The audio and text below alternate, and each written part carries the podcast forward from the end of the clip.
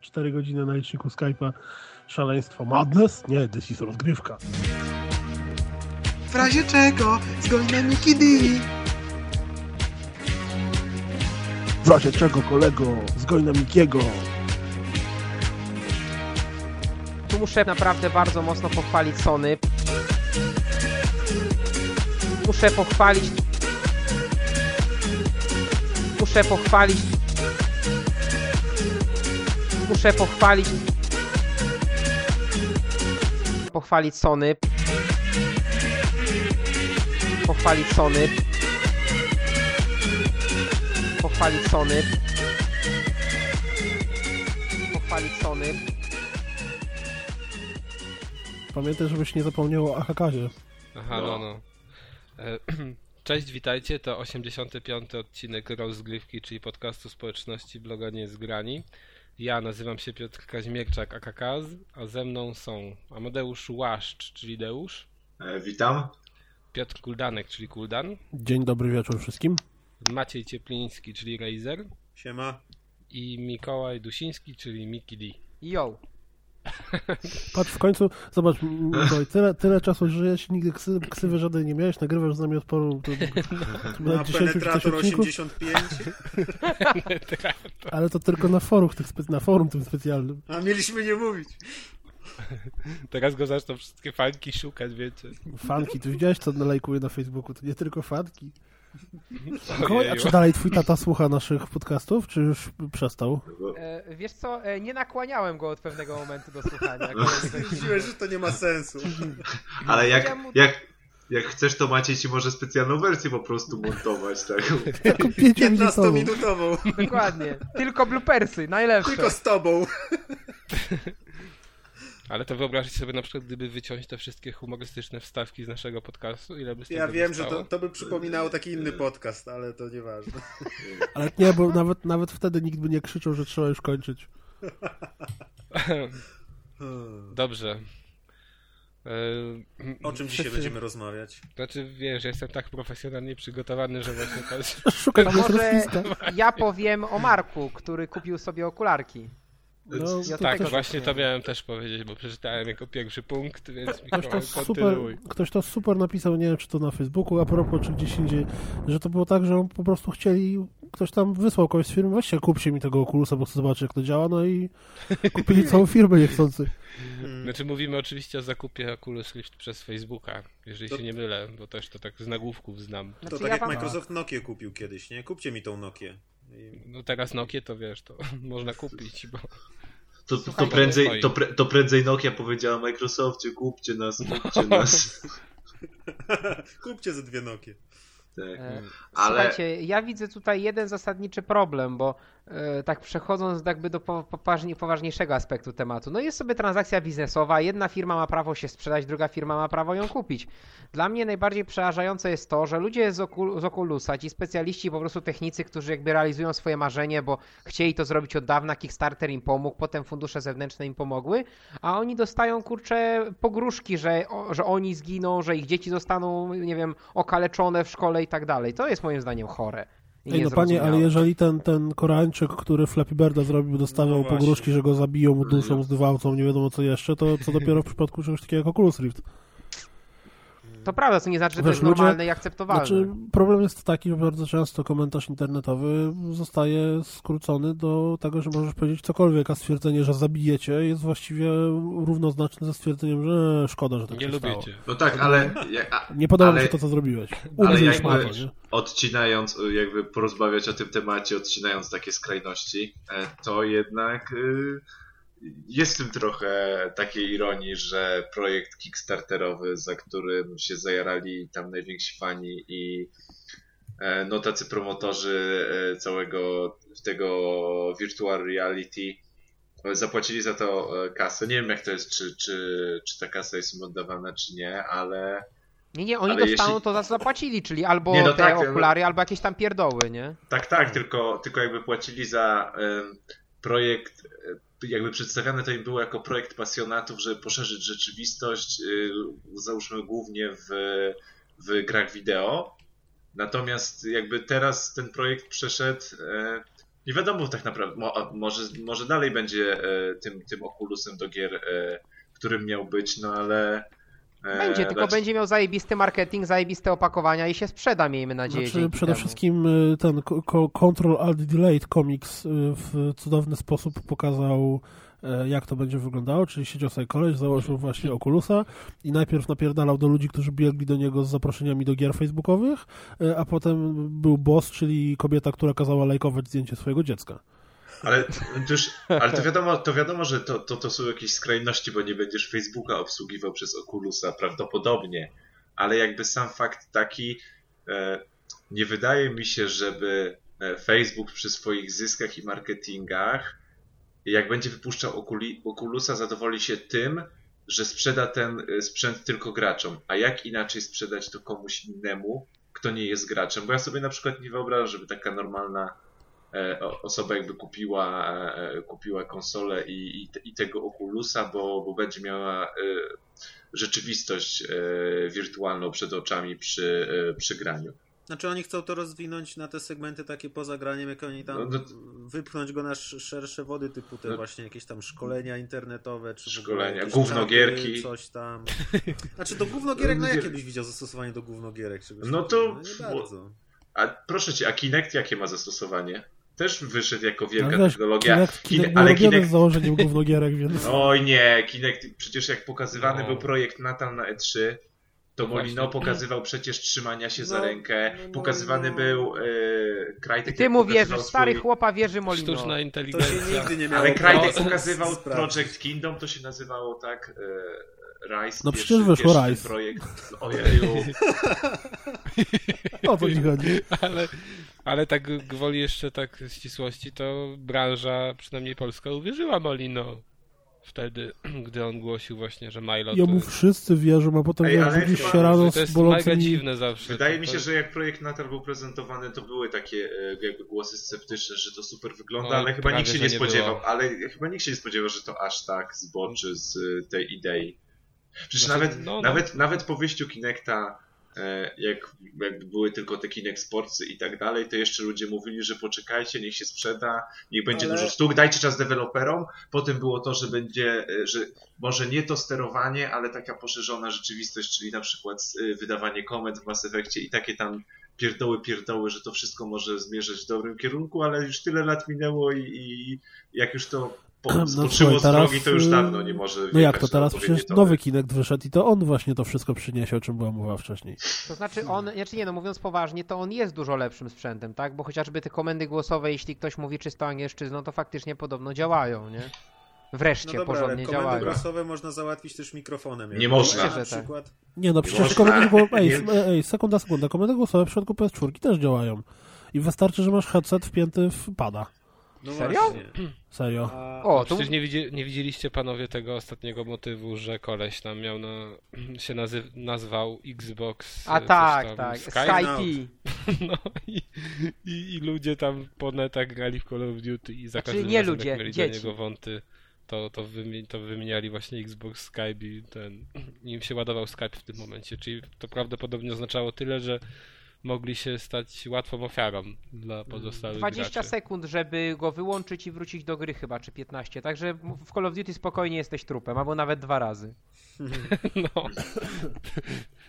I to jest Znaczy- po prostu piękne. Ja y, oczywiście internet zareagował na to całe przejęcie Oculusa tak jak zawsze, No. czyli wielkim miękiem od razu i zawodem i oddajcie nam pieniądze, nienawidzimy was i to koniec świata. Ale ja mimo to, że bardzo czekam na tego Oculusa, to tak jakoś przyjąłem to tak No, dosyć tam, obojętnie i czekam na rozwój sytuacji.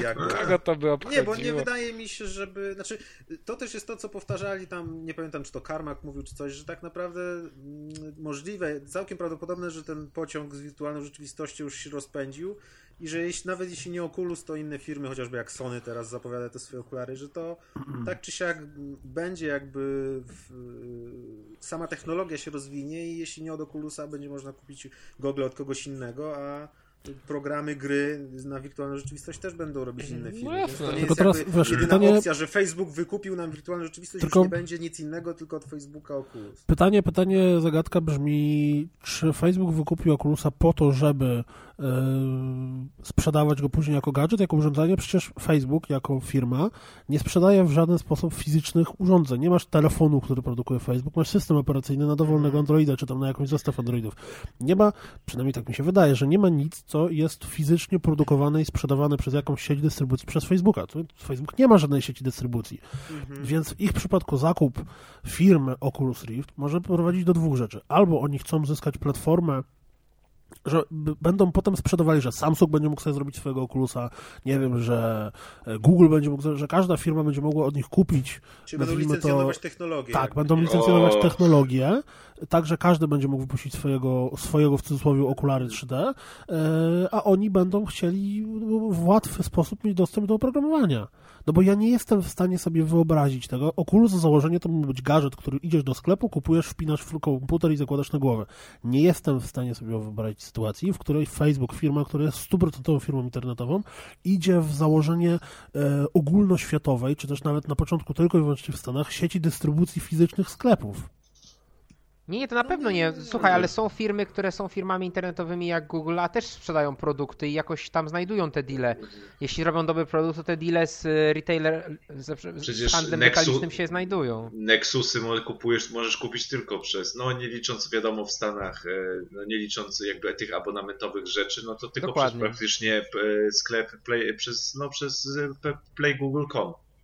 I, i przecież no, te, nie mają problemu właśnie z dystrybucją, bo sprzedają tego jak, jak chleba w, nie, wiesz, w sobotę rano poza tym właśnie, co tu się martwić? Czy oni chcą jakby zabić ten projekt? Nie, oni chcą wypuścić super okulary. To sobie kupisz te okulary, chociażby miały naklejone logo Facebooka, ale sobie będziesz grać w nie... W A ja se nie kupię, nie mów mi co sobie będę kupował. Kupisz może. sobie, nawet masz awatara z jakimiś okularami starymi Sony na Skype. Kupisz sobie okulary od Sony. Generalnie prawda jest taka, że e, tak duży zachwyt, taki, tak duży zachwyt, znaczy zachwyt, może nie zachwyt, tylko tak duże zainteresowanie, jaki wzbudził Oculus przez ostatnie dwa lata, od pierwszego, bo pierwszy projekt się pojawił, w ogóle akcja Kickstarterowa była w 2012 roku chyba, prawda? Jakoś tak.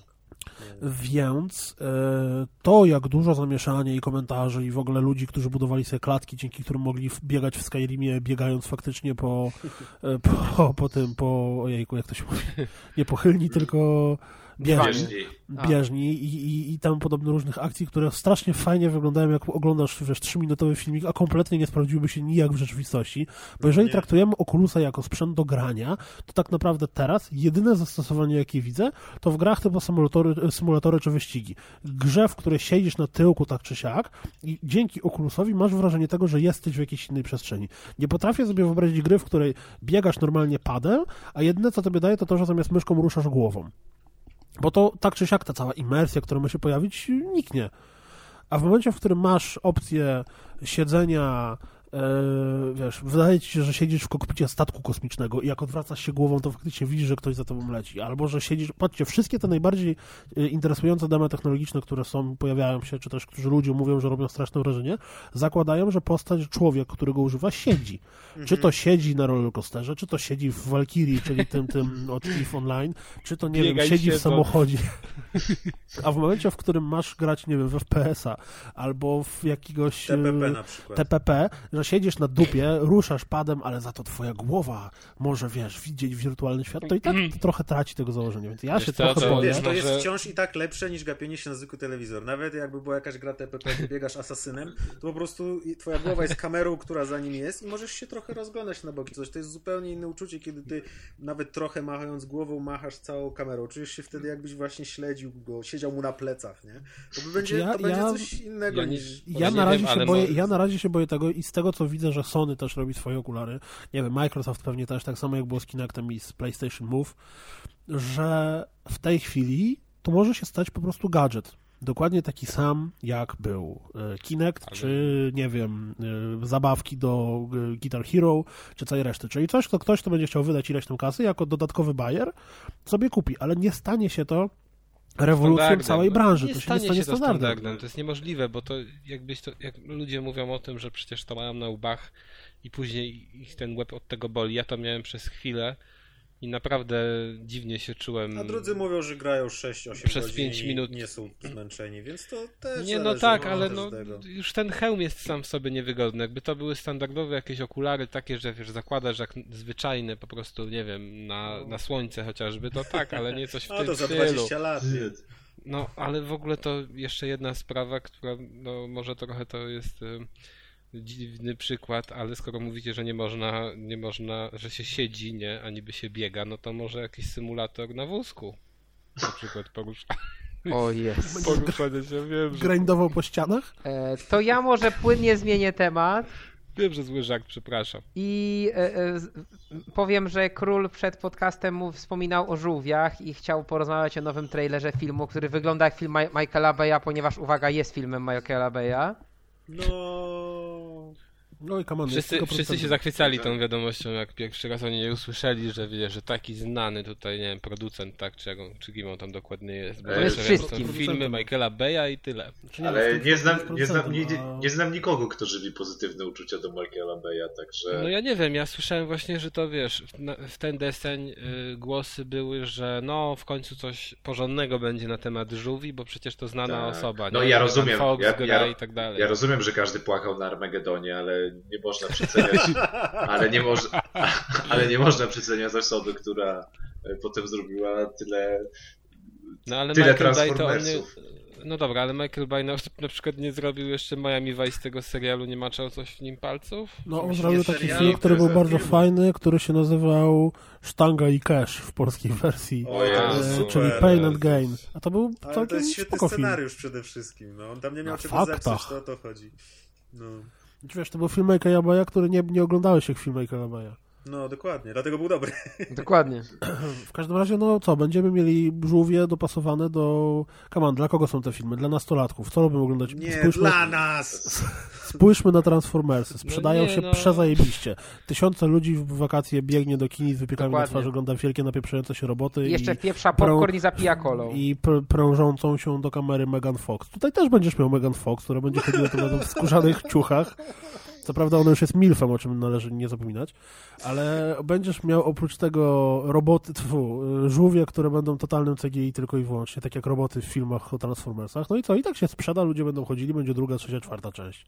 I No ale do, a co mnie to obchodzi? Nie no? chcemy ale ty masz, ale. Kas, masz dla siebie swoją tą animację, tą, co tam na Nickelodeonie powiem- czy coś no- leci. Ale jeszcze, Słuchaj, ja... wiesz co, powiem ci szczerze tylko, że ten, bo to jest taki niby akcent humorystyczny na koniec tego trailera, który się pojawił. I coraz lepiej takie rzeczy wychodzą w tych żółwiach e, animowanych. Wiedziałem, że Kas to powie. Te żółwie animowane są o wiele lepsze niż ten Znaczy nie, no ale to jest dziwne, nie, że wiesz, masz film niby dla dorosłych i masz taki właśnie, A nie wiem, żart sytuacyjny. chodzi, no. no dobra, okej, powiedzmy, że tam dla nastolatków, ale film, nie, dla, taki, dla tego przedziału pewnie, nie wiem, może 15 No, lat, kreskówkę od mieli im 15. zrobić, no. No, ale nie o to chodzi, tylko że masz kreskówkę i masz ten film i dowcip podobnego sortu, który wychodzi lepiej w kreskówce dla dzieci. No, No to tak jak z grami, nie? Jak masz fotorealistyczną grafikę, to się spowa- spodziewasz poważnej gry, a nie jakichś wygłupów. No ale A nie jest. Teraz, się, nie? teraz dla dzieciaków się robi filmy z taką grafiką y, CGI i w ogóle, że to wygląda jak, jak rzeczywistość. Tak jak te Transformersy są 100% realistyczne, a w dwójce jak były dwa ziomboje Transformersy, które jojowały do siebie i sikały olejem, to myślałem, że się zapadnę pod, pod krzesło po prostu. Ale, ale ale tak to wygląda, no. Bo jeszcze nie wiem, czy znacie newsa też, bo też gdzieś tam czytałem, e, że oburzenie fanów wzbudził e, scenariusz, w którym e, jest... Niekanoniczny, tak? Tak, niekanoniczny, bo podobno żółwie ninja tutaj będą z kosmosu pochodziły. Naprawdę? A, a nie jest nie czasem, nie jest, nie, nie, słuchaj, to jest chyba tak, że e, nie, na początku będzie się wydawało jakby, że to są kosmici, w sensie, że ludzie w mieście będą uważali ich za kosmitów, a geneza będzie potem odkryta jakby ta prawdziwa, tak mi się przynajmniej wydaje. Ja Trzeba chciałem tylko powiedzieć, że... żółwia wziąć za kosmitę. Ja chciałem tylko powiedzieć, że Adza się podobało. Podoba. Ale trailer czy film? No, filmu chyba jeszcze nie widziała, bo Wiesz, no może ma jakieś wtyki, no. takie mega wtyki. Dokładnie. To, be- to ona będzie grała zamiast Megan Fox, tak? To był dopiero plot twist. Ja bym się nie obraził.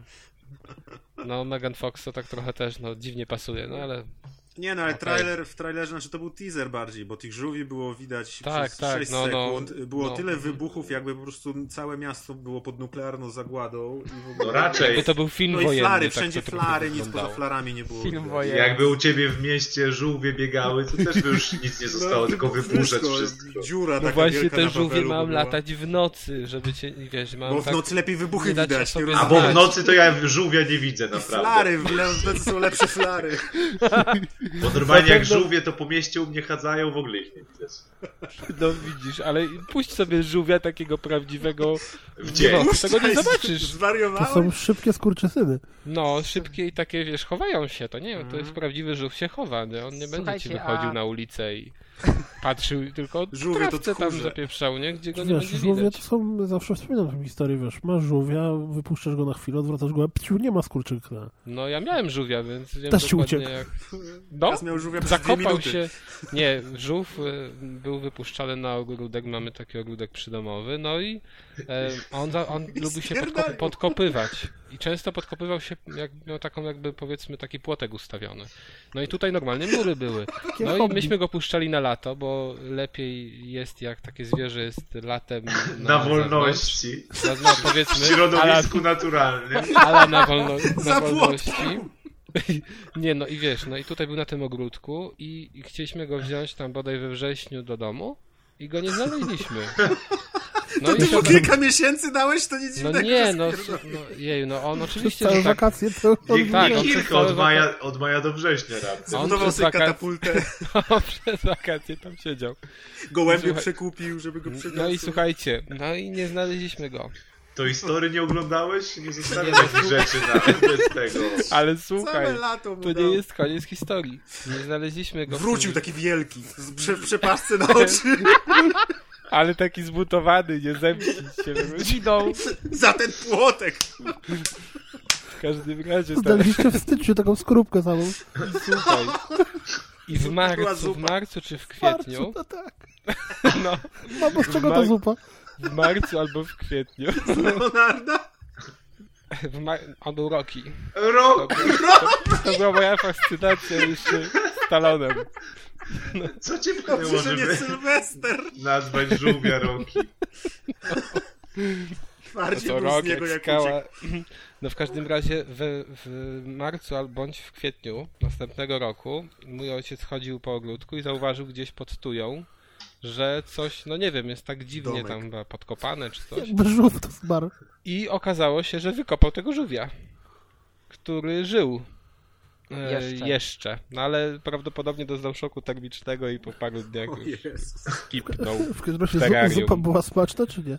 Nie no, ja nie jadłem nigdy zupy z żółwia i nie chciałbym, bo za, Słuchajcie, za ładne zwierzęta tak myślisz. za dobrze się kojarzą. To nie, nie macie czegoś takiego na przykład? Zobaczcie, jak widzę żółwia, to zaraz mi się z żółwiami ninja kojarzy. Jak widzę pająka, to zaraz mi się ze Spidermanem kojarzy i dlatego Za dużo staram się pająków nie zabijać. No bo Co? myślisz, ty tylko podkładasz rękę, żeby cię ugryzł. Zawsze liczysz A jak Deusz widzi Azjatki, to mu się zaraz... A, dobra, nie. A, odezwał się ten odezwał. Właśnie, Deusz, tak? Dobrze, a zmi zmieniając płynnie temat, e, nie, czy słyszeliście o Wolfenstein The New Order Panzerhound Edition? Tak, słyszeliśmy. Czyli Chodzi ci o o... kolekcjonerkę bez gry. Dokładnie, to jest w ogóle news Powiem e, tak, news gdyby nie to, że, powiem tak, gdyby nie to, że oni biorą 60 dolców, czyli e, 60% ceny kolekcjonerki za wysyłkę, to ja w sumie nie To byś powiem, że to wziął? jest... Czy nie, nie wziąłbym, bo ta gra mnie w ogóle nie ten, ale to... Ale tam właśnie nie ma super, gry, bo nie? gra cię nie interesuje, a sobie samą kolekcjonerkę bierzesz. To jest No super dokładnie. Z gadżetami Ale- dotyczącymi tej gry. Czy nie, moim zdaniem to ma sens, bo generalnie To nie ma sensu, bo to się gęsto... nazywa Edition, wiesz, to się nazywa tam Collector's Edition, coś tam Wolfenstein New, tam Order, czy jak to tam. Panzerhound. No ale chodzi Ale o to, że wiesz, że no, no, no nie ma game, ale No, tak do, no. dokładnie w ten sam sposób są reklamowane i nazywają się kolekcjonerki gier, a tu masz kolekcjonerkę, która nie, no nie wiem, jest związana z grą, ale taką, Znaczy ale ja nie jestem... ma jej w środku. Ja jestem pewien, że na amerykańskich forach dzień po premierze, jak przyjdą paczki z Amazona i z innych sklepów, to będzie jęczenie, że o Boże, w mojej kolekcjonerce nie ma gry, jak ja teraz wydałem 100 dolarów, o Boże. Będą 100%. unboxingi jakieś, wiesz, nie? a teraz szukamy gry. Nie mo... Szajse! Ej, ale to, to... A może to o to chodzi? Nie wiesz, i tam taka obraz, taki obrazek będzie Obelixa, ale głupić Amerykanie. Będzie taka wydrukowana kartka z tym trollface'em taki. LOL. Lol. Ta, taka płytka, tylko że z, nie z plastiku, tylko z papieru właśnie z nim narysowanym. I podpisany Merkelem Wolfenstein. Znaczy, ja, ja powiem tak, ja mam mieszane Albo, uczucia. albo bo ten Wolfenstein. Z jednej wiesz. strony sens kupowania kolekcjonerki... Tak. Y, Wiesz, z jednej strony sens kupowania kolekcjonerki bez gry teoretycznie mija się z celem, bo jeżeli chcesz, jeżeli jakoś, jak tak bardzo darzysz sympatią jakąś serię, że chcesz kupić jej kolekcjonerkę, to logiczne jest to, że grę też chcesz kupić.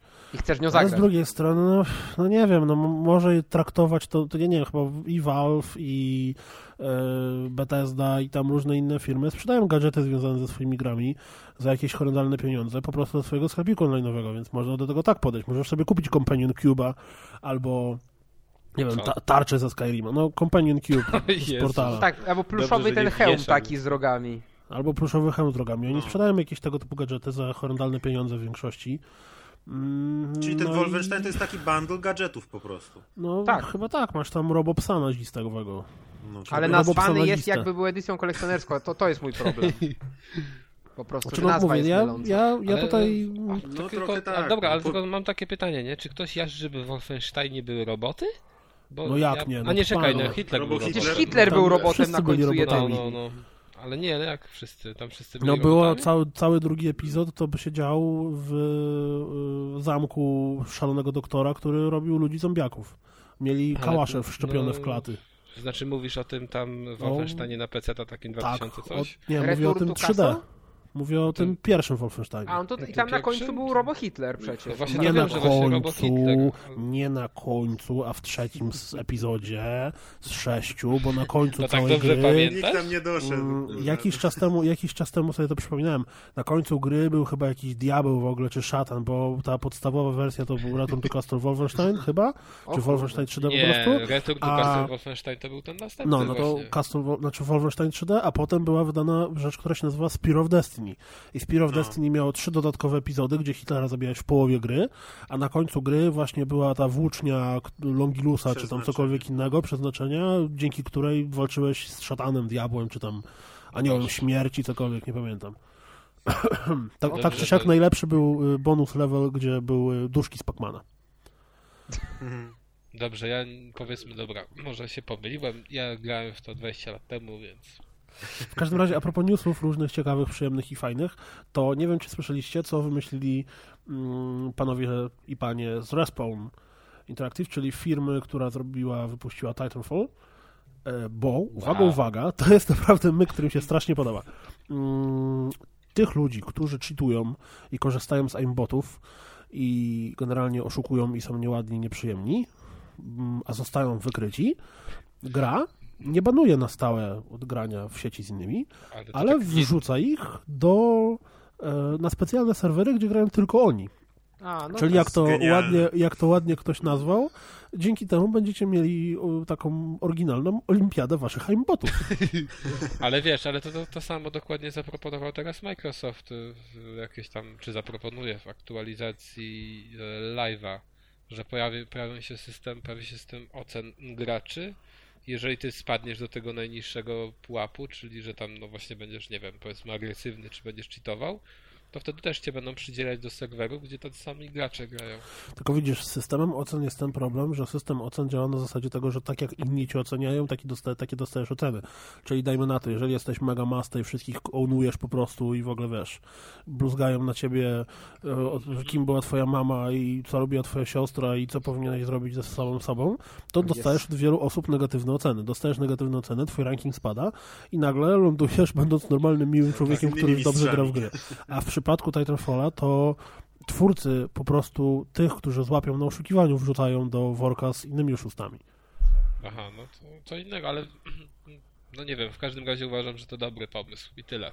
Ja przez to, że fajnie. wcześniej nie miałem za dużo okazji grać właśnie tak jak wiecie już z poprzedniego podcastu, to teraz odkrywam, że faktycznie jest tak, że jeżeli mm, grasz w drużynie, która y, w dosyć spektakularny sposób wygrywa z drugą drużyną, to tak w połowie meczu zaczynają się pojawiać, że tam you fucks, you noobs, you tam twoja mama była chomikiem i tam ojciec śmierdział z jagodami i takie Ale to jest najlepsze. Ale z was nuby zabijacie nas cały czas. Ale jesteście Słabi. Wygraliście do, wygraliście do zera, z nami jesteście Leszczami. nuby, ble. My przynajmniej nie oszukujemy. Umieramy fair. Tak. No, więc to jest, to jest generalnie ciekawostka i sam sobie pomysł na pozbycie się, czy też załatwienie oszustów jest w mojej opinii naprawdę rewelacyjny, czy też rewolucyjny. Jak go zwał, tak go zwał. Znaczy to już było w jakichś grach. Pamiętam, że też czytałem komentarze, ktoś wymieniał już parę tytułów, że coś takiego było. No ale to jest bardzo fajny patent. Dobrze, Więcej, panowie. Jedziemy dalej, co? Na następnego newsa. Dajesz. Bo mamy dzisiaj kilka. No więc chciałbym powiedzieć o tym, co, co zapowiedział Square Enix i teraz faktycznie mam taką zagwozdkę, bo nawet o tym napisałem e, też na stronie. Czy to nie jest prima aprilisowy żart? Znaczy ja pierwszą, ja- pierwszą informację o tym widziałem wczoraj wieczorem, ale No ja przez też to, że było później wczoraj. wieczorem, to może zmiana czasu. Ale to, no wiesz, ale też Japonia, to spojrzałem sobie teraz dokładnie na to źródło japońskie, dałem tłumacza i, i według tłumacza, no tam można wywnioskować to, co po angielsku zostało później przedstawione na, innych na innych stronach. Ale to opowiedz właśnie ludziom dokładnie o co chodzi może. No bo cho- cho- chodzi o to, że jest taki pan, który się nazywa Yosuke Matsuda i on jest prezesem Square Enix. Mhm. Właśnie jakiś pan- tro, trofik tobie wpadł za poprawne wymówienie nazwiska. Nie wiem, ale to ciężko niepoprawnie wymówić. Natomiast y, chodzi o to właśnie, że ym, Square Enix ym, przejrzało na oczy według Matsudy, a tym czynnikiem, dla którego, przez który to się stało, była gra Bravely Default, czyli RPG na, Na 3DS-a. 3DS-a, tak. tak, który się sprzedał dużo lepiej niż zakładali to włodarze ze Square, którzy sądzili, że to jest właśnie klasyczny RPG, który dobrze się sprzeda w Japonii, ale absolutnie nie na zachodzie. Tymczasem już w trzy tygodnie po premierze w Stanach sprzedał się w liczbie 200 tysięcy egzemplarzy. E, No i pan Matsuda twierdzi, że właśnie to dało do myślenia jego firmie i od tej pory Square Enix zacznie bardziej patrzeć e, na swoją przeszłość, bardziej na swoich fanów, aniżeli na wymagania masowego odbiorcy. I jako przykład negatywnego oddziaływania właśnie e, wcześniejszej polityki firmy pokazuje Hitmana, który to jego zdaniem nie wyszedł dobrze, bo za bardzo chciał się dopasować do obecnych trendów, nie zważając na to, co chcieli fani Hitmana zobaczyć w najnowszej grze. Takie postępowanie się Matsudzie nie podoba, więc to ulegnie zmianie, a dodatkowo właśnie w tych grach AA, które, których twórcy mają patrzeć na, na to, czego oczekują fani, a nie właśnie na zapotrzebowanie masowego y, odbiorcy. Natomiast jeżeli chodzi o JRPG, to Matsuda twierdzi, że właśnie teraz będą robić takie hardkorowe w starym stylu JRPG i że w ogóle to już nie jest taka nisza, jak wszyscy myślą, bo na zachodzie ludzie czytają to, co się dzieje w Japonii i się domagają tego, żeby te gry zostały wydane również u nich. No i będzie tego więcej, na pewno. A teraz generalnie wyobraźmy sobie, że faktycznie to jest tylko i wyłącznie żart prymapolisowy. Tak. Square to rzucił i wszystkie komentarze w internetach super, świetnie, tak, ręce podniesione w górę. I, wiesz, I oni tam siedzą teraz wieczorem taki, ja pierdolę, co teraz, Widzieliście ten cholera. Z Half-Life'em 3, gdzie ogłaszają 1 kwietnia, że będzie Half-Life 3 i wszyscy a fuck you, fuck you i taki Gabe smutny siedzi przed komputerem. Chłopaki, przestańcie pracować, nikt nie chce Half-Life'a 3. Ale to powiem ci szczerze, Kuldan, że dobrze trafiłeś, nie? Gdyby taki, gdyby to faktycznie był żart, to chyba teraz Teraz by mieli tam bardzo trudną naradę. Bardzo, bardzo Storm naradę. biurze, tak. teraz Tak propos- już stracił. Ale to jest też Tak, dobry, tak. zauważcie, że to jest dobry patent na testowanie. Na przykład jakaś firma chce, chce e, jakby opinię klientów szybko zebrać, więc wypuszcza coś 1 kwietnia i jeśli się okaże, że przyjęte jest pozytywnie, to kontynuują to, nie był to Znaczy to, czy to będzie Natomiast- szybka opinia, to znaczy jak, to zależy od tego, jak blisko jest 1 kwiecień, nie? Bo jak się w maju Nie, no skapa, tak, żebyś tak. chciał opinię, to trochę poczeka. Takie Ale decyzje okej. strategiczne. To nas na zmianę roku fiskalnego. Dokładnie. A, a wszystko sobie wymyśl, ale pomyślcie sobie, a nawiązując do naszych poprzednich newsów, jakby na przykład news o tym, że Oculus był, został kupiony przez Facebooka właśnie 1 kwietnia poszedł, to nikt by nie uwierzył, nie? Wszyscy mieli pompę w internecie, a potem najgorzej na następny dzień jakby się okazało, że nie. Tak Myślę, żeby to, by Tak, przyga- myślę. żeby to przygasiło wszystkie memy w internecie. Ale okej, panowie, tak generalnie, nie? Jeżeli to się okaże prawdą i faktycznie Square, bo tu, tu najbardziej chodzi o to, że Square zacznie robić więcej y, klasycznych Czy to jest dobre? Bo moim zdaniem Znaczy, rewelacja. Ja w to nie, nie do końca Wierzę. jestem w stanie, znaczy ja bym chciał w to uwierzyć, jako fan może nie tyle japońskich RPGów, co generalnie e, takich gier dla hardkorowców, ale nie dalej jak rok temu e, prezesi Square Enix mówili o tym, że wycofują się z tytułów AAA, będą robić ich mniej, będą robić gry mobilne, gry przeglądarkowe, MMO dla Korei, Japonii, Chin, jakby stargetowane. Także ja bym chciał w to uwierzyć, ale ja nie jestem w stanie w to, myśląc racjonalnie, niestety uwierzyć. No.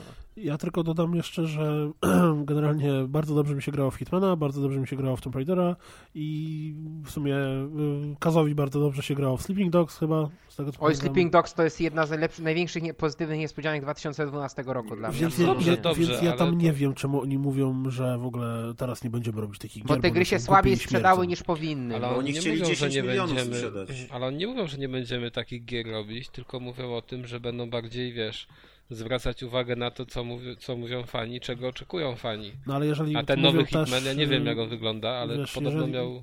No, Jeżeli mówią też, że chcą odejść trochę od robienia takich gier typu AAA i tak dalej, no to ale nie mówią o tym, że chcą odejść od tego, tylko o tym, że, ch- że chcą zmienić koncepcję ich tworzenia.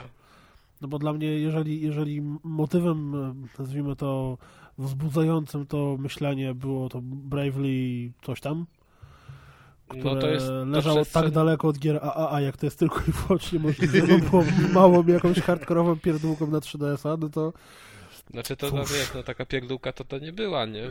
A No to ona miała wysokie właśnie- oceny, nie? To Square chyba robił nawet. Dokładnie Square. To mi się wydaje, że tam- największą porażką Squaresoftu, znaczy przepraszam, Square Enix w O, jak proszę, tak tutaj- naprawdę To tak dla, dla starszych graczy, tak? Kto Ja. jeszcze jarzy, że to tak. tak naprawdę w ostatniej, nawet bym odważnie powiedział, generacji, było to, co się stało z serią Final Fantasy.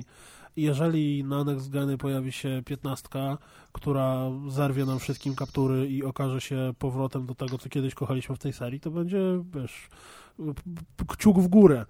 A jeżeli Dobrze, nie, że to kciuk. smuteczek.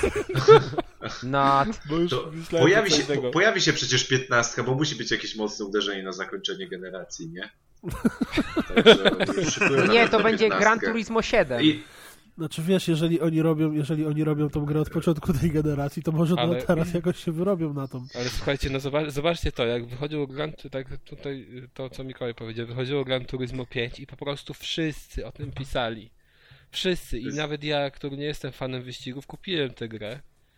A wy, wyszła szóstka, wyszła właśnie, wyszła chyba szóstka. I nikogo. tak, Totalnie nikogo. Znaczy wiesz co, ja mam wrażenie, że tak z tego co kojarzę, to te osoby, które są fanem wyścigów, a mają jeszcze konsole poprzednie, to absolutnie propsują. Tak, tak, Propsują, propsować ale- propsują, Nie, to ja ale to nie jest propsują, tytuł tylko masowy to w już. ogóle, już Jakub ogóle nie jest z e, Inputlaga się wypowiadał, pamiętam, w mega pozytywnych i Mhm. dobrych słowach na ten I temat. to ja ci powiem, to ja ci powiem, może nie jest to opinia e, jakichś znajomych, którzy tam mają kierownicę za 1500 zł i siedzą w fotelu rajdowym i mają deskę rozdzielczą z punto wymontowaną i przyklejoną pod telewizorem, żeby się wczuwać. Ale, to, ale natomiast są to znajomi, którzy sobie pogrywają i między innymi właśnie sobie pogrywają Gran Turismo i ostatnio, i ostatnio właśnie jeden z nich kupił Gran Turismo 6 i tak bez jakby e, bez nawet e, bez zastanowienia się wymienił bez problemu z drugim znajomym na Gran Turismo 5, bo mówi, że nie widzi totalnie żadnej różnicy między tymi grami, oprócz tam ilości samochodów, której, której tak w życiu nie odblokuje. I, i, i, I taki normalny gracz, który nie zwraca uwagi na jakieś tam Nie, no przeskoki jest między trochę- poszczególną No. Przeskokami pomiędzy poszczególną serią, to, to, to, to nie zauważa różnicy. Trochę jak z Wiesz, FIFA. myślę, myślę, że to jest jednak seria bardzo do konkretnego odbiorcy skierowana. Wiesz, Nie, no jeżeli tak, sprzedało tak, się tak, ja już się za ponad 2 miliony GT6, no to raczej to świadczy o tym, że się dobrze sprzedało. Bo No. ile, ona, ile od premiery minął? Miesiąc? Znaczy, premie, nie, nie, Nie, ta gra wyszła w grudniu. w grudniu. O, Albo w to listopadzie, szybko, chyba w grudniu. leci. To ja się nawet w ogóle nie obczaiłem, że to... E, Ale 2 No nie, miliona chodzi- egzemplarzy mimo wszystko to jest e, dwa razy lepiej niż wspomniane Sleeping Dogs, tak? Także to nie jest gra, która, E, która się okej. sprzedała źle. Mm. Nie, ja nie, nie, nawet nie wiedziałem jak ona się sprzedała, tylko chodziło mi o to, że oni totalnie nie jest głośno, nie? No nie Gran, jest. Gran Turismo 5, to, to mówię, No ja bo- nawet jako laik w, tak, w temacie wyścigów nabyłem tę grę i wiesz, o niej czytałem i, i widziałem pełno newsów. Wiesz, pełno ale jakby newsów, szóstka, i tak dalej. A jakby szóstce- szóstka no. wyszła w czerwcu, to by się wszyscy jarali, ale ona wyszła dwa tygodnie, czy tam tydzień po premierze PS3, PS4, no to kto się nią interesował w tej sytuacji? Jak można było pisać o Killzone nowym, o Jak next można było pisać, że nie ma Drive Cluba? Że nie ma Drive Cluba, dokładnie. Nadal tak można pisać i pewnie przez jeszcze najbliższy rok albo A propos, Ponieważ gra chyba na deskę podcaście. No kreślarską. właśnie, Drive Club, cokolwiek, cokolwiek by to brzmiało, bo właściwie to jest taki Dokładnie. termin, który może, może oznaczać cokolwiek. No, Że wiesz, to znaczy, że w ogóle wszystko wyrzucili do kosza, zwolnili połowę ludzi, zresztą swoją drogą zwolnili, Zwolnili. trochę osób. E, I dyrektor odszedł teraz się zastanawiam, ale czekajcie, a może zrobimy grę o wyścigach? Dobry pomysł, brawo! A, mo, a może, a może to Będą tam samochody. A słuchaj, a może to coś będzie taka koncepcja jak z Rise, nie? Że miał być tytuł na Kinecta, to proszę, wyszło. Albo nie, albo zupełnie coś innego. Albo z drugiej strony oni mogli na przykład, oni na przykład mogli zamknąć już ten projekt, jakby po- e, ostatecznie zapiąć projekt, ale jeszcze tam wrzucić tydzień testów. E, wrzuci, zatrudnili kilku testerów, nie? Przyszli testerzy, pograli i powiedzieli, o fajne, fajne, fajna jest ta pier- taka wczesna alfa, nie? Idźcie tym torem dalej, nie? A oni, oni tak się podropali po głowie, bo myśleli, że już mają zamknięty projekt i i jednak nie, jednak muszą wrócić do, zmienić, zmienić koncepcję. Fajna ta alfa. Generalnie to jest mega słabe, że gra, która była, gra, którą była sprzedawana PS4, do, no, okej, no z drugiej strony mnie o totalnie nie obchodzi, bo ja nie lubię wyścigów, znaczy nie jestem fanem. ale miała być za darmożkę wersja PS Plus. Jakaś właściwie to swoją drogą dalej nie wiadomo, co to miało być wersja PS Plus, wiesz, dwa No samochody, jak po co? tor. Jedna plansza, jeden samochód. Gdzie tam dwa? Po co ci dwa samochody? Jak każdy z nich będzie miał gaz sprzęgło, a nie, w tych, że nie będzie sprzęgła na pewno. Gaz Ale, ściga, ale ścigasz się może z jednym tylko przeciwnikiem, nie? W tej wersji. Generalnie, no, re, reasu, reasumując newsa, Drive Club wrócił na deskę kreślarską, co by oznaczało, że mm, premiera będzie, będzie kiedy będzie, jaka będzie i co będzie, nie wiadomo. Plus 30% y, załogi studia londyńskiego poszło na bruk. A Sony twierdzi, że to ab- absolutnie w żaden sposób nie ma wpływu na powstawanie Drive Club. Ponieważ zatrudnili dwa razy tyle stażystów. No i na a pewno tamci, mają już to byli partacze. 99% kodu. Dokładnie. Zostały tylko zakodować y, ekrany Ty- ty- tytułowe. Oni tylko teraz te laski wstawiają, które pokazują, żeby samochody ruszały do przodu. I robią te, robią O mock-upy. to chodzi. No. Jak się, jak się nazywa ta dziewczyna z Ridge Racera? Nie wiem. O kurczę. No, czas Mikołaj nam na pewno powie, bo ta zjadka była. Sorry, nie pamiętam, za mały byłem przy pierwszym reżyserze. Rozmiar się nie liczy. Wiesz, Kuldana to już, to już kręciło wcześniej, nie, nie wszystkich w tym samym czasie. Nie trololo. Kuldan. Dobra. E, następny news. Czyli news dotyczący Duke Nukem, e, który to. Znaczy, którego następna część miała się pojawić wkrótce. Przynajmniej tak. Znaczy ta część, do której firma nie miała praw do wydania, tak? No właśnie, przynajmniej tak, tak e, twierdziło 3D Realms. 3D Realms, e, które tworzyło wcześniej Duke, Nuka, Duke Nukem. E, No ale pojawiła się taka kwestia, że Gearbox zarz- zarzucił firmie 3D Realms, że bezprawnie użyła wizerunku Duke Nukem.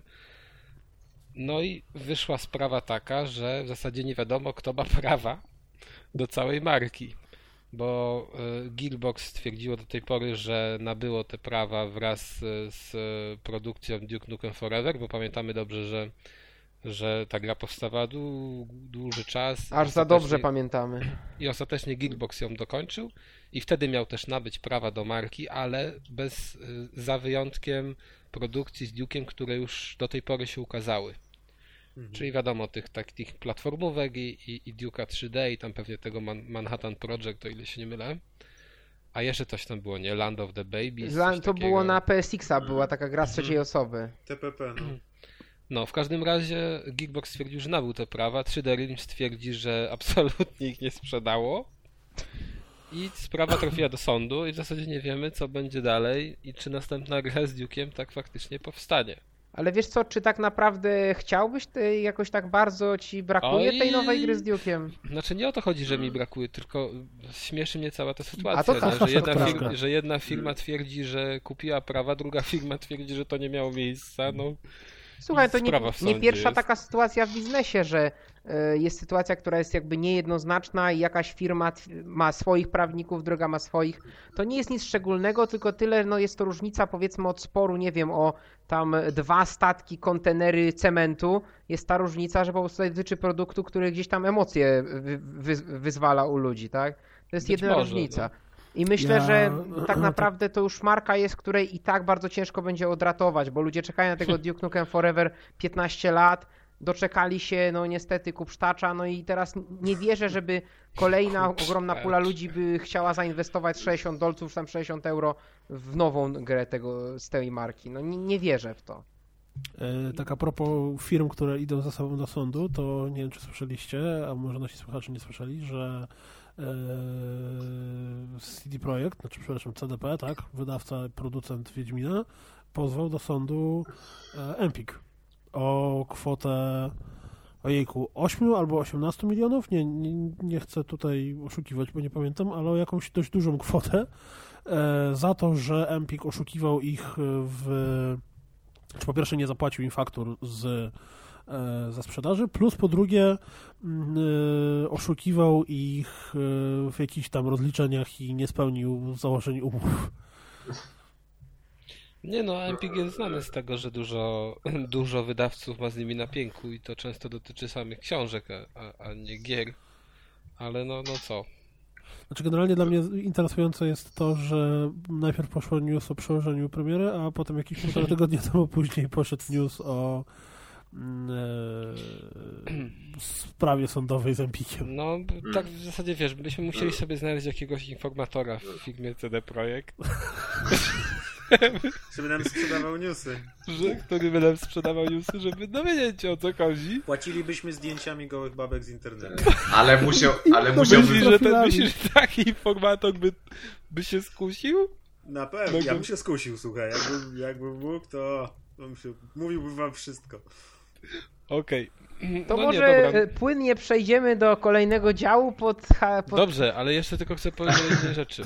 O, E, nie odnośnie się. CD Projekt, a odnośnie Duke'a, że tak, ja czekam na tę grę, bo mówiąc szczerze, to jest jeden z niewielu FPS-ów tej generacji konsol, który mi przypadł do gustu. O jest. O Boże. Są hipster, Boże. są hipster. Mówię o Forever. Kas, Nie, czy ale to okulary bez, wiesz, bez szkieł kupiłeś? Słuchaj, to był, to był FPS. A To nie, bo nie FPS zapominajmy. W starszym stylu. Tak, w starszym stylu, bo Duke, Duke jest drugi w generacji, a najlepszym FPS-em generacji jest Call of Juarez, ten, ten nowy, czyli Kartel. Kartel. Kartel. O, The Kartel. O, kartel, o. a pięknie powiedz jeszcze raz. Także... Ale nie, no, no serio mówię już teraz, że ta gra miała, miała bardzo, znaczy swoje korzenie miała w, we wcześniejszych generacjach, a dla mnie najlepsze FPS-y to na konsole powstawały na PlayStation, No pewnie. więc E, Ta gra najlepsze miała loadingi. Ja spędziłem więcej czasu patrząc na ekrany No, loadingów to była niż tragedia. grając, więc... to była, to była faktycznie tragedia i tam poziom trudności, ale to ze względu na nie do końca dobrze rozłożone checkpointy był e, miejscami frustrujący. No ale mimo wszystko ukończyłem tę grę i się w miarę dobrze przy niej bawiłem, trochę, trochę poprzeklinałem. Ty ją skończyłeś? Tak, No, tak. Podziwiam, naprawdę. No, no i jeszcze ją kupiłem na premierze, powiem ci. Słuchaj, Kas skończył swego czasu Mind Jacka, czy też jakkolwiek tam No, się no. nazywało. I tego, Ale Jednak i, ktoś tu chyba lubi Sadomaso. i o Ale- tym smutnym gigancie. Jak, Nie, nie, Ja sądzę, że nie jeden. jak, Ale jak nie się za- nazywa ta Marcin. gra? Majin. Ale nie no, proszę ja was, Magin to była świetna gra. wy nie zaczynajmy nie tego. Po co powiedzieliście Magin? A teraz o Bajdary nowej Ale nie no, ja, ja chyba kurde wam kiedyś zasponsoruję tego Magina. Tak jedną kopię na, czw- na czterech będę tak, tak. tego po kolei Taką masz potęgę. I was z tego edukował. Bo to jest naprawdę świetna gra. Ale ja jeszcze czekam cały czas na recenzję, bo ty chyba facetów w czerni masz. I... No, jeszcze O. fali są. Ile mamy czekać na nich, no? Znaczy no, na nich możesz całą wieczność czekać. To znaczy, może już ich spotkałeś, tak naprawdę. Back in time. Nigdy nie wiadomo. Dobra. jedziemy dalej, tak? Kończymy newsy, czy To jeszcze Teraz będzie news- teraz będzie news sprzętu. życia. Po prostu news, news wszechświata. Uwaga, uwaga, werble, e, nie wiem, odpalające się korki szampana. Kas kupił sobie nową konsolę i uwaga, uwaga, jest to Wii U. Nowa generacja. Trzeba. Wyłączajcie podcast szybko. Uciekajcie! Teraz możecie przełączyć 20 minut do przodu. Czy możemy zacząć od sekcji pytań od razu, zanim zaczniesz mówić? Bo moje pytanie, Dawaj. cię, bo moje pytanie może cię wprowadzić możemy w temat. tak zrobić. No. Jakby, Dlaczego? jakbyś- właśnie, jaki odpowiedziałeś sobie w swojej głowie na pytanie, czemu to zrobiłeś? Odpowiedziałem sobie w swojej głowie, a powiem ci szczerze, że odpowiadałem sobie na pytanie o kupno Wii U już od tam pół roku, można powiedzieć. Czyli od momentu, no może nie pół roku, parę miesięcy, od momentu premiery tego Mario nowego. Ja bardzo lubię Mario 3D i te i czekam i wiedziałem, że w to kiedyś zagram. No i nawet leży sobie teraz w pudełeczku koło mnie, uwaga, na Xboxie leży, który stoi zaraz obok Wii U. Natomiast jeszcze nawet nie włożyłem, znaczy włożyłem już tę płytę do Wii U i wyszła kolejna wada tej konsoli, ale o niej zaraz. Natomiast nie odpaliłem nawet jeszcze tej gry, mimo że już ją mam od wczoraj. Z tego względu, że cały czas gram w Zeldę. Ponieważ kupiłem Wii U w wersji premium y, edycję z y, Zeldą The Wind Waker HD. Problem tej edycji jest taki, że ta gra jest tylko dostępna w formie kodu, a nie płyty z grą i pudełka. To jest trochę nieciekawa nie, nie, sprawa. poczekaj, czekaj, czekaj. Ty kupiłeś konsolę w bundlu.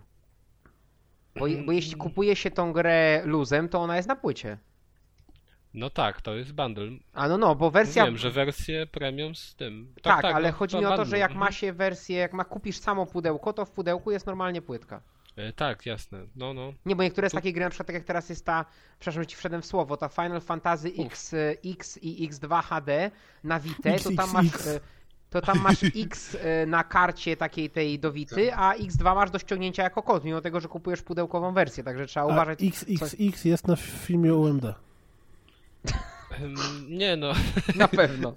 no, e, w ogóle był jakieś filmy XXX na UMD? Na pewno. Musiały No, być. czy, czy był jakikolwiek format, o którym Znaczy nie to- byłoby filmów XXX? No były, były i dla takie formaty upadły, nie? tak jak UMD. Ale ten, ale e, okej. Em, Tak, to jest bundle. I w tym bundlu e, w zasadzie oprócz tej gry nie ma nic szczególnego, poza jeszcze kontrolerem, który został wyposażony w takie wzorki e, charakterystyczne dla Zeldy, bodaj to jest ten język tak używany przez niektóre postacie w tej grze Mhm. i, i takie obrazeczki delikatne. No, na pierwszy rzut oka wydawało mi się to strasznie tandetne, ale teraz, jak tak się przyjrzałem dłużej, no dobra, okej, nie, ma, nie ma żadnej tragedii jednak w tym względzie. Natomiast sama konsola jest z tego takiego plastiku połyskowego, więc bardzo mocno paluchy widać i ten kontroler też. E, W ogóle jak sobie zacząłem czytać później różne niuanse na temat Wii U, to y, nie wiem, ale ludzie, którzy tam pisali posty, no czasami myślałem, że padnę ze śmiechu, jak niektóre czytałem opinie. Zaczęło się od tego, że wyciągnąłem gamepada i wyciągnąłem dwie, dwa zasilacze. I to jeden taka kostka, no powiedzmy mm, dwie trzecie kostki ze starego Xboxa. To jest do, do, Wii- do Wii, tak, tak, ta, taką, taką moc ma ta konsola, że musi być zasilana przez no, zasilacz ceglany. No przecież next gen. osiedlu- Jak ją odpalasz, to na osiedlu światła gasną. Ale, Mimo, że nie mieszkasz na osiedlu, ale to że ale mimo tego i najlepsze, tak gasną. no, ale najlepsze jest to, że gamepad też ma swój zasilacz. I nie można go Który- ładować z konsoli. Tak, który jest większy, który jest większy niż y, chyba. Znaczy nie, on teraz, kurde, teraz nie ja, że teraz patrzyłem, ale chyba. To jest specjalnie, Chyba- żeby nie gubić zasilacza. Bardzo Nie, dobry por, ruch. porówny, porównywałem to z czymś, że ten, ten zasilacz spojrzałem na coś innego, ale nie pamiętam już teraz na co. Na jakiś Na też samochód. Telewizor. TV. Nie, telewizor nie, nie, nie, nie wiem, nie będę teraz strzelał. Wiem, że to jest dosyć duże. E, I to jest strasznie Patrzyłem, upierdliwe. porównywałem go, patrzyłem na jakiś sprzęt i to jest... A no, mieści się w ręce? Kostkowa, kostkowy sprzęt, taki w kształcie kostki. no wiesz, no, różne Nie są choroby. cylindra, powiedzmy. Do, dobrze. W każdym razie, no wiecie, no i pierwsza moja myśl to była taka, no dobra, dali mi to do ładowania, dali mi tę podstawkę, bo w tej wersji premium jest podstawka, którą się podłącza pod ten zasilacz i wtedy można sobie odkładać tego gamepada i on się ładuje, taka stacja dokująca. No i byłem przekonany, że to jest po to właśnie, nie? Że tam można sobie ewentualnie podłączyć pod zasilanie dodatkowo jest, no nie wiem, jest taki gratisik w zestawie, nie? Yy, No i szukam kabla jakiegoś USB, mini USB, którym podłączę to, yy, tego gamepada do konsoli. Oczywiście czegoś takiego nie ma, więc mówię, a no nie ma, no dobra, nie. Zobaczę sobie, wezmę sobie kabelek zwykły mój, jakiś USB, mini USB, no i próbuję włożyć to mini USB w gamepada. Niestety nie są kompatybilne ze sobą. Nie, nie, nie wszystkie kable są ko- kompatybilne z gniazdkami. No i tak jest w tym wypadku, bo Nintendo ma swój standard. E, I niestety nie podłączycie sobie gamepada do konsoli, co jest strasznie upierdliwe, jeżeli ktoś chce naprawdę długo grać. Sam nie doświadczyłem jeszcze tego, żeby mi gamepad padł podczas grania, ale czytałem, że jego bateria trzyma 3-3,5 godziny, więc jest taka możliwość, że wam padnie. Boże, to, to krócej niż do PS4, na który wszyscy jechali w internecie. Ale nie wiem, co to za problem, bo bierzesz sobie zasilacz do pada na kolana, podłączasz do pada i masz, Tak. To jest, masz no, prąd w sobie- domu. tak. Żaden problem. W każdym razie Chciałem tylko, mogę tylko, mo, mogę Tak, tylko możesz. Macieja rozczarować, że nawet jak masz baterię w padzie, a prądu nie ma w domu, to sobie nie pograsz, nie? To No. jakby zasilanie w padzie to nie wszystko, jeśli chodzi o granie. Ale nie, bo na Wii U... Aha, nie, no tak, bo to są nie, no trzeba są, musi być konsola włączona. I jeszcze telewizor. Nie, no telewizor razie- właśnie już nie. No właśnie nie, nowa generacja, hello! Nie no, dobra, dajcie mi powiedzieć, bo zaraz się zagalopuję i zapomnę o tej najważniejszej rzeczy, czyli o tym kabelku, bo czytałem sobie w internecie, no, co, jak, co to w ogóle do tego podłączyć, nie? No i znalazłem, że jest taki kabel między innymi na Amazonie i tam już ludzie ciekawe historie tworzyli. Na przykład jeden napisał, że no i dobra, no jest taka możliwość, nie, że miał psa i mu pies przeżarł ten kebab, ten kebab, ten kabel zasilający, a później przeczytałem kolejną historię, wedle której dziecko przeżarło ten kabel zasilający. Musi być bardzo smaczny. sobie wyob...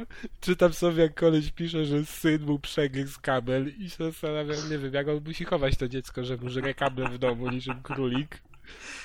Ale to dla No. tego faceta to taka era padów bez kabli musiała być zbawieniem, bo jakiej konsoli kiedyś by kupował, to po dwóch dniach kabel przeżarł. No dokładnie, nie, no ale wyobraź sobie, że masz dzieciaka, który ci żre kable, no straszne. Masakra, już mam mieć królika rzeczywiście. Mm, mm, Tak, kolejna, kolejna sprawa to o jakiej czytałem, no bo tam mówię, dużo ciekawostek poznałem dzięki tej konsoli. E, Włożyłem właśnie płytę z Mario i okazało się, że zapaliła się dodatkowa lampka taka biała na, na przodzie konsoli.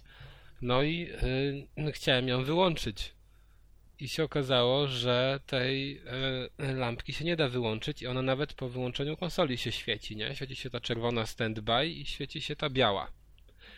No i ktoś napisał, że no przecież to jest bardzo dobry, świetny pomysł, że ona się świeci, bo przynajmniej nikt, y, tylko Bóg wie, tylko Bóg raczy wiedzieć, co by się stało, gdyby, gdyby ktoś przypadkiem chciał jeszcze jedną płytę włożyć.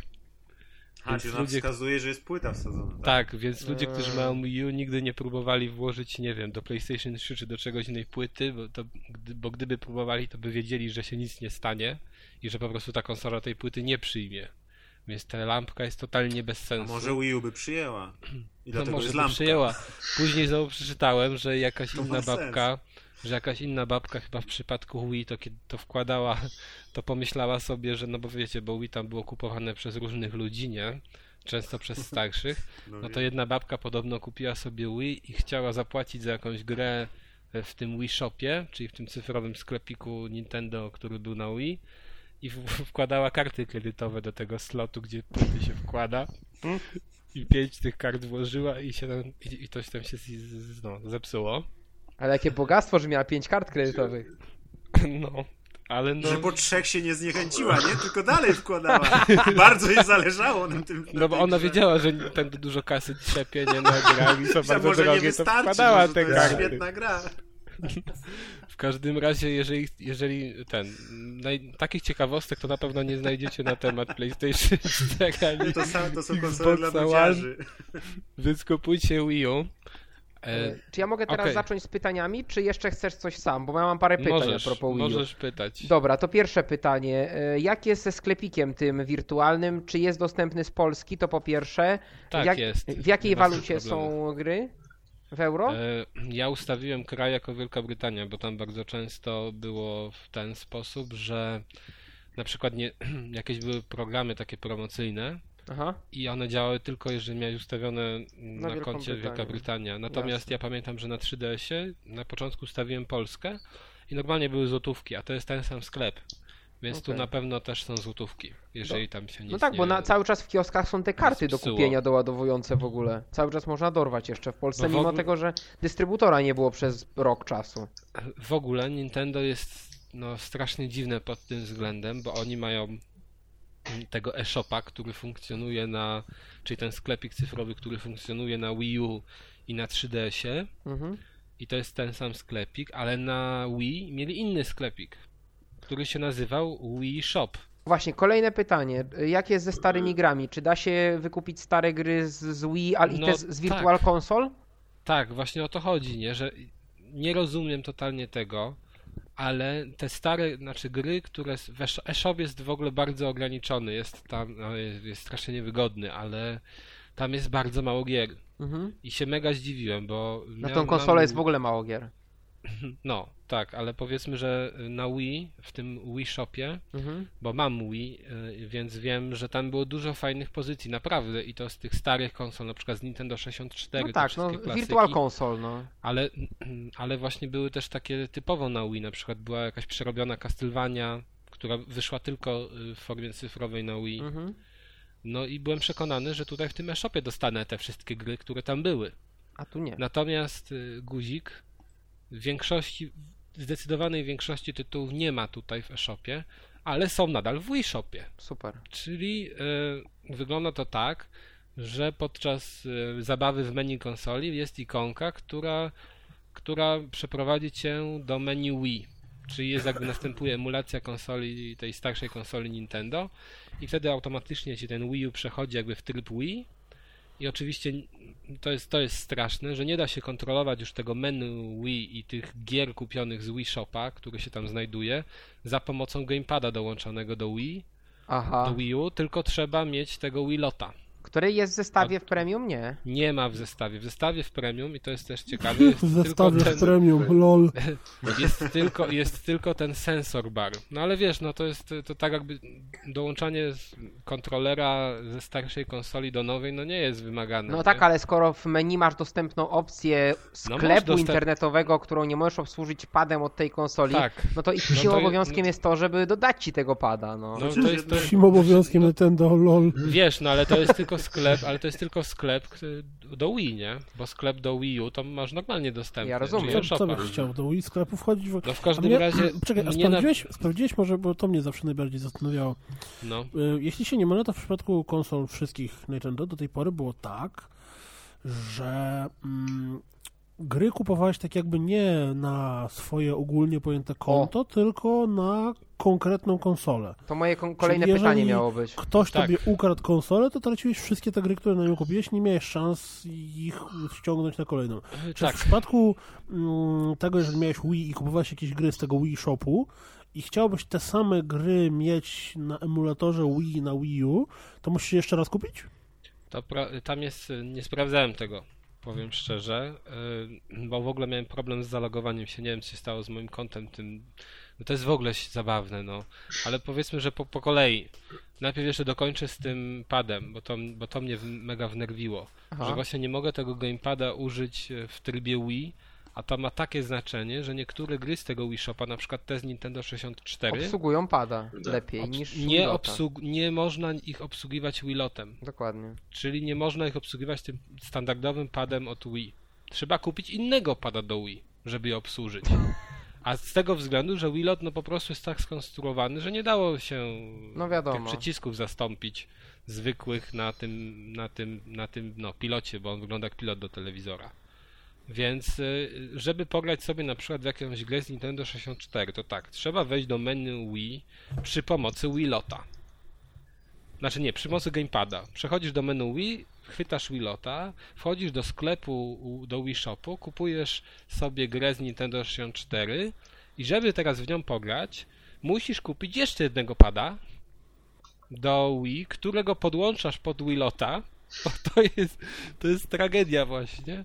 I dopiero wtedy możesz sobie grać. Znaczy jak podłączasz pod Wilota? Do Wilota E, go tam- wpinasz? Tak, bo kiedyś ja sam tego nie miałem, ale czytałem o tym, może się mylę, ale wydaje mi się, że się nie mylę na 99%. O ja pierdzielę. to to wygląda tak, że on nie jest bezprzewodowy, wiesz, że na przykład masz jakiś e, USB tam czujnik, nie, który Mhm. go wychwytuje, tylko właśnie go mu, musisz włączyć Wilota, masz kabelek i tym kabelkiem podpinasz tego pada pod Wilota i to na przykład Wilota se stawiasz na, na stolik, O a Boże. tego trzymasz albo na kolana.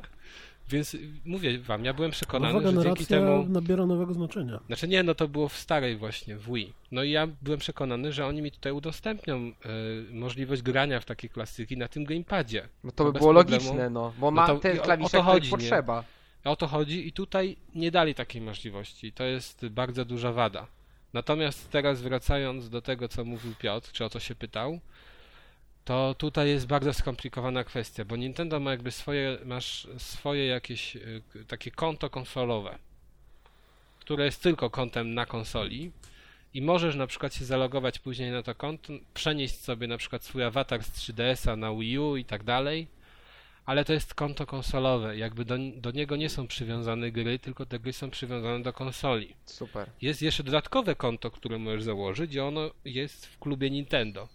Z tym, że ten klub Nintendo nie działa we wszystkich e, państwach. A, niech zgadnę, niech zgadnę. No wiadomo, że u nas też nie działa.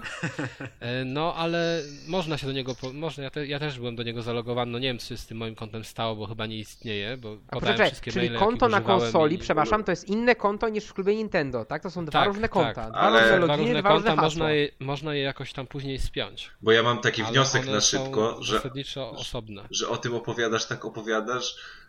Jakby kiedy ja bym się pogubił, jakbym chciał już zacząć w to grać. Tu wszystko, tu No ale- podłączyć, tu bezprzewodowo, tu No się zalogować, chodzi, tu nie to jest- można.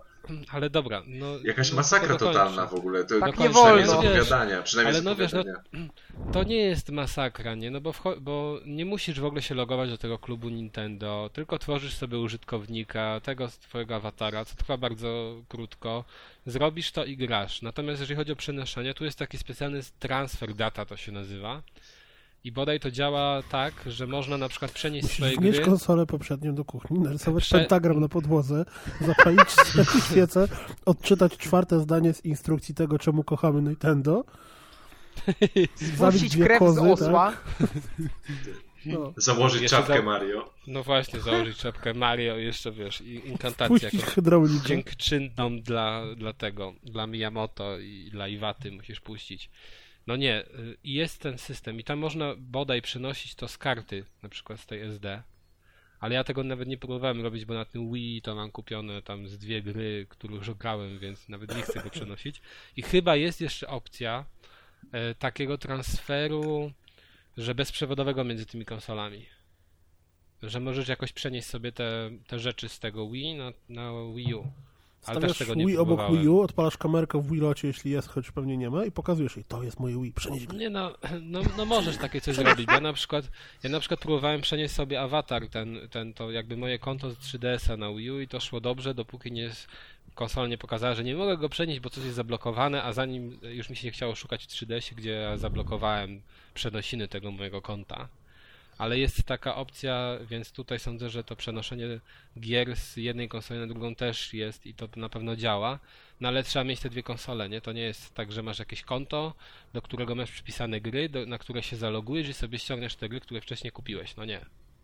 Oni cały czas są za murzynami chyba w tej kwestii. Na 99% mówię, no nie, nie mam pewności. Oj, ty dzisiaj masz te niepoprawne politycznie żarty. Natomiast, natomiast y, tak. To są to takie wady, nie? Tak. Tej, tej konsoli. No i jeszcze powiem o wadach, kolejnych. Jeżeli ktoś myślał, że się super świetnie gra na tym ekraniku, że oczywiście działa to świetnie, bo Tak, podczas ktoś gry tak naciskasz, myślał. naciskasz jeden Nie. przycisk I przenosisz się, od razu po, pojawia ci się wszystko, całe, całe to menu widoczne na telewizorze, pojawia się na twojej konsoli. To działa bez zarzutu. Ale problem jest taki, że ten ekranik nie jest HD. I na przykład taka Zelda, ten Wind Waker, którego grałem, no wygląda źle. na 240 grafice. Grafika nie jest najważniejsza. I nie chciałbym tak grać w nią. Więc absolutnie nawet nie. nie Czyli masz, widzisz, jaki masz takiej wybór? potrzeby, ale nie chciałbym. Bo możesz grać tak, jakbyś chciał grać i tak, jakbyś nie chciał grać. Także możesz, możesz sobie wybrać. To chyba super, bo Ja- mógłbyś ja- od razu ja- mieć wybór. No tylko Nintendo Korzystałem z okazji dorzucę, bo o tym kiedyś Mikołaj mówił, ale też potwierdzę, bo sprawdziłem to z własną, że tak powiem, ocznie ręcz, za pomocą własnych narzędzi wzroku No, no, I członku. Organoleptycznie. Nie, no. organoleptycznie, y, że re- Remote y, Play na PS4 działa naprawdę wyśmienicie. Byłem pod hiper, mega, ultra wrażeniem tego, że po prostu odpalasz y, to na konsoli i nagle pyk, na wicie masz dokładnie po prostu No przeniesiony i tutaj też to obraz działa. to jeden do jest- jednego, z, tylko nie masz obra- tego ekraników w 240p. No wiadomo. I, Ale to nie, ale nie, ale no daj spokój, no tam też nie jest HD na tym bodaj na tej wicie. Nie, nie, no nie jest HD, jest takie udawane HD, bo mały ekranik, ale rozdziałka jest dość sympatyczna jak na taki ekranik. No Generalnie jaka wygląda, jest wygląda to bardzo fajnie. Na Wii może być podobna. Tu jest mi się wydaje, 920 na ileś zdaje się. No to podobnie jest na Wii. Ale to nie wygląda moim zdaniem rewelacyjnie. Tym bardziej, że na przykład ten, ta Zelda chodzi w 1080p. Znaczy, Ona bardzo ładnie wygląda. Euro, Eurogamer twierdził, że na tym e, padzie Wii e, przeciętnie wygląda to i działa trochę lepiej niż na Wicie, tak? Także to ja No tylko może- pamiętam, czytałem na Eurogamerze. By, no być może tak działa, no. Niektórych może to zadowoli, mnie nie. Nie podobało mi się Jak cię to. nie zadowala Kurde, grafika, to trzeba było sobie kupić PS4, no. Ale nie, nie zadawala mnie to, wiesz, jakość grafiki w porównaniu do tego, co widzę na Nie, jasne, telewizorze. jasne, Więc troluję. Nie widzę sensu. Dobra, kolejna rzecz. Ten, ten pad jest dosyć ciężki, ale jak porównałem sobie tak na rękę z DualShockiem, to nie jest wcale tak ciężki. y, No, mógłby być cięższy. Można komuś duży mordę dać, jak, Bardzo duży. jak się wkradnie do domu. Więc nie jest tak źle z tym jego ciężarem. Natomiast rozmieszczenie przycisków jest trochę nieciekawe, na przykład jeżeli chodzi o krzyżaka, bo parę minut grałem tam w taką minigrę w, w Zeldzie na krzyżaku i tam było tak dziwnie, że po prostu wiem, że w bijatykach to się nie sprawdzi, bo jest y, ten krzyżak jakby za bardzo oddalony od krawędzi y, kontrolera Mhm. tak trochę niewygodnie mi tym kciukiem mm, To Dreamcasta naciskanie dwóch kierunków, czyli A góra ma- i prawo. On ma taki układ jak Xboxa, prawda? Czyli ma gałki niesymetryczne. Ma symetryczne gałki. Symetryczne ma gałki. Tak, A. jeszcze to jest dziwne, że symetryczne gałki, ale umiejscowione wyżej niż przyciski. Czyli zupełnie na odwrót. A. Mm, I one są też wysoko dosyć i w ogóle te gałki, ten pad jest ogromny, a te gałki są mniejsze niż na przykład te na DualShocka. U DualShocka. Czyli, y, no wiesz, wyobraź sobie, pad ogromny, a gałki mniejsze. Bo to jest na, nie na europejski rynek konsola dopasowana Dobra, no, może być, nie, ale wiesz, nie na europejski rynek, ale ja nie wiem, jak ktoś ma małe palce, jak sobie ogarnie Znaczy, na przykład zaraz, zaraz, zaraz. krzyżaka. To jest, Gałki y, są wyżej niż przyciski? Tak. Tak, gałki o są na samym szczycie jakby tego kontrolera. To ja tego nie zapamiętałem, bo ja miałem ten kontroler w rękach i ja tego zupełnie nie zapamiętałem. Do góry nogami trzymałeś. No, I dlatego ekranu Okej. nie widziałeś. okej, no ale tak, ja myślałem, że te gałki są trochę wciskanie, bo są wciskane. Bo na, na przykład na Wii bodaj ta grucha z Wii nie, mo, nie można było jej wcisnąć. Ach, ta grucha. A A tutaj ty chciałeś to, wciskać tutaj gruchę. gałki, gałkę chciałem wciskać. A to O, lepiej. Porozmawiajmy o No tym. właśnie. Z dwojga złego to... Tak, to lepiej gałkę, nie? Wciskać gałę. No i, te, no i to wszystko wydawało mi się, że będzie nie, niewygodne na dłuższą metę. Natomiast grałem sobie na tych gałkach i jest ok. Nie, nie, nie ma większych problemów, tylko to wciskanie właśnie jest niewygodne, ale poza tym jest ok. No może przy dłuższym graniu, naprawdę długim, jakiś to problem stanowić. Natomiast dużym problemem, chociaż w tych grach, w tej grze w zasadzie, w demach, które testowałem, nie, to nie wychodziło, ale ten pad nie ma triggerów. Przyciski, które są odpowiednikami triggerów, to są zwykłe przyciski. No bo kto by grał w jakiegoś FPS? Wyścigi, no wyścigi właśnie, na kto by grał- no. To jest piękna firma. Kto No. by grał w FPS-a na konsoli? No przecież Oni z tego wyścigi, wyścigi to możesz grać, wiesz, tam jest jakiś żyroskop, będziesz machał łapą. Znaczy, Tak. słuchajcie, po prostu, że- e, Przecież Mario Kart e, gaz jest pod właśnie. X-em, znaczy to, to, to pod przyciskiem, Tak, także... tak, tak, ale w Mario, ale tutaj nawet chyba te przyciski to w Mario Kart też nie miało Nie znaczenia. działają. One są nieanalogowe. No to trzeba skakać, Czy- machać i to jakoś jedzie. Czy nie ma, czy Ale to na dobrze, bo to profesjonalnie. Kierowca rajdowy albo wciska No. hamulec, albo wciska gaz. Co się będzie pierdzielił No. na półgazie jechał, na wyścigu, no bez. Widzisz, Zeusz, po prostu Nintendo lepiej myśli niż wszyscy i Tak. no, bardziej nowoczesne rozwiązania wprowadza. No tak, a- ale z drugiej strony takie ale- Call of Duty na przykład strzelanie. Jak pół spustu naciskasz, co? Połową Ale, naboju ale kto by chciał Call of. Duty na Wii? No, A nie, no Wii tak, nie, to swoją drogą. Ale jakby się skusili na przykład, jakby się ktoś skusił, to i tak jest awaryjna droga. A, a zaraz, zaraz, nie było Blobsa drugiego na, na, na Wii U czasem? Wiesz co, nie wiem. Było! Ale nikogo to nie był, obchodzi, to musiał więc być- dlatego nikt być- nie wie. No, nikogo, nikogo to nie obchodzi. Bo jest jedna zasadnicza kwestia. Wii U nie kupujesz absolutnie i nigdy nie kupisz i nikt nie kupi dla gier y, third party. Nikt. To ci gwarantuję. Chyba, że jeszcze te, dogadali się teraz, ale to jest Chyba, jest wydawane przez Nintendo Bayonetta, nie? No tak. To to jest jedyny tytuł, ale to jest właśnie tak, że to jest jakaś kolaboracja między To Nintendo Znaczy Nintendo po prostu sobie. wyłożyło kasę i za Kasę, zamian no. zostało wy- ekskluzywność, no. Tak, no i to jest jedyny taki przykład. Ale poza tym absolutnie to nie ma sensu. No jasne. Bo wszystkie duże firmy się od tego sprzętu odwracają. On graficznie ma możliwości zbliżone właśnie do tych starych konsol, a nie do PlayStation 4 i Xboxa 360. Więc to jest ewidentnie po prostu sprzęt skrojony pod granie w y, tytuły Nintendo. No tak, ale ty mówisz tytuły Nintendo. Wyszedł jakiś Metroid? Nie wyszedł. No Wyszła jakaś Metroidem. Zelda, która nie jest remake'iem? Nie wyszła. No dobrze, nie wyszła Zelda, wyjdzie podobno. No ale już są prawie dwa lata od premiery, a ja nie, nie widziałem nawet jednego gameplay trailera. Ani Jak nie, nie pamiętasz, jak była zapowiedź Wii U i ta Zelda taka jak... Ale to No, nie był gameplay. Śmigało. A co tam A, się tam. będziesz czepiał? Proszę. To jest Nintendo, a nie gameplay. A proszę, a nowy, To Assas, gameplay. a nowy Assassin's Creed zapowiedź, to myślisz, że to jest gameplay? Oczywiście, że Kiedy nie. kupujesz A, a? Watch Dogsy 3 lata temu na E3 to był gameplay? Okazuje się, że nie. Dobrze, y, dobra, dajcie mi powiedzieć, bo tak mimo wszystko. Y, Teraz zajebiste plusy. Mamy już pół godziny o Tym, minusach, nie, ona, teraz... nie, no był to tak trochę w prześmiewczym tonie. Na przykład Niemożliwe, nie Nie, zorientowałem się. pisałem, pisałem z Piotrkiem tutaj, że strasznie mnie iry, czy irytuje to, że mi się świeci coś, jak jest ciemno, gram i nagle mi się świeci coś, wiecie, w którym miejscu. Y, Napisałeś mu tak, bo takiego na SMS-a ekranie- wieczorem, że ci się świeci co, co, ro, co robić. Pomocy. Ale, ale pomysło, pomysłowo, bo do najstarszego co napisałeś. Ale miałem do kogo, byłem, Ale byłem przekonany, najbardziej. byłem przekonany, że Kuda w tych swoich książkach znalazł już odpowiedź na No to. Co robić, jak mi świeci? Pójść do łazienki. Ale to jest ryzykowne, żeby Kuldana słuchać w takich sprawach, bo właśnie skończysz z bezgłowym indykiem nagle. Nabitym na pal. doszło do tego, że Kuda nie zdążył mi poradzić, a mi, mi już ten problem przestał dostrzegać. Znaczy ojej. przyzwyczaiłem się. Są takie tabletki, słuchaj. W każdym razie właśnie, to jest, wydawało mi się, że wada. Tak samo miałem problem z tym grając w Zeldę, że nie wiedziałem czasem, gdzie mam patrzeć. Bo pojawiał, nagle wcisnąłem start, przycisk start, no i, i, i pojawia się na, na ekranie telewizora spójrz na gamepada. No i tak patrzę na gamepada, co się dzieje, nie? Dobra, działa w tym taki gamepadzie, wielki kutas. działa... Nie, Ja sobie robię. Pójść na Działam gamepada. sobie, działam sobie.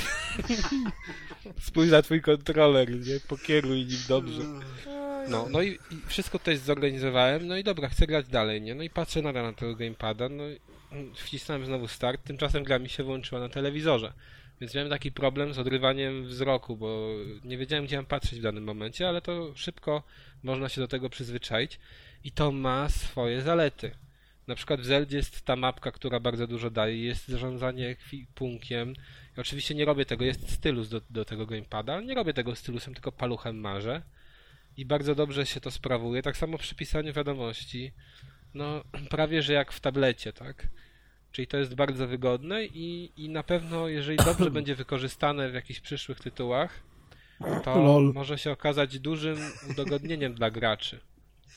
E, To tyle odnośnie właśnie gamepada. I teraz e, wracając do tego, dla kogo jest ta konsola. No ta konsola jest typowo dla fana Nintendo. Po pierwsze, e, Naprawdę? duże firmy, duże firmy e, poza, poza Nintendo nie chcą wydawać gier na te platformy, a jeżeli wydają to na pewno w, ubo, w uboższych wersjach niż na przykład na PlayStation 4 będą się ukazywać i na dodatek nie sądzę, żeby ktoś wielce wykorzystywał możliwości y, choćby gamepada.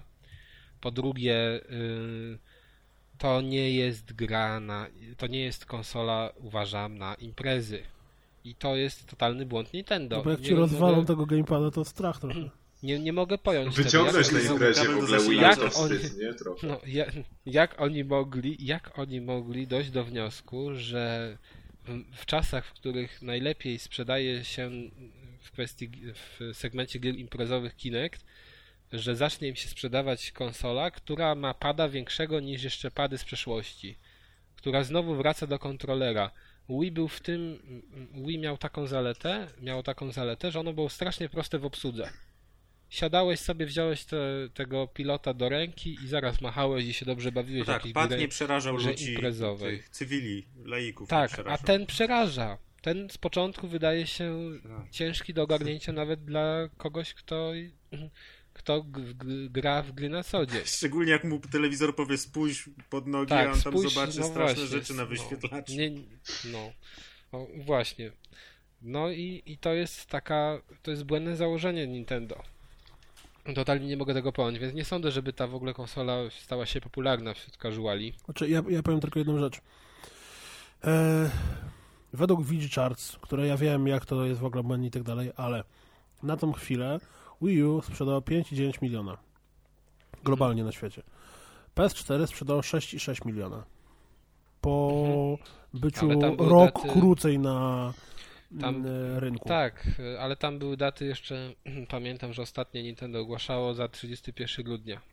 Nie było później żadnych wyników. Znaczy tutaj jest niby as of 22 marzec. Nie no wiesz, oni No to by szacują. wychodziło, że się sprzedało, no ale to jest, no właśnie, to są szacunki, a to wcześniej to było Znaczy generalnie dane. cały problem polega na tym, że mm, Wii U teraz nie jestem w stanie y, odpowiedzieć sobie, zwłaszcza po tym, co ty powiedziałeś, czy to teraz na nagraniu, czy wcześniej mi, mi pisałeś, nie jestem w stanie odpowiedzieć sobie na pytanie, dla kogo to jest konsola.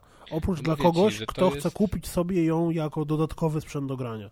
Bo ja nie wierzę. No żebyś ty że tak, został przy Wii U. Ty na pewno kupisz prędzej czy później PS4 albo Xboxa. ale no oczywiście, że tak, ja nie twierdzę, że to jest Kupiłeś ją sobie teraz, żeby podstawowa. mieć nowy gadżet, y, trochę się pobawić nie, Zeldą kupiłem, pewnie. Nie, kupiłem ją, była taka kwestia, spojrzałem sobie Promocja na listę gier, była.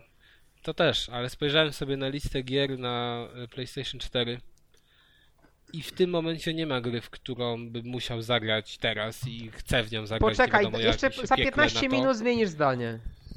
No nie wiem, nie, chyba nie zmienię, bo grałem wcześniej w te poprzednie części tej gry, więc nie O której nie to powiemy zmienił. teraz, bo 15 minut No, suspensu to- zrobi po prostu ten, ten odcinek. Ale za to na przykład bardzo miałem dużą ochotę, żeby pograć w Mario. Mam ochotę, żeby zagrać w Donkey Konga, bo grałem na Wii i był świetny i w ogóle grałem w te wcześniejsze chyba dwie części, też były bardzo dobre. Więc sądzę, że tutaj też będzie co najmniej dobrze.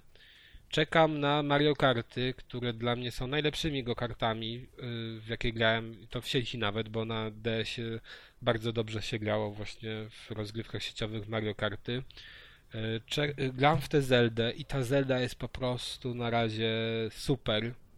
Będę o niej pewnie mówił w następnym podcaście, ale jest po prostu super. Co tu jeszcze?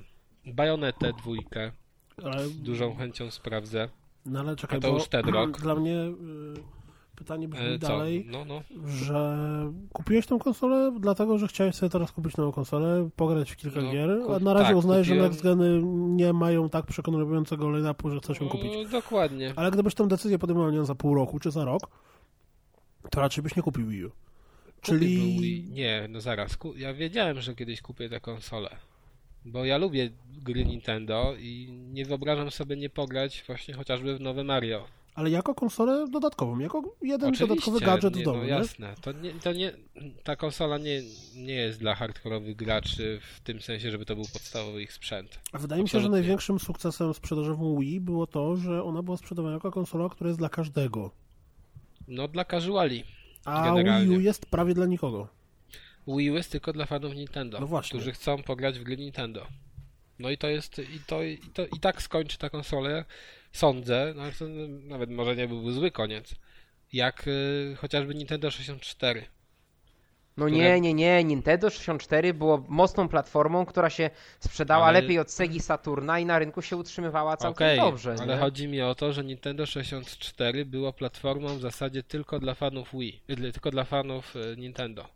Eee, Bo tam, no a... No bo tak, tam, ale i liczba gier, które Nintendo razem z Rareware wydali, wystarczyła przeciętnemu graczowi na No te i 5 lat, kiedy ta konsola była na rynku, nie? Okej, no i ja uważam, że jeżeli Nintendo chce dalej wspierać ten sprzęt, a sądzę, że chce, to również się postara o dużo porządnych gier.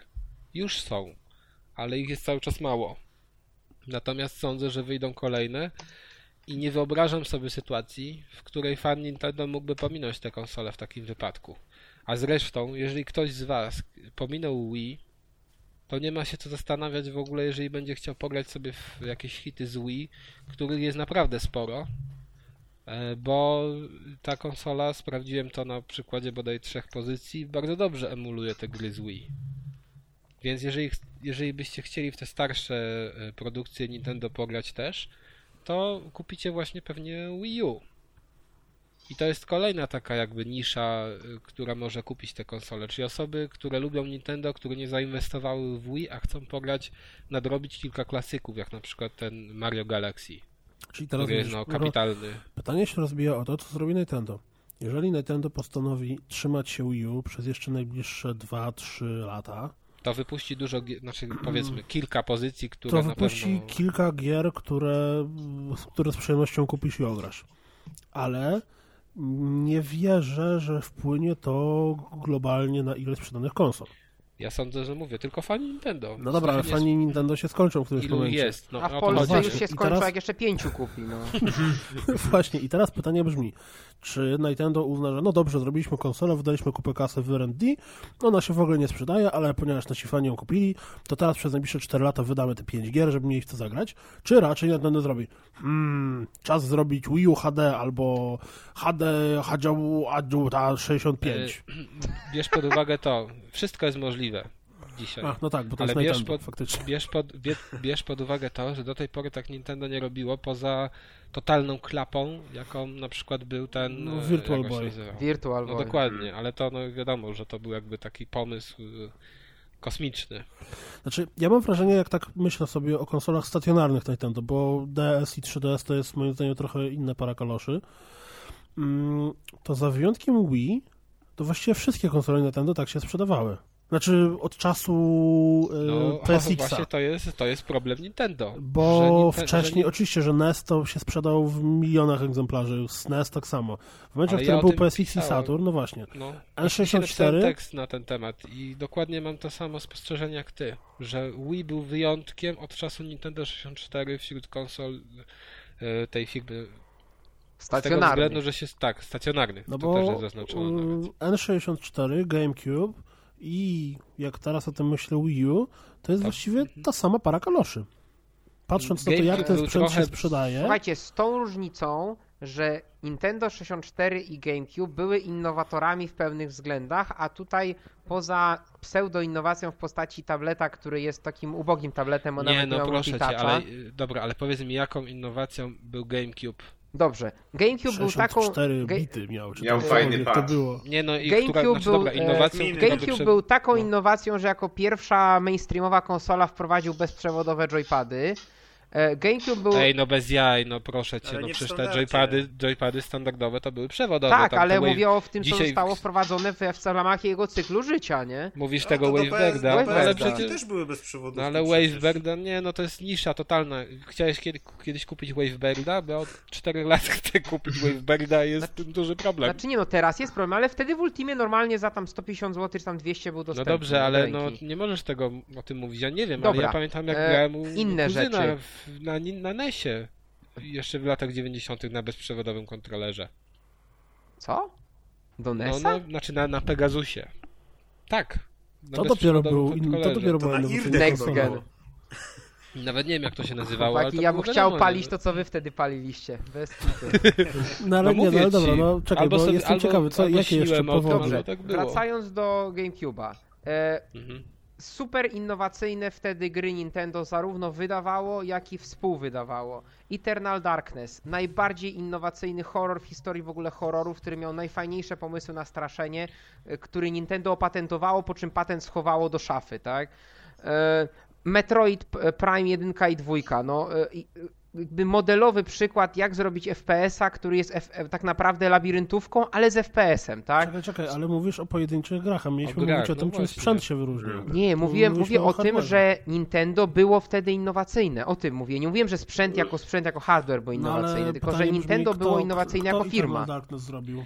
Ale nie, Silicon Knights na, na zlecenie i przy, przy sponsorowaniu przez Nintendo. Ale Mikołaj, ale skąd ty wiesz na przykład, czy tutaj w tym momencie nie będzie jakiejś mega innowacji? Ja nawet jeszcze tego Mario nie ograłem. Jestem ciekaw, jak on tam wygląda pod tym względem. No wiesz, no. nie nie możesz tak mówić, nie dopóki, no nie wiem. Teraz mówimy o GameCube z perspektywy czasu i gier wydanych na niego też nie przy premierze pewnie. Nie wiem dokładnie jak to No wyglądało dobra, ale z przy premierze GameCube'a miałeś na przykład y, wówczas najlepszą grę w ogóle ever ze świata Gwiezdnych Wojen, czyli Rogue Squadron 2, który po prostu powalał jakością wykonania i jakby No. tym feelingiem takim latania tymi Powiem szczerze, statkami. nie przypominam sobie tej gry, N64? ale Nie, na GameCube'a. y, Launch title. 64 był Racer jakiś tam.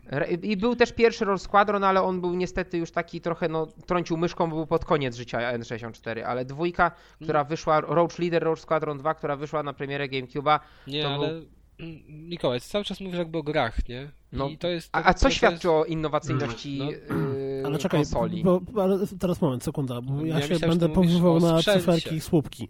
E, ja ukułem teorię wcześniej, że GameCube, N64 i Wii U to jest ta sama para kaloszy jako sprzęt, jako nazwijmy to nisza w rynku.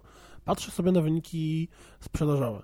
GameCube sprzedał się w 12,5 miliona egzemplarzy jako konsola przez całe swoje życie. No, nie więcej? N60, no Coś- według tego co tu mam, 12,5 miliona. Myślałem, że z głowy N64 mówisz. Sprzedał Nie, się, to chyba więcej. To jest, no, mów. sprzedał się w 20,5 miliona egzemplarzy. Nie, Eee, to chyba na samym amerykańskim rynku. Czekaj. A nie, przepraszam, przepraszam. Tak, tak, tak, tak, na tak, samym amerykańskim. No GameCube łącznie, GameCube łącznie sprzedał 22 miliony egzemplarzy, N64 łącznie sprzedało 32 miliony egzemplarzy. A, porównajmy sobie. PSX sprzedał e, łącznie, już otwieram, 105 milionów, 104 z kawałkiem, a PS2 jako konsola, która sprzedała najwięcej egzemplarzy na świecie, sprzedała tam 160.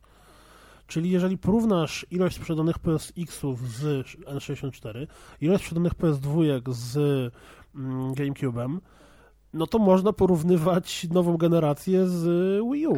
Ale właśnie tylko jest jeszcze jeden mały problem, że N64 było drugą w wyścigu i GameCube był praktycznie ex aequo drugi, trzeci w wyścigu. Także a, a Wii U jest, y, już jest drugie w momencie, kiedy te konsole już ją przeganiają, mają rok, rok mniej czasu na rynku. Zaraz Xbox je przegoni, nie? Nie no, ja uważam tak, po pier... znaczy generalnie uważam tak, że Nintendo cały czas w przypadku produkcji konsol próbuje iść własną ścieżką, z tym, że w przypadku Wii trafiło na jakąś tak wybitną niszę, która się stała tak popularnym, znaczy mainstreamem zupełnie i który się sprzedał no w rewelacyjnym, e, rewelacyjnie. Natomiast Nintendo 64, zobacz, postawili na kartridże, totalnie przestarzałe wtedy. e, To zabiło Ale te czasy, platformę. ła- ale te czasy to zabiło platformę, tak. ale nie, powiedzmy, że wtedy na to postawili, nie? Czyli poszli swoją drogą. Znowu, w, w każdym wypadku GameCube zrobili jakieś GD, jak to tam się nazywało? Małe płytki, no. No, małe płytki, które nie były DVD, gdzie DVD było, okazało się bardzo dużą machiną sprzedażową, na przykład PlayStation 2, nie? Bo ludzie Oczywiście, no. brali... Ja namówiłem rodziców dzięki temu między innymi. No właśnie, powiedzmy, że niektórzy też, no inni. No i, i, i Wii było znowu czymś, czymś e, innym, tylko że co się sprzedało. I Akurat znowu tutaj trafili. Wii U jest też kolejną jakby e, kolejną konsolą produkowaną w tym stylu, z tym, że nie, z nietrafionym znowu pomysłem. Podobnie jak Nintendo 64, jak GameCube. I tu mamy kolejny nietrafiony pomysł. Z tym, że jeszcze GameCube mógł się odbić tym, że to była konsola, która miała możliwości porównywalne, jeżeli chodzi o grafikę, z tymi sprzętami, które już były na rynku. Dokładnie. A Wii U nie ma. No nie ma. I, i będzie coraz gorzej. Właśnie to jest największy problem. Jak ja patrzę na to, jak wyglądają gry na starcie na PS4 czy Xbox One, to jest wow. A jak patrzę sobie na to, co widzę z Wii U, to jest takie, no okej, okay, no ładnie to wygląda. Nie, ale wiesz co?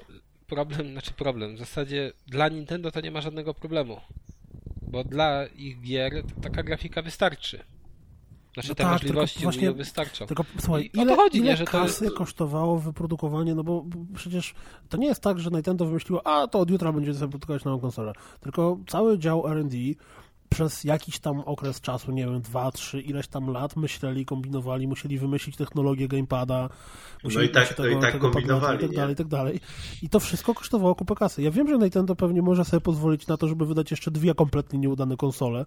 Gdyby Sony, gdyby PS4 okazała się wtopą totalną, to Sony przestałoby robić konsole. Jestem tego pewien. Sony by się nawet mogło zwinąć, patrząc na ich sytuację finansową w zeszłych Właśnie. latach. E, Nintendo może wydać sobie jeszcze pewnie całą jedną generację totalnie nieudanej konsoli i to w żaden sposób nie wpłynie na to, bo oni na Wii zarobili tak potworną ilość pieniędzy. 250 milionów dolarów w, w gotówce mają w rezerwach, zdaje się.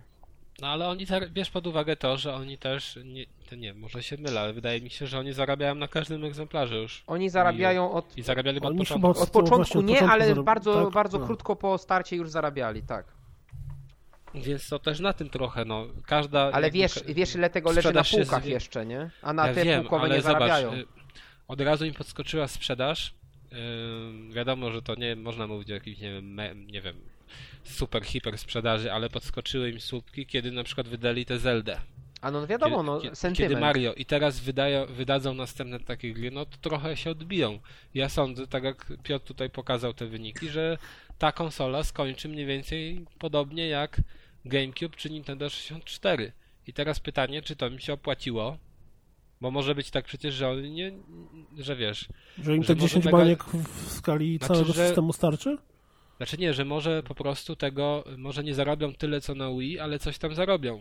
Znaczy ja powiem tak, jeśli ta konsola sprzedałaby się tak jak Nintendo 64, czyli jedna z powiedzmy top 5 najlepszych konsol w historii z najlepszym portfolio gier, znaczy, że coś jest z tą branżą nie tak, no. Chyba, że zaczną naprawdę wypuszczać turbo poczekaj, killery. No, ale w sensie, że co? No, bo ale słuchaj, no, Nintendo zobacz, 64 sprzedało się w 32 milionach egzemplarzy. Na tą grę wyszło kilka tytułów, które mieszczą się w topkach 10, topkach 20 w historii tej Ale branży. okej, ale no zobacz sobie, dobra, może dzisiaj się, może dzisiaj oceny są, już się przewartościowały trochę, ale no spójrz sobie, nie wiem, na tego Mariana, nie, tam nie wiem, 95 czy coś, średnia, Ten ta aktua- Zelda nowa, znaczy ta, ten remake, nie, też te, tego typu oceny, Donkey Kong ma też świetne Nie, no oceny. Donkey Kong ma 79, zdaje się. 79? Tak, Dobra, nie będziemy teraz sprawdzać, dobra, to ufam, że mówisz Nie, nie, Donkey Kong ma. 79. Byłem zdziwiony, że Donkey Kong zbiera głównie ósemki, nie? Czyli jak na, jak na właśnie jak, ekskluzywa od to Nintendo, mało jak to słabo. Nintendo. No ale i tak, i tak jest. Ten Mario też pierwszy bodaj dobrze sobie radzi, ten, który wyszedł 2D jeszcze. Y, to też prawda.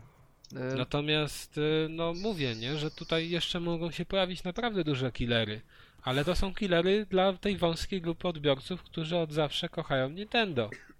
To prawda. Kurczę, ale ja, ja teraz generalnie jestem cały czas w szoku po tym, co powiedział Mikołaj, że N64 to jest jedna z, z najważniejszych konsol w historii gamingu. Bo to prawda. Dla mnie, dla mnie to była konsola, która no, no Dla, dla mnie to była konsola spółek sklepowych. tak, to była Patrzę, konsola, na której gry, się, gry wiesz, ale kosztowały po 380 złotych, 380 Słuchajcie, e, jak sobie czyta, jak czytacie na jakieś podsumowania właśnie top 100, top 50, top 20 różnych znanych ludzi z branży, z zachodu oczywiście, no, którzy mieli dostęp do tego wszystkiego i niedrogo, to Zelda Ocarina of Time, Mario 64, GoldenEye, Banjo-Kazooie, Diddy Kong Racing, to są wszystkie tytuły, które się znajdują w topkach najlepszych gier w ogóle ever, nie?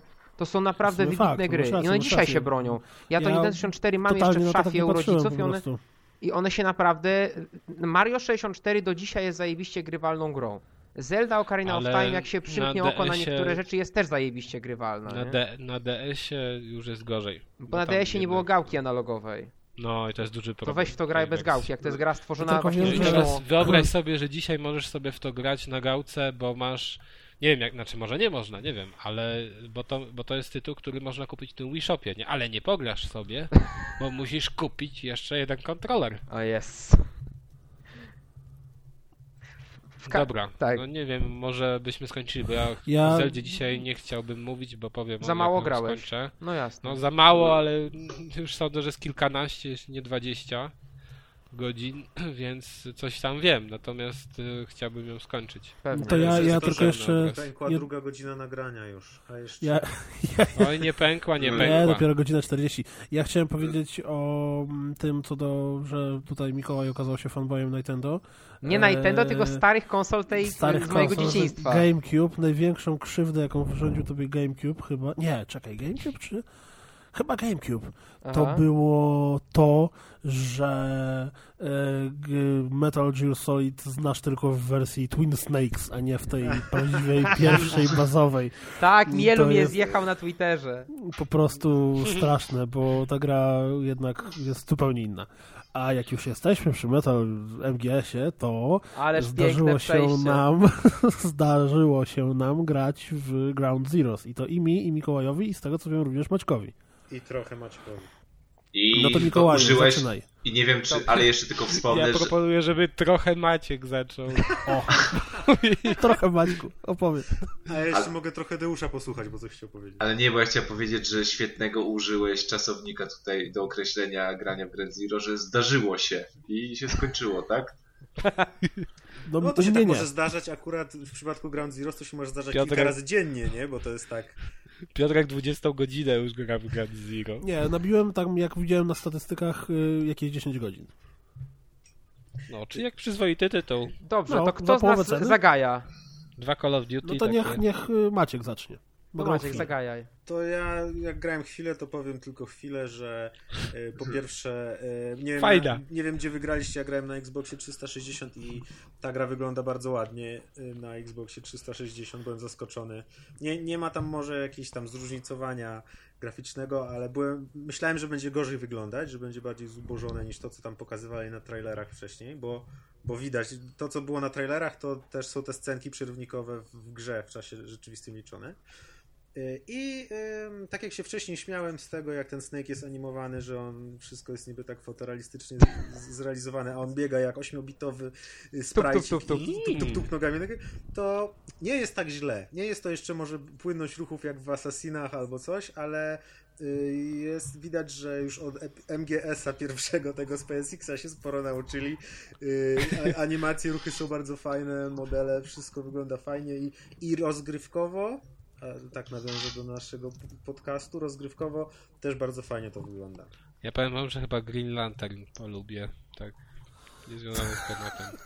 Rozgry- Dziękuję, że się tym po, podzieliłeś z nami, z grupą. ro- rozgrywkowo, rozgrywkowo chciałoby się powiedzieć, że stary MGS przyszedł trochę, mm, jakby to powiedzieć, odnowił się, dopasował się trochę bardziej do dzisiejszych czasów. To może, właśnie, bo jeśli chodzi o gameplay, Czyli to dał dupy. ja mam wrażenie... Oczywiście nie, bo robił Dał to w sposób dupy w dobry i przyjemny. Dopasował się, bo już nie trwa Współczesnemu 9 godzin, nie?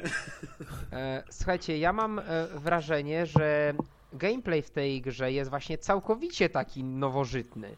Ja już, e, tak, kodeki, nie ma Bawa kodeków, żyć. odsłuchuje Smuteczek. się ich w trakcie zabawy. E, e, jakby płynność animacji między poszczególnymi ruchami jest super. Sterowanie Kar- jest... Kartony? e, Co? Kartony? Kartonów nie ma. Ale można siedzieć Całej- na pace ciężarówki. No tak, ale to nie to samo. Bo w kartonie de facto się nie poruszasz, ale niesamowite jest na przykład to, że sterowanie zostało wreszcie przemodelowane tak, żeby zachowywało całą tą funkcjonalność ze starych części, a jednocześnie miało w miarę racjonalne rozłożenie przycisków. Także ja na przykład po raz pierwszy w historii MGS-a grałem poza Portable Ops we wszystkie odsłony.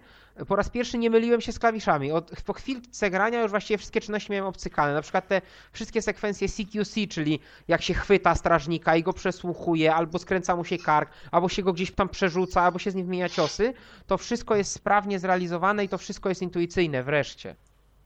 No nie wiem. Ja trochę się gubiłem, bo tam trzeba go najpierw złapać tam R2, potem trzeba go coś tam przewrócić, potem trzeba trzymając spust jeszcze dać gałkę do góry, żeby go przesłuchać. Grałeś na Xboxie przecież 300... masz- A, grałeś Masz poprzednie MGS-y? ten.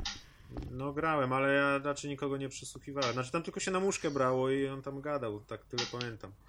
No bo na przykład- wy, wy, wytrzepywał z tyłka w y, drugiej części na przykład. Słuchajcie, w, sto, no. w stosunku do MGS-a trzeciego, którego niedawno w wersji HD przechodziłem i w stosunku do Peace Walkera, którego jeszcze, jeszcze yy, bliżej jakby dzisiejszych dni przechodziłem, to dużo płynniejsze i dużo bardziej intuicyjne jest to sterowanie. No, to w ogóle jest Znaczy, inny ja, po, świat. ja bym powiedział, że jest takie. Nie ma tam dla mnie przynajmniej czegoś, do czego można by się przyczepić. No, Jest takie, no, bierzesz, grasz, spoko. Nie ma czegoś, co cię wkurza albo irytuje. No nie ma takiego Jest na wrażenia, przykład- że Boże, co oni tą grę zrobili 20 lat Na przykład temu. jest Że- to, co mi się bardzo podoba, że mm, w płynny sposób się Snake, e, czy też Big Boss przykleja do osłon. Oj tak. Czyli st- stoimy sobie obok, tak jak było, trochę jak było w The Last of Us. Stoimy sobie Dokładnie. obok murku, podchodzimy do murku, on pyk i już stoi przy murku i wiesz, i jest ten klasyczne takie ujęcie kamery, gdzie połowę e, obrazu pokazuje tobie, co jest obok murku, że widzisz strażnika, który idzie w twoją stronę, a- ale nie masz tego chamskiego, nie musisz nacisnąć kwadratą, tak jak było to w poprzednich MGS-ach, żeby on zrobił klik, przykleił się do osłony, odkleił się do osłony. Więc to jest fajne. Mm, Jest motyw, którego w ogóle nie było wcześniej, czyli tak zwany reflex mode. Tak. Jeżeli ktoś nas zauważy, to zanim odpali się alarm i wszyscy zaczną do nas biegać i strzelać, to mamy tam kilka sekund, nie wiem, 2-3 sekundy, żeby w zwolnionym e, czasie strzelić w. No, czy go albo to uśpić, albo go zabić. Jeżeli nam to się uda zrobić, to wtedy alarm się nie odpala. To jest fajne, tylko widziałem jak już ktoś to często nadużywa i na przykład leci na pałę, w ogóle się nie rozgląda, jak tylko jest reflex mode, wali headshota, biegnie dalej, znowu reflex mode, znowu headshota i praktycznie przez cały ten obóz przebiega, zabija 10 I- kolesi w międzyczasie. I a- speedrun w 7 minut, tak. Dokładnie, coś, coś takiego. E, Ale można go wyłączyć. Jak ktoś chce grać po staremu, można to wyłączyć w cholerę i w ogóle tego nie używać. Tak samo jak w Tifie na przykład ostatnim było, też można było te ułatwienia wyłączyć. Wiesz, także- jak, jak ktoś chce mieć bardziej hardcore, to może, nie wiem, na głowie usiąść na przykład do góry nogami i tak grać. To na pewno będzie miał jeszcze, jeszcze trudniej fajnie. True albo w ogóle może się nie patrzeć na telewizor na przykład. na albo tak- tylko. Patrzeć, wiesz, w lustro patrzeć, które będzie pokazywało mu to, co jest na telewizor, żeby jeszcze sterowanie I odwróciło. jeszcze, O, albo właśnie. przez pryzmat. I na inwercie grasz. E, To, W każdym to jest ba- razie- o, No, no. Mów, mów. To jest bardzo fajne też, że właśnie w grze trzeba używać słuchu przede wszystkim, bo nie ma tego takiego super, do, do, dokładnie, super radaru z czwórki czy z dwójki, tylko masz inne różne gadżety, te gadżety są bardzo fajne, ale one wszystkie są dość ograniczone. Także trzeba, pole- trzeba być bardzo uważnym, trzeba obserwować, trzeba też zwracać uwagę na przykład na strażników, którzy stoją na dachach, którzy stoją z reflektorami, na, na pojazdy, które przez tą bazę się y, jakby przemieszczają. Na te wszystkie czynniki trzeba mieć baczenie, jak się planuje swoje dalsze działanie. No i o ile się nie zna super rozkładu mapy, super rozkładu strażników, to nie wolno biec na pałę, bo to się szybko skończy. No, tak, Ale też tak jest, że jak raz zaznaczysz strażnika, to on może pójść na drugi koniec wyspy, wrócić po godzinie i dalej jest zaznaczony. A to jest też takie... prawda. Myślałem, że to będzie tak, że jak oni znikną na dłużej, to, to, to nie będą znaczenia. A można sobie Ale obejść na cały... hardzie, na hardzie też tak jest? A nie wiem. A widzisz. W każdym razie mm, to, co budziło najwięcej kontrowersji w przypadku tego tytułu, to jego długość. Yy, Maciek, ty nie przeszedłeś jeszcze tej No właśnie to misji. mu- musiałem, no bo ja grałem bardzo krótko i to jest dowód na to, jak krótko grałem, skoro nawet nie przeszedłem tego Tagira, nie? Mi pierwsze przejście zajęło 106 minut chyba. Mikołaj, tobie zajęło jakoś bardzo podobnie. dzie- 99, 95 chyba, no. 95. E, Mimo 6 czy 7 śmierci, z tego co pamiętam. Ja Jak, chciałem... zaraz, zaraz Piotrze, 106 minut i mówisz, że grałeś 110 No godzin? teraz właśnie przejdę Poczekaj. do tego, co jest najistotniejsze. Ta gra jest zbudowana w ten sposób, że mamy misję główną, czyli faktyczne, fabularne wprowadzenie do Phantom Pain, które w fabularny sposób tłumaczy czemu w- na trailerach wcześniej mieliśmy gościa, który nie miał ręki i czemu to się dzieje 9 lat wcześniej, a tamta część gry będzie się działa później. Generalnie to jest łącznik fabularny między Peace Walkerem drugim, znaczy Peace Walkerem, a Phantom Pain. Czyli to taki jest jakby, mm, można Prolog. powiedzieć, ten prolog. Ja, tak, jak prolog tankowiec w. MGS-ie drugim, Dokładnie albo ta tak. pierwsza misja w trójce, no. I szczerze mówiąc nie potrafię sobie wyobrazić tego, żeby jej w Phantom Painie nie było. Chyba, No. że po prostu będzie ekran z napisem, że a, stało się to. Nie wiem. Natomiast oprócz tego, i gdyby to była tylko i wyłącznie jedyne, co kupujesz za tą cenę, to to by było po prostu chamstwo, oszustwo, faktycznie demo za, za połowę ceny gry. Ale poczekaj, że- poczekaj, powi- trzeba powiedzieć, że cios w ryj, jakiego jak się nie zna trailerów, albo się nie analizowało wszystkich klatek, klatka po klatce, to cios w ryj, który fabularnie ten króciutki fragment e, daje, mimo wszystko jest konkretny. Znaczy, Ale to jest, cios to, w to ryj jest dla tak, fanów, czy dla, cios znaczy, w ryj dla wszystkich? Cios Znaczy, w myślę, ryj że dla ludzi, dla którzy znają mniej więcej cztery. uniwersum. Dla fanów to są cztery ciosy i kopy i nie wiadomo co jeszcze, a dla ludzi, którzy pierwszy raz w życiu grali w MGS-a mogą być zdziwieni w sumie. I mogą być pozytywnie zakręceni, żeby kupić tą prawdziwą grę później. Ja, ja po skończeniu miałem tak, że chcę natychmiast teraz już Phantom Pain. samo, nie chcę to czekać samo. półtora roku albo rok, albo nie wiadomo ile czasu. W każdym razie, po skończeniu i oprócz tego, tej, tej, tej części gry, masz y, dodatkowe misje, dodatkowe zadania, które dzieją się na tej samej mapie, tylko z inną porą pogody, albo dnia, albo czegokolwiek innego, ale chodzi o coś zupełnie innego i nawet niektóre mają inny styl rozgrywki, czyli na przykład Mamy misję, w której musimy uratować, bo właśnie, główne zadanie polega na tym, że musimy znaleźć dwa cele i dostarczyć się do helikoptera. Koniec. E, A w tych misjach dodatkowych jest na przykład Dobra, Brak to aplauzu. po Ale- misji, w, w tych misjach, do, no bo to w, w, o to chodzi w głównym zadaniu. Znaleźć cel, dostarczyć go do helikoptera, znaleźć Pod- drugi cel, dostarczyć go do helikoptera. Daimosie? A w, w dodatkowych Mamy misjach Daimosa dzisiaj w rozgrywce. Chodzi na przykład o to... Ale wiecie, to nie będzie śmieszne dla słuchaczy, przestańcie. No wiem, no bo Mikołaj pisze, że po, ten, po Daimosie będzie znikał. Sam jesteś Daimos. Kas już wypił za dużo Żyłem piwa. nadzieją, że jakiś Daimos wyszedł. Dzisiaj, dzisiaj generalnie tak. Na PlayStation 4, ale Mikołaj ten, Mikołaj Cydr, Kas piwo, to strach się pytać kto co jeszcze. W każdym razie, oprócz Ja tej... dopiero otworzyłem, mój drogi. Akurat tak się mówi, słuchaj. Znaczy, Słychać po które otworzył? Jak Jak- patrzę na to twoje zdjęcie na Skype'ie, to taka prawa oczka jest mówiąca inne. To od lat, nie? W każdym razie mm, na przykład inne zadanie polega na tym, że musimy uratować naszego tajnego agenta z tego tego i zaczyna to się strzelaniem na szynach, czyli siedzimy sobie na helikopterze i nawalamy z granatnika do biegających i jeżdżących przeciwników. Inne zadanie polega na tym, że musimy rozwalić y, te ojejku, działa AA przeciwlotnicze, które tam są rozmieszczone. Jeszcze inne polega na czymś jeszcze innym. Jest oczywiście Ratowanie misja- VIP-a też jest. Tak, no właśnie to wratowanie VIP-a zaczyna się strzelanką na szynach. A, jasne, Mm, faktycznie. Counter masz rację. Strike praktycznie. Tak, jest y, misja w przypadku PS4, na której graliśmy tak zwane déjà vu, a w przypadku Xbox One to jest y, inna misja, która jest takim mrugnięciem oka do fanów, bo po prostu musimy odwzorować sceny z pierwszego MGS-a. Czyli na przykład mamy zdjęcie, na którym jest y, dwóch strażników i helikopter, i w momencie, w którym ustawimy się tak, żeby było widać dwóch strażników helikopter, to wtedy pojawia się screenshot z MGS-a z PSX-a, I muzyczka. taki jak tam wyglądał, muzyczka i właśnie na przykład cytat. Jak przejdziemy całą tą misję, to wtedy odpala się quiz z, o MGS-ie, czyli na przykład jak się nazywała wyrzutnia rakiet. Więc dla fanów jest to totalnie... e, bo tam e, jak masz tę listę tych fotek, to ostatnia z nich jest zaciemiona i jest powiedziane, że masz ją w instrukcji, czy tam w pudełku. Ty ją miałeś Tak. w pudełku, bo ja grałem na promce.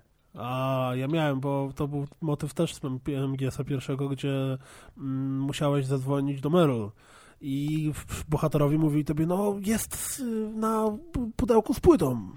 A w grze też miałeś pudełko z płytą i ja spędziłem dobre 10-15 minut zastanawiając się, w jaki sposób mogę obejrzeć pudełko z płytą w grze, żeby znaleźć numer do. A chodziło o to, że po prostu na tyłu okładki, z tyłu okładki był, był screenshot z tym, jak się dzwoni do Meryl. Mm, I na pudełku z grom jest również screenshot, gdzie jest ciemny ekran z napisem Hideo na górze. I to jest odniesienie się również do pierwszego MGS-a, do walki z e, Phantom, o Jezu, z Psycho Mantisem. Psycho Mantisem. W każdym razie, jak słychać po mnie, jestem strasznym fanem MGS-a. Więc Który w ogóle ma być podobno kontaktem telefonicznym w Phantom Painie, tak by the way. Tak, to mnie rozwalił news. news się pojawił też. E, Dobra, Nerd Talk.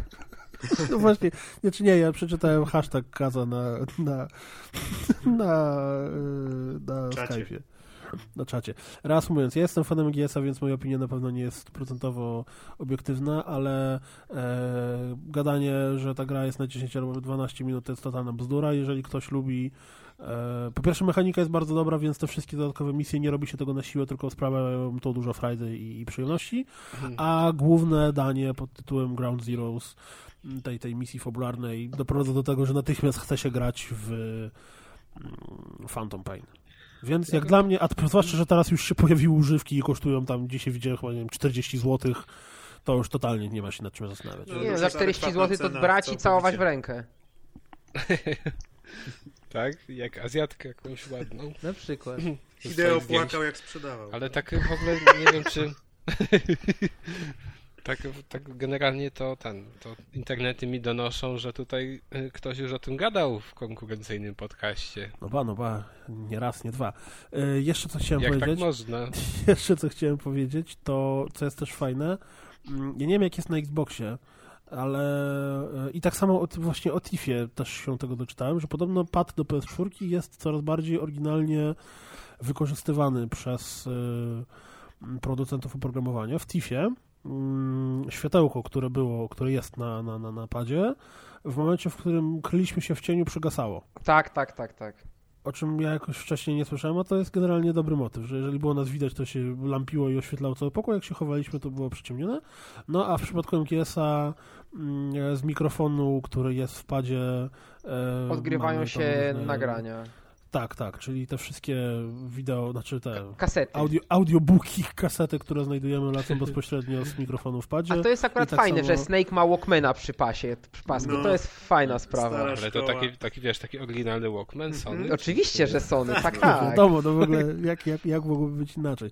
Aha, no i oczywiście znowu Hideo zrobił to, co robił mi bardzo często, czyli melodia, która jest wykorzystana przy napisach i tam się pojawia wcześniej, wlazła mi do głowy i po prostu nie może się odczepić. Ja ją przez tydzień słuchałem na co, co, kilk, co kilka godzin musiałem jej posłuchać, po prostu tak mi się wżarła, to samo. to MGS-owe ćpuny po prostu to są i tyle. Także nasza opinia nie jest obiektywna, no. Nie, w ogóle. Ale to trochę się. jest... Znaczy, to jest jedyne- słabo, jedyne nie? co- węża. Jedyne, co absolutnie mo możemy oboje potwierdzić, to to, że to nie jest gra na 10 minut, ani nawet Nie. na 2 godziny. Znaczy na- to jest gra na 10 minut, jak się nauczysz po, przez 5 czy 8 godzin w nią grać, to wtedy się robi na 10 minut. Ale dopiero wtedy. No a tak a propos, jak mówiłem o tym padzie do PS4, to jak zapewne wiecie, wyszła gra, która miała być dla wielu powodem do kupna PS4 i nawet Mikołaj w nią grał. Nie jest to Daimos, co prawda, ku smutkowi Ale jest to. Infamous. In, in, Generał Infamous. I trójka Drogbo. A są latający, wiesz, przeciwnicy na skrzydłach? Oczywiście, tylko że tutaj mają moc betonu. A masz jakąś tam Erikę, którą musisz uratować? N- właśnie, główny bohater to jest jedna z niewielu... Ma Erikę. To jest jedna z niewielu gier mainstreamowych, gdzie główny bohater nie ma takiej oczywistej, jak to mówią, love interest. Właściwie jest taki wątek Ma bardziej brata. przyjaźni. Może to tak... O! lol, A, mo, a może to tak, wiesz, to tak w sensie dzisiaj te czasy takie, że... Ja wiem, tolerancja, gendery, jasne. No. E, słuchajcie, e, od początku. A czapkę masz jego? I co, nie, nie E, czujesz się, wiesz... Ja nawet, ja, ja przecież ja, w- Tolerancyjny w tej Nie czapce? przeszła na ciebie moc. ja w tej Kas- czapce Kas siedzę biedny, przez nie ma całe Twittera. nagranie. Kas jest biedny, nie ma Twittera i nie widział zdjęcia Mikołaja w Widziałem czapce. w czapce, widziałem. Widziała, aha. On wszystko widział. No, no tak Nie, nie, nie wszystko, Król nie ma wszystko. swoich ludzi od tego. Ja Słuchajcie, tylko Mikołaja czepkę widziałem, nic więcej. e, wra- I tylko od szyi w górę to było zdjęcie, prawda? A główkę. Dobra, to zacznę w takim razie, jak mówicie o czapce, zacznę od samego początku, żeby wytłumaczyć. Poczułem się, e, tu muszę pochwalić, naprawdę bardzo mocno pochwalić Sony, ponieważ e, Sony wysyłało e, gry do recenzji jakiś niecały tydzień przed premierą i moja gra, e, oryginalna paczka, która do mnie poszła, gdzieś zaginęła. Po prostu firma kurierska spartoliła sprawę i gra, i ta przesyłka im zniknęła. I tam Sony będzie sobie z nimi już sprawę załatwiać. E, Jak napisałem do Sony w okolicach e, środy przed, przed piątkową premierą i napisałem, że słuchajcie, no ja przepraszam, że tam przeszkadzam, ale naczelny mi mówił, że ma do mnie przyjść gra do recenzji. No oni się zszokowali, że nie ma, w związku z czym wysłali mi jeszcze raz. Jak mi wysłali to jeszcze raz, to doszło faktycznie na następny dzień. No i tam właśnie miałem pełen zestaw, między innymi czapeczkę głównego bohatera, w której faktycznie teraz na wiosnę chodzę, bo jest, bo jest ładna. No i tam jeszcze pierdyliar gadżetów. To ja Czyli tylko, 10 ja, na tylko, 10, ja tak? tylko dodam teraz od siebie taki mały disclaimer. Wiecie, gry na next geny są drogie, więc Mikołaj musi zadbać o zestaw promek odpowiedni. No właśnie, tak myślałem, że tak powiem. Ja muszę po prostu- pochwalić Sony, że mi przysłali promkę. Wytnie z podcastu ten fragment i będzie wysyłał za każdym razem, jak będzie coś pisał. Jak to się ładnie mówi, to jest moniki z PlayStation.pl. Słuchajcie, Ja e, muszę pochwalić Sony, ja muszę pochwalić Sony, ja muszę... taka checklista. To będzie na początek podcastu dobre. E, a wracając Żeby, do... żeby łatwiej było wyciąć po tym Mikołajowi. i szantażować go do końca życia. E, a wracając do samej gry, e, ja byłem dość sceptycznie nastawiony do Infamous Second Son, bo w ogóle tak, żeby gwoli ścisłości mówimy o Infamous Second Son na PlayStation 4. Ja Naprawdę? byłem dość... Ja Cholera. byłem dość chłodno do tej gry nastawiony, ponieważ zarówno od pierwszego Infamousa, jak od drugiego odbiłem się po kilku godzinach grania. Gra na początku jedna i druga mi się bardzo podobała, wkręciłem się, a potem w pewnym momencie pojawiła się taka sytuacja, że po prostu nie było dłuższy czas nowości, zbieranie tych wszystkich popierdółek było dość męczące i powtarzalne, mechanika tego parkouru e, była mm, no dużo gorsza na przykład niż w Assassinie, dużo mniej płynne to wszystko było, także po prostu gra gra mi się nudziła. E, Za to tutaj no miałem tą, że tak powiem, e, tą, tę przyjemność, ale i obowiązek e, zrecenzowania, w związku z czym grę musiałem zaliczyć całą i jeszcze jak najwięcej z tych rzeczy pobocznych obejrzeć. E, I, w, i ta gra nie nudzi się tak szybko. Ona ma tą, ona jest, jest idealnie zbalansowany sandbox, ponieważ co 2-3 godziny dostajemy nową zabawkę. Czy to jest nowa moc, czy to jest nowa umiejętność w ramach mocy, którą już mamy. Przez całą grę mamy aż cztery różne moce. No czwartą dostajemy pod sam koniec, także tak, tak naprawdę główną część gry przechodzimy mając jedną, potem dwie, potem trzy. E, ale te moce są od siebie zupełnie różne. Inaczej się gra, to y, inaczej się walczy. Jedne się bardziej przydają do walki takiej otwartej, jedne się bardziej przydają do walki z pojedynczymi przeciwnikami, jeszcze inne umiejętności się bardziej przydają do takiego pseudo działania e, pokryjomu. Także tutaj jest ogromna różnorodność. Poza tym, jakość przerywników filmowych. Ja miałem wrażenie, że przerywniki w jedynce i dwójce były dość mocno sztywne. To nie pomagał też dubbing, który w jedynce szczególnie był tragiczny. No dubbing powolski po prostu był spartolony w jedynce. No, No taki sobie był, dało się grać. no ale dla mnie to był jeden z najgorszych w wykonaniu Sony, bo Sony generalnie robi dobre, a ten był naprawdę słaby. Także Dla ja mnie to byłem- był dubbing, który zabił mi dubbing The Last of Us, dlatego że y, ten sam aktor podkładał głos i ponieważ ja ciągiem przeszedłem jedynkę, dwójkę i jeszcze DLC, to ten głos mi się na zawsze zaspolił z, z Cole McGruffem. A ja, wiesz co, ja miałem ten problem, bo jak jedynka była, jak ja grałem w jedynkę, czy jakiś rok po premierze, to ten sam koleś podkładał głos w reklamie jakiejś gładzi szpachlowej czy czegoś takiego. I po prostu to był totalna, totalnie mnie. I nic, tylko musiałeś zrobić remont w domu, nie? Infomusa i tylko tak do Castoramy za chwilę. E, I w tej czapce, wiesz, od razu, nie, do malowania. E, drugą ważną cechą tego Infamousa jest to, że on jest po prostu piękny graficznie. To jest najładniejsza gra. Killzone był super, ale ta gra jest lepsza jakościowo jako gra, a do tego dorównuje Killzone'owi tą prawą wizualną. Jak się na przykład wejdzie na jakiegoś wysokiego żurawia albo na tą wieżę telewizyjną w Seattle, bo gra się dzieje w Seattle, widoczność jest super i to wszystko to są prawdziwe obiekty. Jakby nawet te daleko, to są bardzo szczegółowe, prawdziwe obiekty. To nie są żadne tekstury czy jakieś, nie wiem, tam uda, uda jakieś sztuczki, tylko to jest dokładnie to, do czego możemy za chwilę dolecieć, bo jak później postać rozwiniemy porządnie, to możemy się bardzo szybko poruszać między lokacjami, w związku z czym szybko docieramy w to miejsce i to wszystko działa bardzo płynnie. To nie jest, to, to nie jest co prawda 60 klatek zawsze, ale to jest zawsze na tyle płynnie, żeby się przyjemnie to oglądało i przyjemnie się walczyło. A propos tego, tego że to jest prawdziwy Seattle, jak to mówił y, deweloper na tym spotkaniu, że wiecie, nasze studio jest w Seattle, więc w sumie nie musieliśmy daleko chodzić, żeby robić zdjęcia. Dokładnie i od cholery ich zrobili. A powiedz Mikołaj, czy to prawda, że, bo oni, mm, jeden z twórców bodaj, znaczy może się mylę, może ktoś z Sony, ale wydaje mi się, że jeden z twórców powiedział, że Infamous to jest bardzo dobra platforma do tego, by stworzyć kolejne gry na kształt Assassin's Creed'a, czyli mamy bohatera, który w ogóle w innym czasie, w innym mieście działa i tak dalej. Te dwie pierwsze były ze sobą dość mocno powiązane. Tak. Że to była totalnie jedna być taka- historia. No, a ta trzecia to miała być taką nowością właśnie i to pokazu- ta gra pokazuje, że faktycznie ma to potencjał E, na, Na większą serię? Słuchaj, ta gra pokazuje, oczywiście wiedzieliśmy o tym wcześniej, jeśli ktoś e, śledził tą fabułę, bo akurat fabuła w jedynce i dwójce, nawet tyle co ja jej zobaczyłem, była całkiem fajna i taka, taka przemyślana.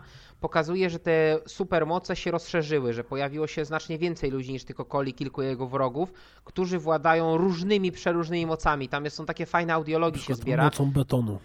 E, Moc betonu, dokładnie, moc betonu, moc papieru, moc szkła, no bardzo, różn, bardzo dużo różnych mocy, mocy tych powiedzmy, nazwijmy to żywiołów, w związku z czym tam jest ogromne Żywioł betonu. Żywioł papieru. żywioł suchara, tak.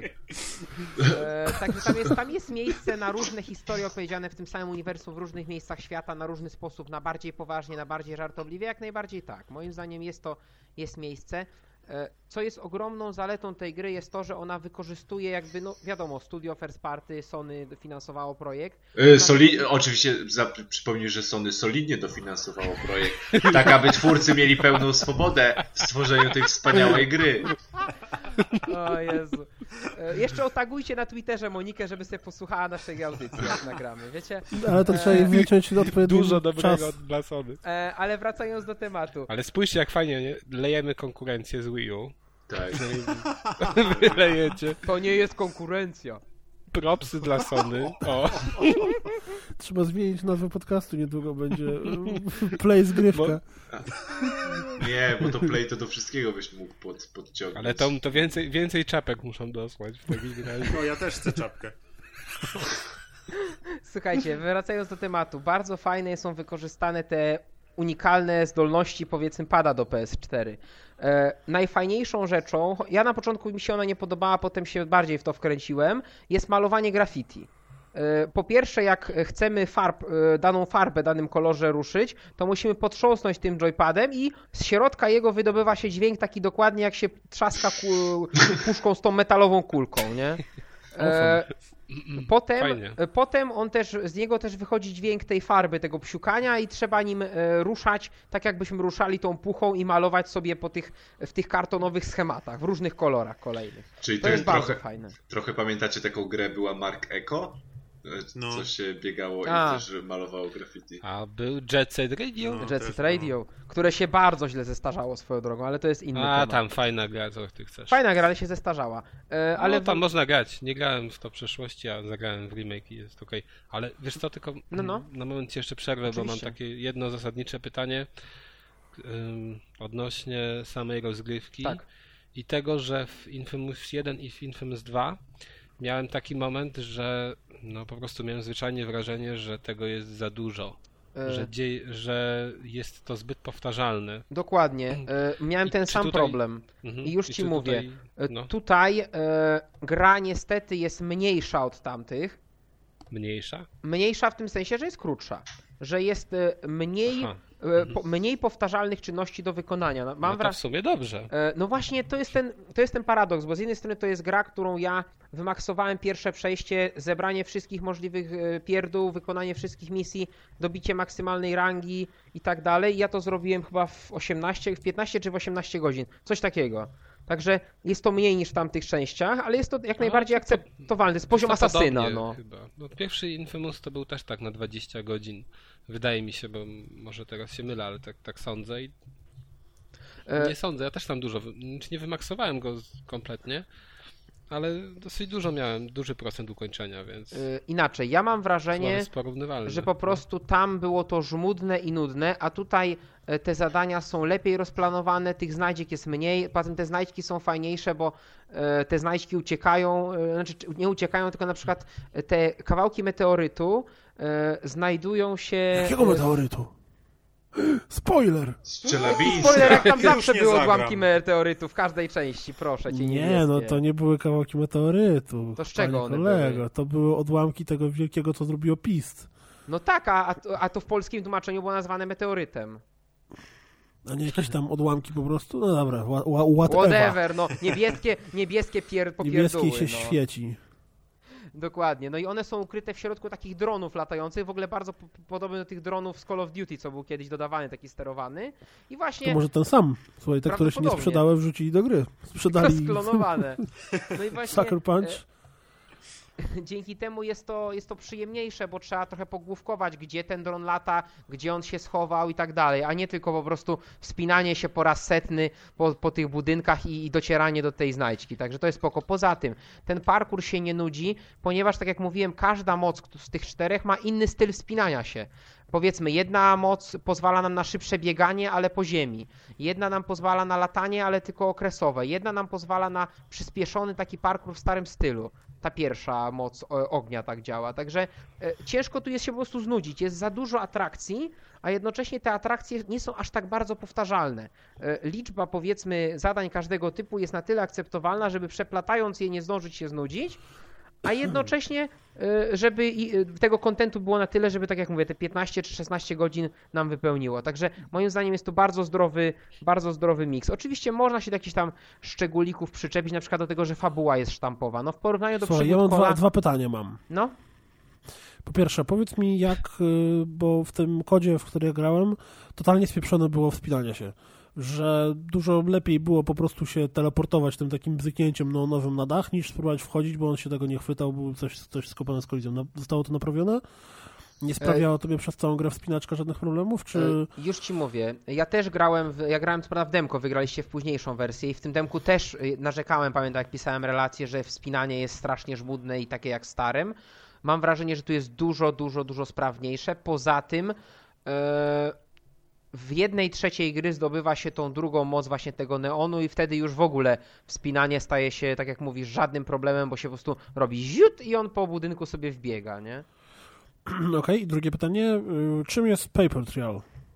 E, To jest e, e, coś takiego, co Sony wymyśliło, żeby ludzie nie sprzedawali swojej kopii, tak jak na przykład nasza koleżanka, która zaliczyła grę w weekendowy, pre, e, w, pre, w weekendowy, tfu, w premierowy weekend, żeby jej nie sprzedawali, ponieważ przez pięć kolejnych tygodni będą udostępniane dodatkowe misje do gry za darmo całkowicie. I działa to w ten sposób, że mamy misję do wykonania w grze, zbieramy jakieś dowody różne, następnie wchodzimy na zintegrowaną z grą stronę internetową, tam wykonujemy różne łamigłówki, jakby analizując te zebrane do, dowody i y, jakby mamy dane do kolejnej misji. Potem się udostępnia za tydzień teraz właśnie kolejna misja w grze, znowu ją wypełniamy i potem mając już przesłanki z dwóch tych dziedzin, znowu jakieś różne zgadywanki na tej stronie wykonujemy. Powiedzmy dopasujemy, dopasowujemy zdjęcia do osób, jakieś zgadujemy kody na podstawie różnych wskazówek. No ale Coś czy to jest takiego? na tyle wciągające, żeby jednak cię odwieść od sprzedawania tej gry? Bo to nie ma Nie. nic wspólnego z tą główną fabułą. Czy Wiesz co? E, To e, troszeczkę rzuca światło na te wydarzenia z poprzednich Infamousów i z tego, e, jak to wpłynęło na obecną sytuację. Można bez tego przeżyć, e, ale moim zdaniem jest to bardzo fajny, szczególnie, że darmowy dodatek. Na tej zasadzie. No nie jest to A niezbędne. Czy to jest tak, że jeżeli kupisz, nie wiem, za pół roku albo za rok, to wtedy masz dostęp do tych pierwszych wizji, czy to jest tak dla... A wiesz co, tego to nawet ci to nie powiem. ciekawe. Wiesz co, nie wiem, e, nie jestem, nie chcę powiedzieć autorytatywnie, bo ja zaliczyłem od razu tą pierwszą, e, tą drugą właśnie niedawno, niedawno zdaje się ściągnęła, muszę ją sobie luknąć, także ci nie powiem, no nie wiem, to trzeba sprawdzić, ale nie wydaje mi się, żeby to blokowali, wydaje mi się, że raczej po prostu to jest To- taka kwestia, żeby trzymać tych ludzi, którzy wydali te właśnie te 250 zł. No i znając y, politykę Sony taką w stronę gracza, prawda? Bo, bo, bo, bo Sony ma taką politykę, to, For the gamers. To ja nawet, nawet bym się nie pokusił o stwierdzenie, że to raczej pewne jest, że będą dostępne te misje. Będą świetne. Nie no, ale ja, ja bym powiedział, że w ogóle cena jest okazyjna. 260 zł to nie ma bata, musicie kupić. No gry na Nintendo 64 były droższe w Polsce. O, No, ale wtedy 380. sobie jeszcze jak... 300 przy tamtych Jak sobie- zarobkach. No, No właśnie, jak no. sobie przeliczysz to, wartość pieniądza wtedy, to, świetne next-genowe to za 1000 zł dzisiejsze mogłeś sobie pograć Znaczy ja kiedyś to... Donkey Kongiem. Kiedyś sobie to liczyłem, to faktycznie e, PS4, no i Xbox 360, gdyby był dostępny w Polsce w jakiejś cenie w miarę racjonalnej, to byłyby relatywnie najtańsze konsole w Polsce na premierę, patrząc do dochodów, nie? Jaka taniocha.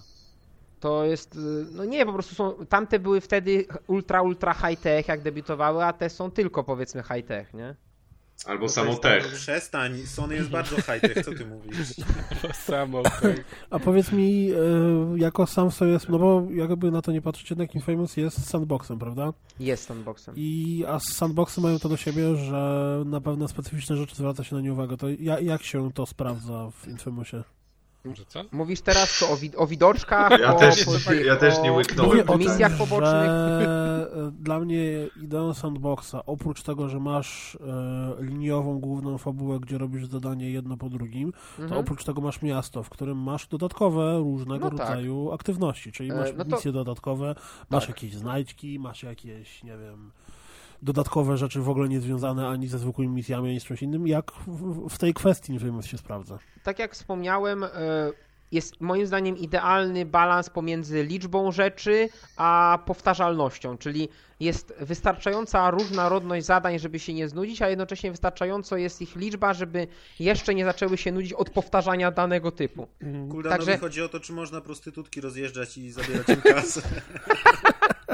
E, ale nie, nie Oczywiście można. już po. Ale można, e, można grać złym i można sporo złych rzeczy robić. Można na przykład grajków ulicznych zabijać, można rozpędzać demonstracje ludzi, którzy. O, super! Czyli to nie jest Ile razy w życiu marzyłeś o tym, żeby trzepnąć grajka Przepędzasz grajków, super! Można mimów tak traktować? Ja nie lubię mimów. E, mimów nie widziałem niestety, ale jakby spotkał, to bym potraktował. Ale kurde, wyciszasz sobie telewizor i masz samych mimów na ulicach. Dobra, dobra. E, czyli generalnie to nie jest tak jak w GTA 5, że masz po prostu pierdyliając rzeczy do robienia. E, nie, Tylko masz jest, jest podobnie jak w poprzednich Infamosach, tylko trochę To, to mniej. przejście, tak? tylko trochę lepiej. A wiecie, że Kaz grał w GTA 5? O Jezu. Ja cały To czas zanim- myślę, że to jest błąd w rozpisce. Słuchajcie, to zanim, e, zanim król się wypowie, to Mickey D powie yo i check the flow Ale- i spada. Dobrze, ale ja check the flow. Idziesz obczajać Ja swoje jeszcze, bitches? ja jeszcze pociągnę dalej to flow i chciałbym się dowiedzieć, czy ta fabuła jest jakkolwiek fajna, bo tak o tym powiedziałeś, a tu Kuldan przerwał. A, no dobrze, przepraszam, to jeszcze, to jeszcze zostanę. E, Lol. E, Fabuła jest e, przeciętna, dość sztampowa. E, Niestety najfajniejszy moim zdaniem motyw w tej fabule nie został wykorzystany, mianowicie to, że bohater jest Indianinem z pochodzenia. I O, tu można, Czyli Assassin's Creed. tu można było troszeczkę pograć po tych różnych powiedzmy Ja stereotypach. już wiem, dlaczego oni mówią, że ta gra jest podobna do Assassin's Creed. Ale nie Ma masz złotego jabłka. I tu niestety tego moim zdaniem zabrakło, to można było, jest odrobina o tym plemieniu, o tej lojalności, można podjąć jedną decyzję dotyczącą tego plemienia, ale to jest za mało. E, tak naprawdę To jest, jedyną... przepraszam, to jest plemię w Seattle? To jest plemię, które mieszka pod... Znaczy nie. Znaczy nie, słuchajcie, oni e, mieszka... Oni normalnie żyją, w, Seattleianie. oni normalnie żyją w, w cywilizacji, brat głównego bohatera jest policjantem, zatrudnionym w Seattle i tak dalej, ale cały czas trzymają, jakby trzymają się blisko i celebrują swoje korzenie na tej zasadzie. A czy główny bohater nazywa się Siedzący Byk albo... Tak, śmierdząca stopa. Czyli ogólnie... Czyli ogól... Ale dobrą mają Wesoła wymówkę, co? Żeby się w weekend napić po prostu, w piątek się nawalić. Cele. Celebrujemy swoje korzenie, panowie. Fuj. Ale teraz zrozumiałem, o co Maćkowi chodziło, wiesz. Z celebrowaniem korzenia. korzeni. E, No, a e, fajnym motywem jest ta gra charakterów między głównym bohaterem i jego bratem, no bo główny bohater to jest taki, powiedzmy, może nie rzezimieszek, ale taki e, bojownik, powiedzmy trochę bojownik z systemem, taki zbuntowany nastolatek, a jego brat rodzony starszy jest gliną, w związku z czym nawet jeśli gramy dobrą wersją tego... Hu, co? Nie mogę z wami, nie mogę. Weź tu poważnie Udało, recenzuj grę. udało się, Mikołaj odpalił swój, swój ten super zdolność interesującego śmiechu. Mikidyzm. Mikidyzacja jakaś choroba. tematu.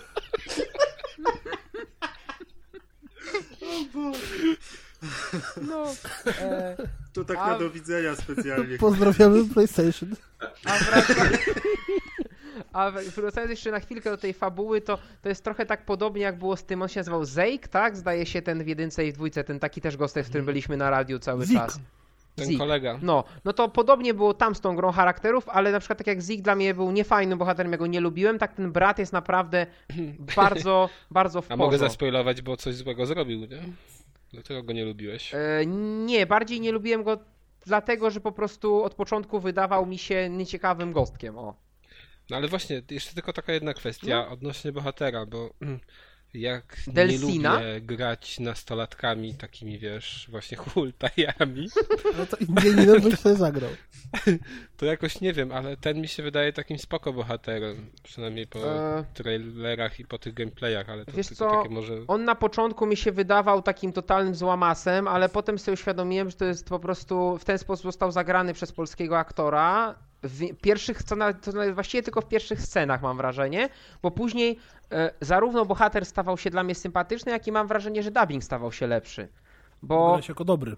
e, grałem jako dobry, ja zawsze gram w takie gry, jako najpierw jako dobry. Nie- Jakoś nie przepadam za grami, gdzie jestem zły, chyba są takie parodystyczne w rodzaju Dungeon Keepera, nie? No, ty w życiu jesteś zły, ale w grach zawsze dobry. Oczywiście, że tak, zmywam swoje grzechy. Jak to E. Mickey D, wiesz, ktoś z taką ksywą nie może być. Nie może być Badas, dobry, no. a nie Gudas. Guda. There's a huge całkiem- D in the, in the Mickey D.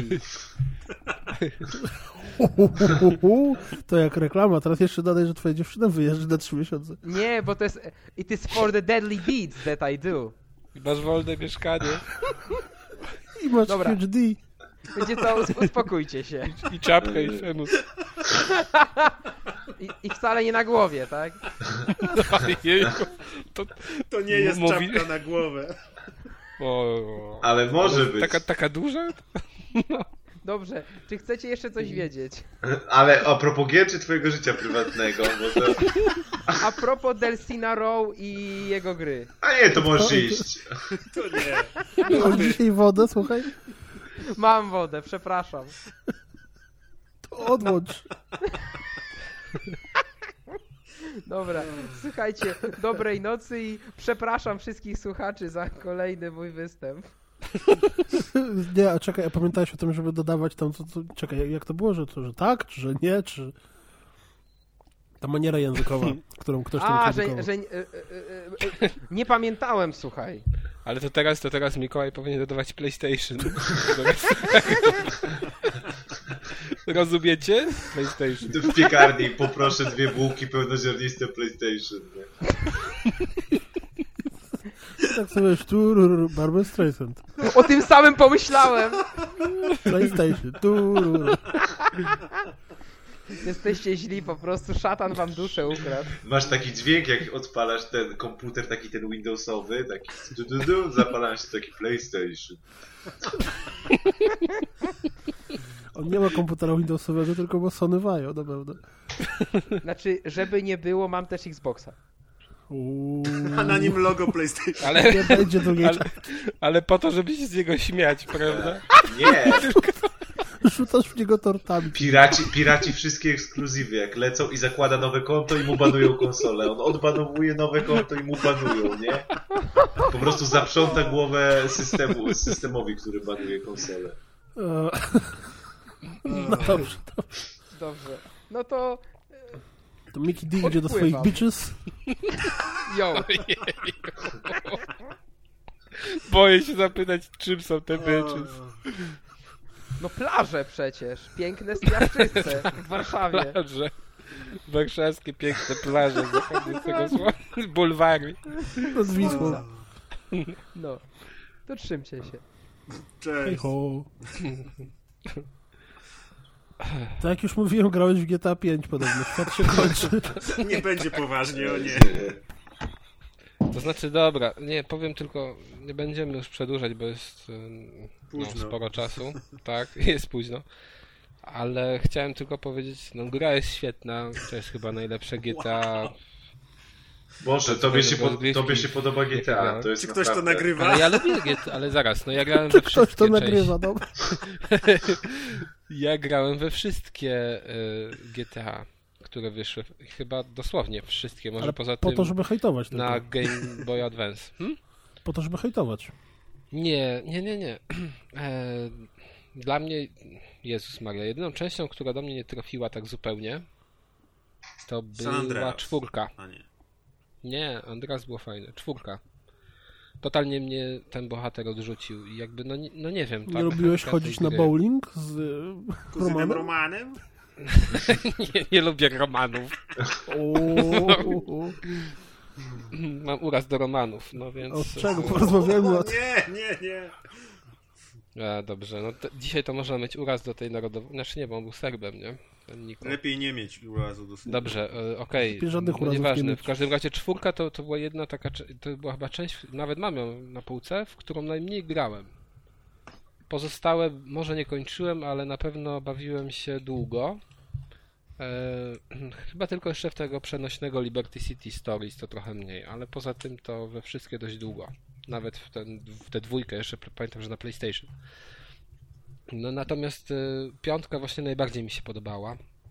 Cały czas jednak żałowałem, że to nie Vice City, bo ten świat by się świetnie sprawdził e, w, e, jako Vice City lat 80. Natomiast to, co ludzie strasznie chwalą Rockstar, czyli kreację bohaterów, głównych bohaterów. Tak muszę powiedzieć, że no postacią, która mnie naprawdę przekonała i którą polubiłem i która wydawała mi się tak nawet na realia tej gry m, prawdziwa, to był Michael. Mm. No zresztą sądzę, że większość e, chyba graczy, tak mi się wydaje, wymieni go jako najfajniejszą postać. Dauszowi na pewno najbardziej podobał się Franklin. Nie, mi się, Tak? Nie, mi się najbardziej podobał Michael, najdłużej nim grałem.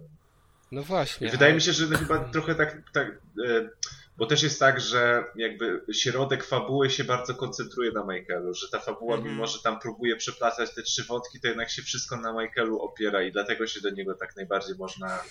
Wiesz co, przywiązać. ja będąc tak pod koniec gry, tak mając 80%, sprawdziłem sobie kim najdłużej grałem, bo tam jest taka możliwość i wychodziło mi, że Trevorem i to zdecydowanie najdłużej Trevorem, a wcale nie lubiłem tej postaci. Sądzę, że to ze względu na to, że tam po prostu dużo jeżdżenia było, wiesz, po tych wertepach, y, nie po mieście. I to trochę się dłużyło. Zresztą w ogóle uważam, że miasto dużo lepiej wypadło niż te przestrzenie zewnętrzne i więcej czasu spędzałem zdecydowanie w mieście. Przynajmniej chciałem, chciałbym więcej czasu jeszcze w mieście spędzić niż na tych jego obrzeżach. Ale jeszcze wracając do bohaterów, to właśnie Michael mnie przekonał i wydawał mi się zabawny i fajny. No fabuła sama w sobie, no nie była super, ale to już pominijmy. No musi być umowna, to, to nie ma wyjścia w takich grach, gdzie zabijasz tysiąc ludzi nie wiadomo po co, to musi być umowna fabuła. Natomiast no nie przekonał mnie Franklin. To po prostu takie eciepecie normalnie. Taki dobry, zły murzyn. Wiesz, jakbyś miał No nie, próbowali przekonać ciebie, że Murzyn może być dobry, a ty swoje wiesz, nie? Masz stereotyp złego murzyna, który zabija i tu jest zły murzyn, który zabija, bo to wymusza mechanika GTA, a, ale poza tym to tak naprawdę to jest dobry, spoko koleś, niefajny murzyn, żeby było. I tak bezpciowy zupełnie. Natomiast Trevor, no to też totalnie taki nieautentyczny, moim zdaniem, i kompletnie mnie nie przekonał. I nie lubiłem tej postaci. Także jeżeli bym miał wybierać, to, to, to właśnie Michaela. I to jest taka trochę wada, że ym, fajna kreacja jednego, jednej postaci z trzech, którymi grasz. I to jest taki mój główny zarzut do tej gry, bo poza tym ona jest naprawdę fajna i, i nawet chyba jak ktoś nie lubi sandboxów, to do tego może się przekonać. Muzyka też jest dobra, tylko totalnie nie rozumiem maniery w GTA, żeby dawać radiostacje typu latynoska. No totalnie tego nie rozumiem, a to chyba w kilku y, z grach z tej Ale serii czemu takie tak coś gdzieś było. Dużo, dużo ludzi na świecie to są latynosi. No i co z tego, no to, to wiesz, ty jesteś Polak, a chciałbyś polską muzykę? Tak. Chciałbyś Gosia Andrzejewicz na przykład? Ale by było. Ale byłby czad. Jest, oczywiście, że Tak, na pewno. Od razu. Boysów. I tego, i Piaska. Krzysztofa Krawczyka. No już, wiesz, to już prędzej Krzysztofa Krawczyka niż Gosia Opa, Andrzejewicz. ale sobie wyobraź, że patrz, leć, ten, płyniesz sobie motorówką w GTA 5 i masz parostatkiem wielki rejs. Statkiem na parę. A teraz zaśmiejcie Gosia Andrzejewicz. A ja nie znam Co, żadnego. wiesz co, ja ja właśnie też nie znam. w międzyczasie ten, w międzyczasie sprawdziłem, bo y, Rockstar Games na tym swoim social clubie ma możliwość odpalania statystyk zawsze i wszędzie.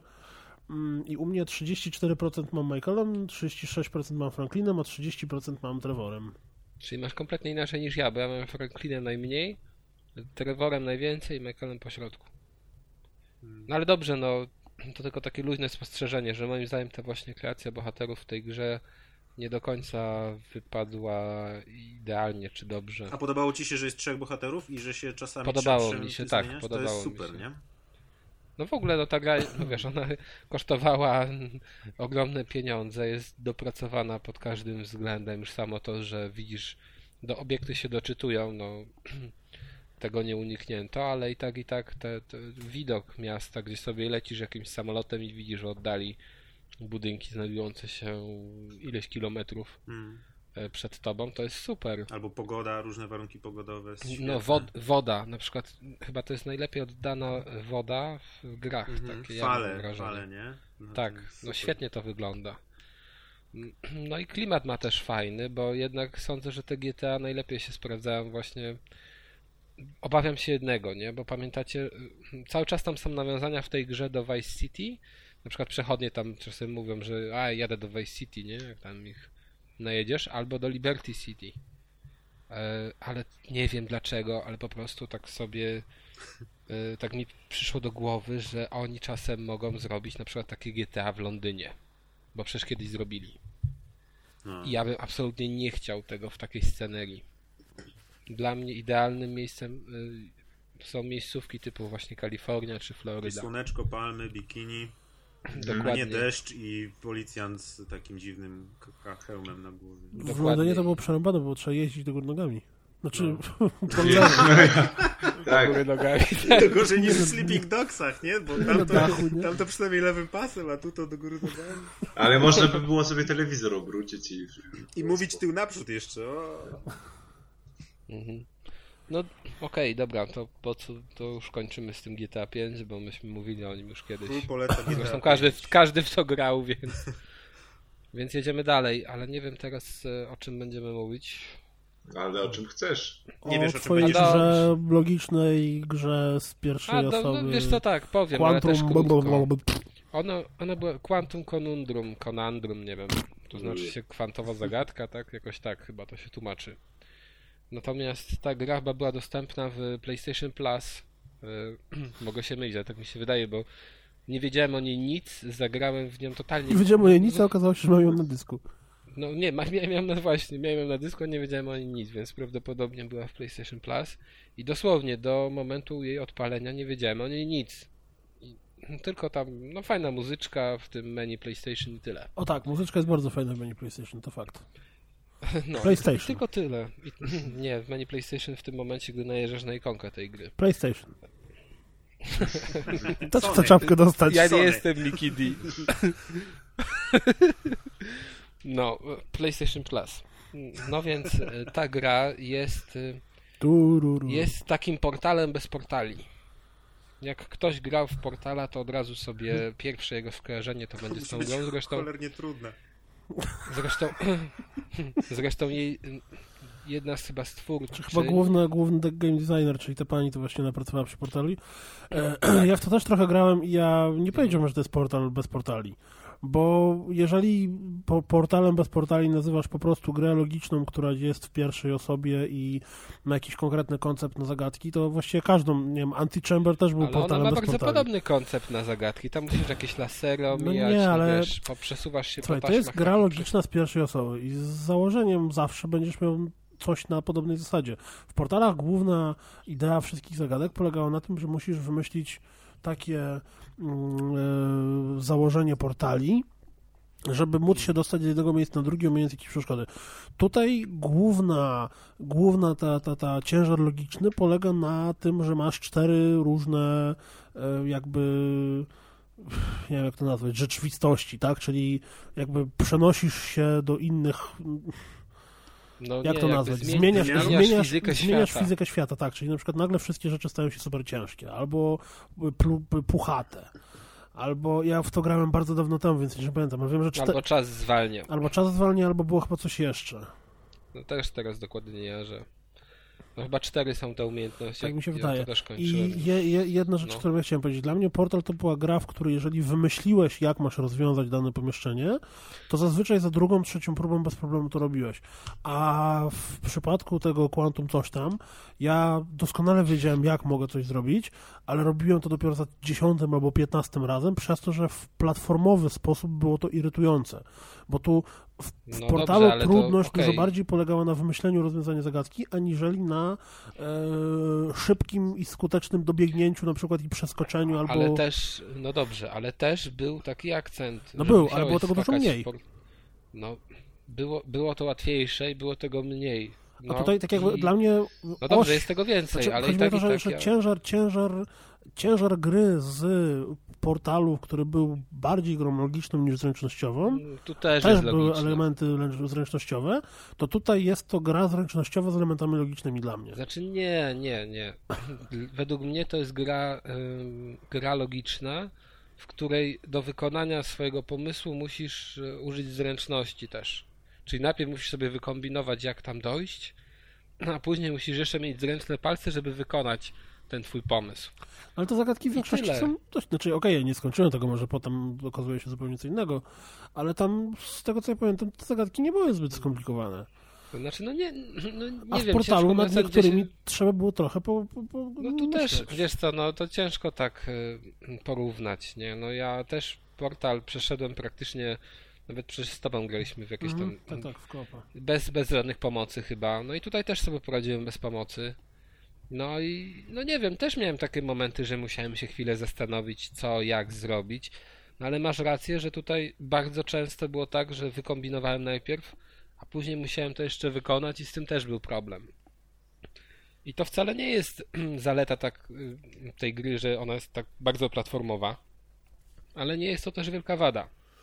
Ja uważam, że jak ktoś lubił portala i, na, i, no i przeboleje to, że tutaj naprawdę jest więcej tych tego skakania, to ta gra mu się spodoba. No bo ona jest właśnie bardzo taka portalowa. No poza tym, że nie masz zagadek opartych na portalach, to właśnie masz zagadki oparte o, o fizykę świata i moim zdaniem w dużym stopniu to przypomina portal. No i nie ma jeszcze czegoś, co moim zdaniem w przypadku portala, moim zdaniem, moim zdaniem, w co w portalu No. było selling pointem, czyli tego bardzo specyficznego humoru.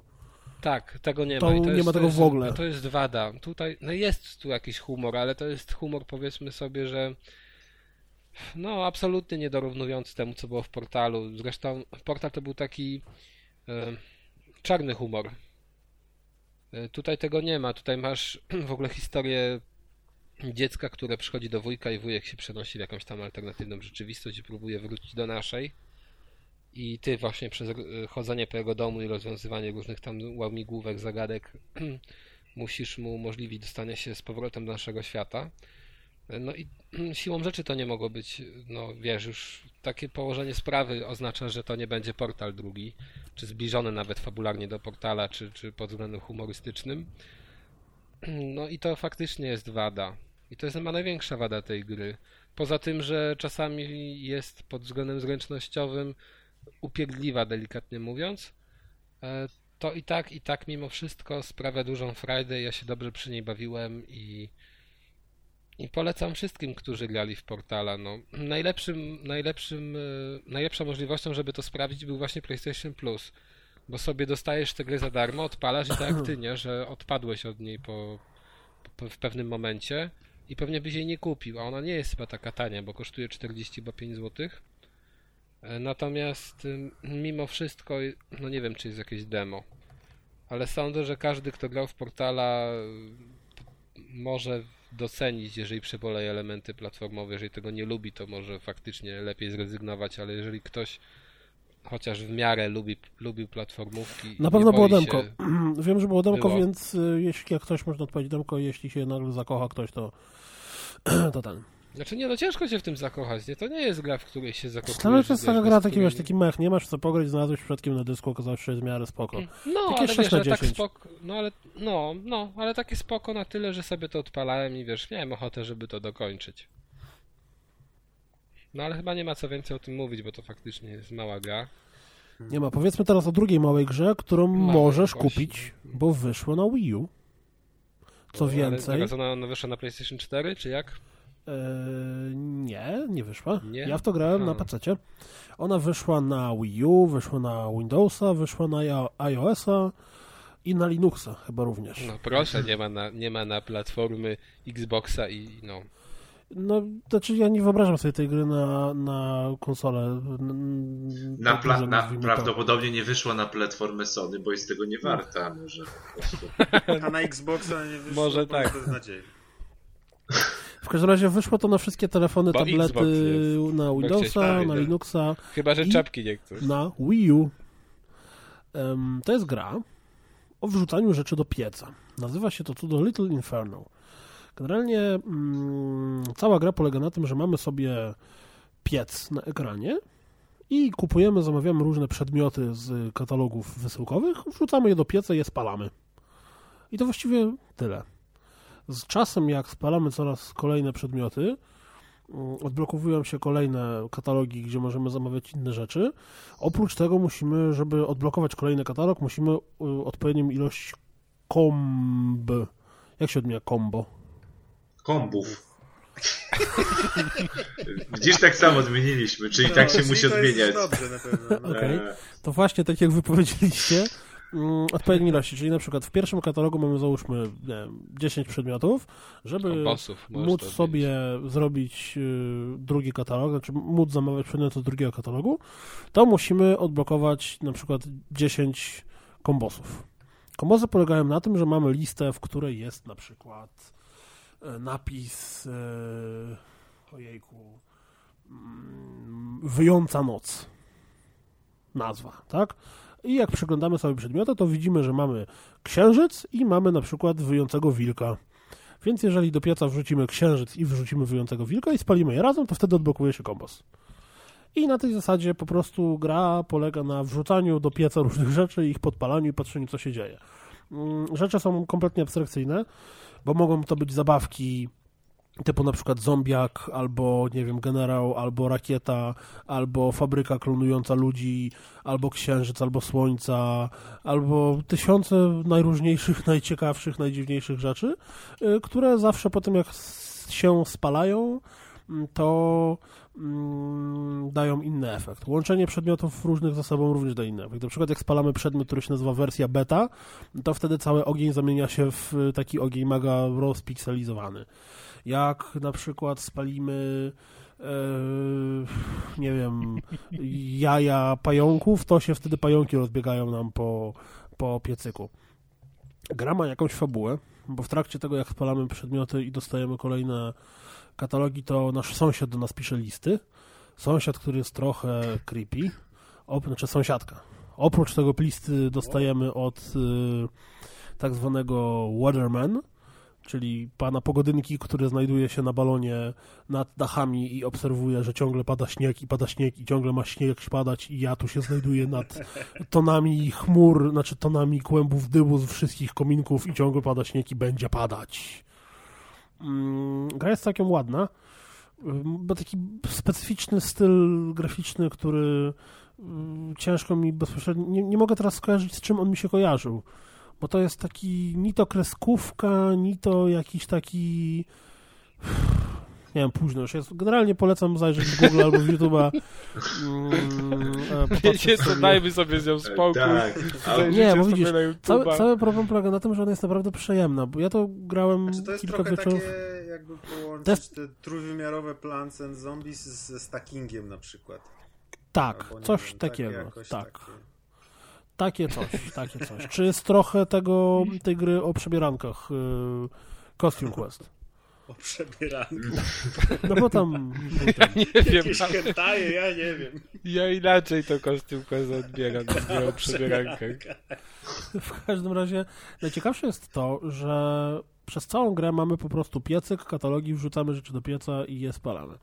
Natomiast kiedy uda nam się przejść, to znaczy uda nam się spalić wszystkie przedmioty z wszystkich katalogów i na końcu odblokować kombinację, o którą poprosi nasza sąsiadka, to nagle dostajemy ending w postaci zupełnie innej niż to, co było przez całą grę. Nie będę mówił jaki, dlatego że to byłoby spoilowanie przyjemności, bo dla mnie, kiedy ten ending się odpalił, Spoilowanie przyjemności. No, no bo jeżeli... Świetnie to brzmi.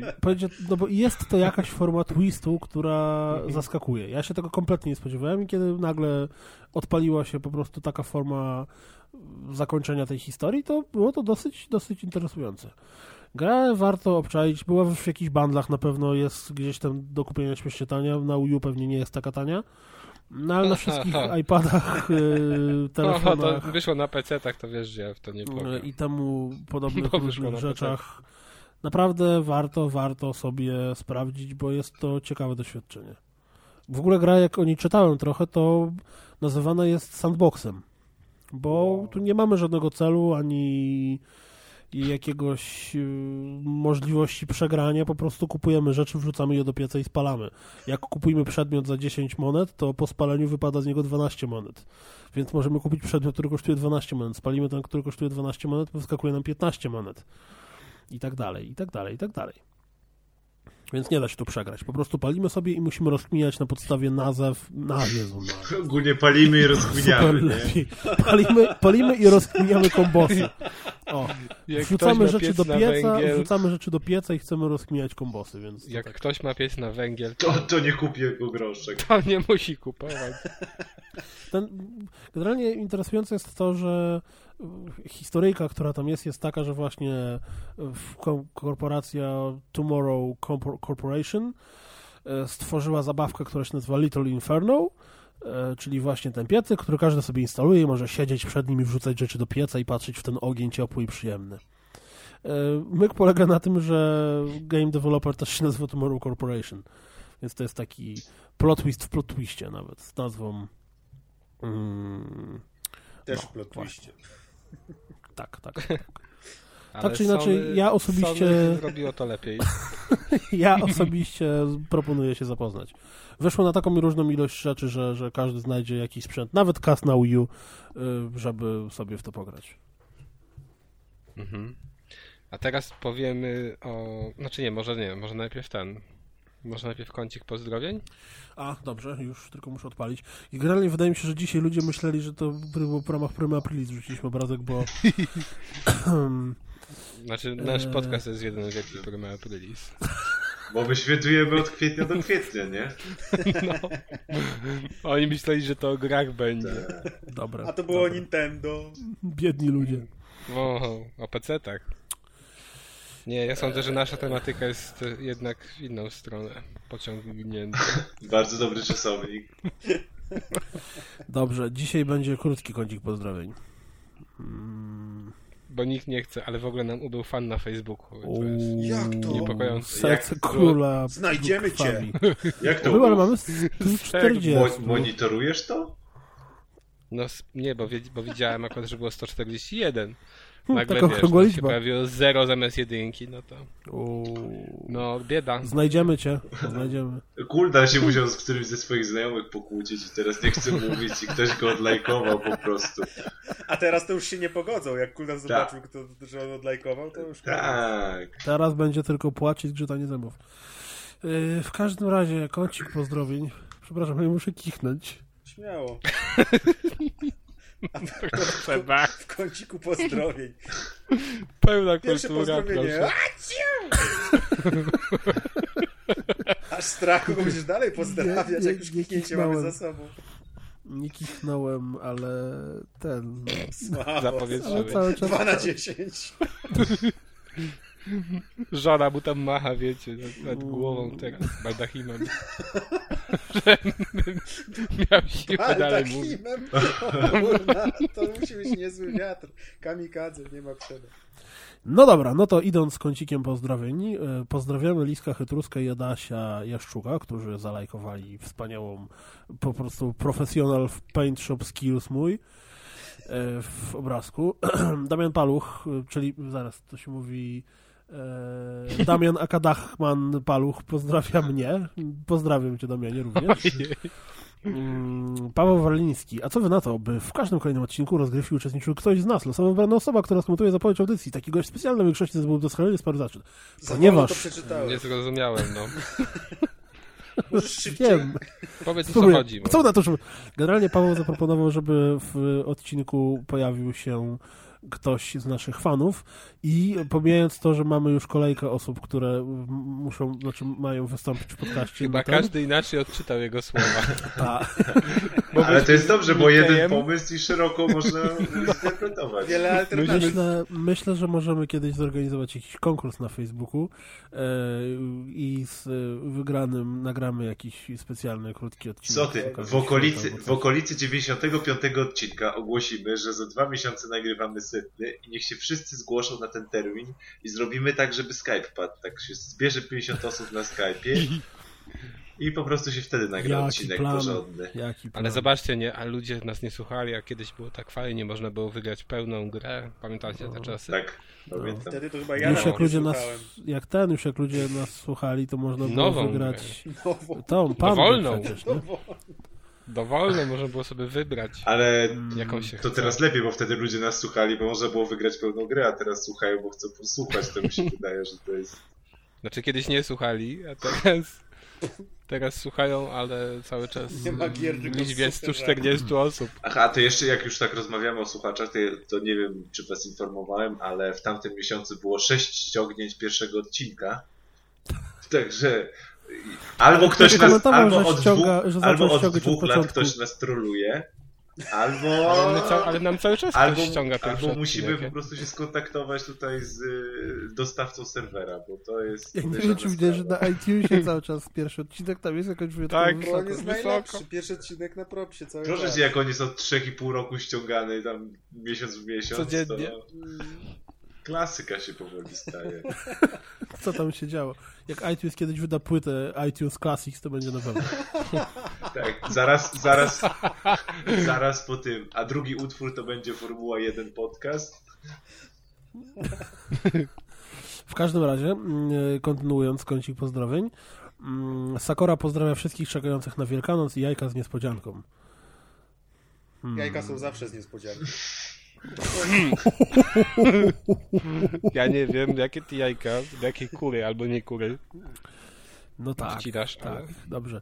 Lisek Chytrusek chce pozdrowienia i wierszyk i teraz specjalnie dla Liska Miki D nam tutaj przesłał yy, zajawkę swojej Debiutanckiej płyty? debiutanckiej płyty. Jest to kawałek raperski, więc w odpowiednim stylu i w stylu Mikiego D.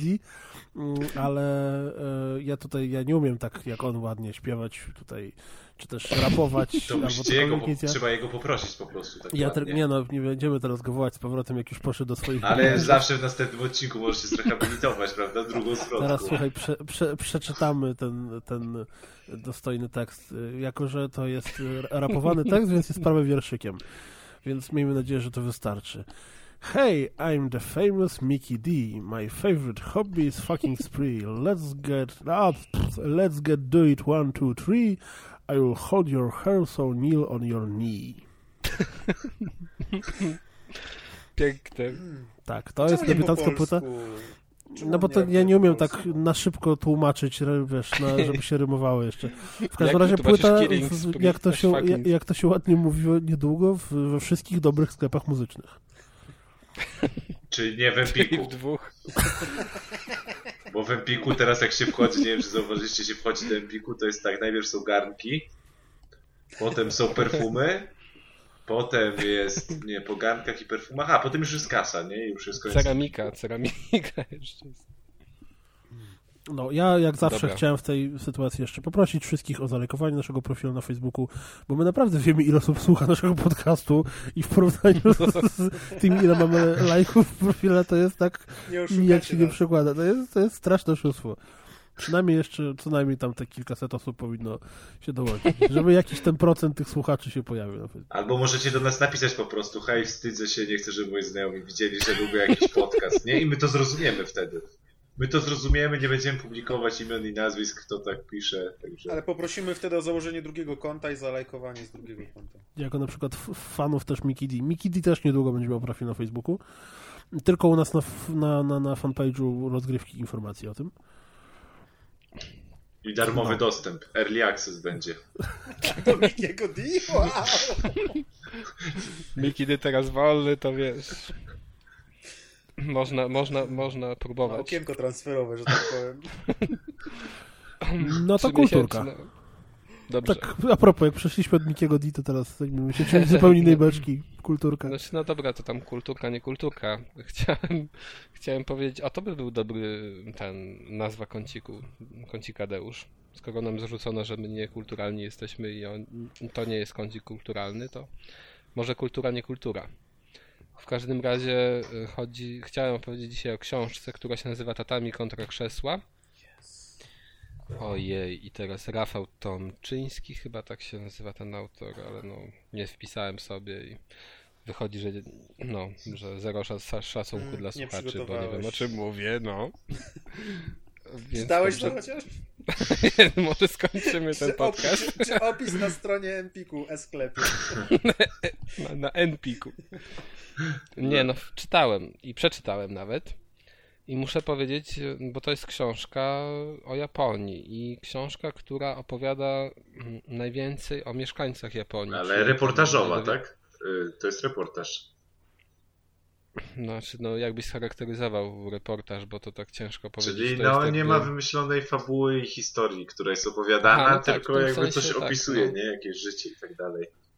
Tak, on tu opisuje właśnie społeczeństwo. Tutaj nie ma jakby, nie wiem, tu nie znajdziecie informacji o tym, jakie są świątynie, albo jak wygląda na jakiejś ulicy elektroniki e, w Tokio i tak dalej.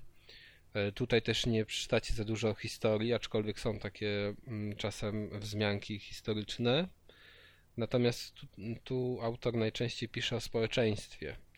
I sądzę w ogóle, że to jest świetna książka dla osób, które nie czytały wcześniej o Japonii, e, czy nie znają tego kraju na przykład z jakichś tam wycieczek i, i, i nie czytały, co ważne, literatury fachowej, bo pewnie w niej dużo takich niuansów e, już e, było poruszonych, więc tutaj mogą się te informacje powtarzać. Natomiast jeżeli ktoś właśnie interesuje się tym tematem, ale e, jeszcze do tej pory nie czytał dużo, dużo na temat Japonii, to powinien tę książkę wziąć jako taki wstęp do dalszych poszukiwań, bo ona jest bardzo przystępnie napisana. Ona jest naprawdę fajnie napisana, tak, że sądzę nawet, że osoba, która teoretycznie nie interesuje się Japonią, mogłaby siąść sobie do tej książki i, i ją, e, mówiąc kolokwialnie, łyknąć e, bez problemu. No, co tutaj? Tutaj jest dużo takich dużo takich historii, o których my nie wiemy, patrząc na Japonię tak z perspektywy, z perspektywy gracza. I też naprawdę parę aspektów zaskakujących. Na przykład nie wiedziałem mm, o tym, że w Japonii jest bardzo mocno nasilona przemoc w szkołach, a on tutaj o tym pisze. I to tak fajnie ten temat analizuje. Zresztą każdy temat, to jest, to jest fajne u tego autora, że on każdy temat analizuje, to znaczy na przykład podrzuca ci e, kwestię właśnie, że nie wiem, że w Japonii jest popularna tam pornografia z dziećmi, nie? Znaczy te postacie, bo to nie jest pornografia jakby taka mm, rzeczywista, tylko rysowana. Tylko, że tam występują takie dziewczynki, które mogą przypominać dzieci. I z czego to wynika, nie? To nie jest tak, że jest takie coś i tyle, tylko on to stara się tłumaczyć. I na przykład, że to może właśnie z uwarunkowań jakichś historycznych, czy z mentalności Japończyków i tak dalej. I dzięki temu możesz poznać jakby ich motywację, nie? Że coś, co tobie się wydaje skrajnie złe i niedobre i dziwaczne, po przeczytaniu tej książki może się okazać, no dobra, nie? No oni są w innej kulturze wychowani, jakoś tam inaczej ukształtowani i, i przez to to dla nich może być faktycznie normalne, czy okej. Mm. I to jest naprawdę, naprawdę duża wartość tej pozycji. No i tutaj jest zalew dosłownie szczegółów i to jest też tak opisane właśnie takim językiem, em, mówiłem, że przystępnym, ale takim iście nieakademickim. Tutaj masz wrażenie, jakbyś słuchał y, relacji kolegi, który był w Japonii i tobie o tym opowiada. I właśnie rzuca ci jakieś takie anegdotki, ty słuchaj, wiesz, te Japonki to non-stop mówią, że to jest fajniusie, tam to fajniusie, ojej, ojej. On dosłownie tutaj nawet tak to określa, że Japończycy strasznie uwielbiają wszystko, co jest fajniusie. I stara się wytłumaczyć, o co mu chodzi, nie? Z tym. I na przykład masz informację o tym, że Japończycy, nie wiem, y, y, mają tam nieciekawe uzębienie, co jest faktem i to wyjaśnia dlaczego tak jest. I później jest kwestia taka, że oni to lubią, że to znaczy polubili w sumie to, że to takie jest krzywe uznębienie, nawet jakoś miałem na to określony termin. I to właśnie się wydaje fajniusie, bo wtedy te mm, osoby, które tak mają, czyli na przykład ten ząb cofnięty jeden bardziej do tyłu, a nie proste zęby, to wydają się takie bardziej dziecinne, a wszystko co dziecinne jest fajniusie, a wszystko co fajniusie jest super. A generalnie to jest kwestia taka, że jeżeli nie wiadomo o co chodzi, to chodzi o pieniądze, bo tam na przykład te usługi ortodontyczne są bardzo drogie. I na tej zasadzie, tak jak ja wam teraz to powiedziałem, tylko że w du- dużo lepszym językiem opowiada właśnie ten autor. Zresztą y, to bardzo inteligentny koleś, który, jeżeli oglądacie program Milionerzy, to możecie go kojarzyć, bo on wygrał pół miliona złotych i bodaj nie wykorzystał żadnego koła aż do pytania o milion. Wow. I dopiero tam się zaciął i chyba nawet wskazałby dobrą odpowiedź, gdyby zaryzykował. No ale nie zaryzykował i wygrał tylko pół miliona. No tylko pół miliona to. No, ty, no tak, Ale w cudzysłowie tylko pół, pół miliona. No w każdym razie bardzo wam to polecam, bo jest masa ciekawostek, y, fajnym, przystępnym językiem napisanych, fajny, dobry wstęp do poznawania Japonii, społeczeństwa japońskiego, bo to jest ważne.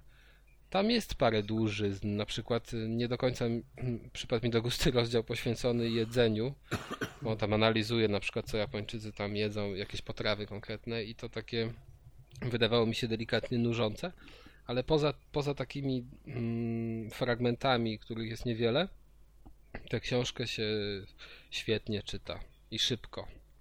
Ona w ogóle jest dosyć, no może nie krótka, taka średnia, 300 stron. Nie jest też droga, bo bodaj 30 zł, czyli taka standardowa cena, nieprzesadzona. Wydana jest dosyć słabo, bo ten papier jest jednak y, drugiej kategorii, ale to wystarcza, nie? To nie, to nie jest książka, którą musisz mieć w super oprawy, oprawie. Mhm. Nie wiem, chyba tyle. Jeżeli interesujecie się Japonią, to polecam to naprawdę. Dobrze. Halo, żyjecie, czy Tak, to po prostu-? Jesteśmy tak zafascynowani tą opowieścią, Na że... pewno. Ja tak, na pewno. Ja właśnie spojrzę, czy jest coś, czy na czacie już nie, nie poszło A, 30 linijek, myślę- mówiłem, ale chyba nie. Myślę, że kontemplowanie Japonii może oznaczać bardzo dużo. No właśnie. Hmm, A kontemplowanie Japonek jeszcze więcej. No ale to, już bez nikiego musimy- dito, wiesz. Tak, tak. ale to, to nie, nie, mamy to samo. kompetencji, Nie? żeby poruszać ten temat już. Nasza kompetencja już poszła. Dobrze, że Musimy, nie musimy się postarać, żeby Mi- Mikołaj jednak nie chciał odchodzić wcześniej z podcastu z nagrania. No. Się Za wcześnie kończy, działo. nie? Nie, ja nie wiem, ja nie wiem Maciek, ja naprawdę nie wiem skąd ty takie szczegóły znasz dotyczące Mikiego D. No przecież każdy, każdy zauważył. Nie dostajesz tych maili codziennie? Nie wysłał ci SMS-a? A to musisz się dopisać do listy mailingowej. Do fanek.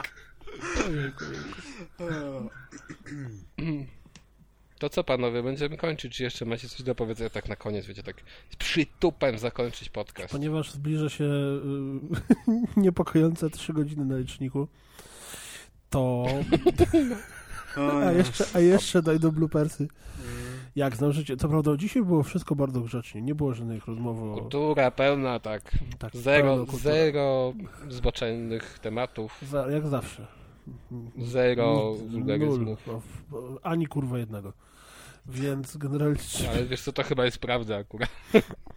No, to zależy. To tam zależy, które, które... No, nieważne. Deusz, opowiedz jakiś kawał. Ale No, tak miejmy na koniec jakiś fajny kawał, taki fajny, dobry, chamski Fajniusi, tak? To było? O, fajniusi. kawał. No, Ale ale, taki po bandzie trochę. Ale ja już właśnie, mi się wydaje, że już się wstrykałem ze wszystkiego, co... nie, no wierzę, pstrykaj dalej, to dalej. jest niemożliwe. Szybkusiem. Stryknij. Bo najgorzej to jest się powtarzać, wiecie? I, To jest kawał, to jest początek? Ej, morał teraz, szybko, puenta. Ja, ja myślę, że są pewne rzeczy, które są gorzej. ale... ale bo nie, mam taki, który raczej nie powinien pójść na podcaście, tak mi się przynajmniej Deusz, wydaje. no nie bądź dupa, dawaj kawał. Wiecie, co ma wspólnego mm, dzika świnia i blondynka? Dobrze się zaczyna.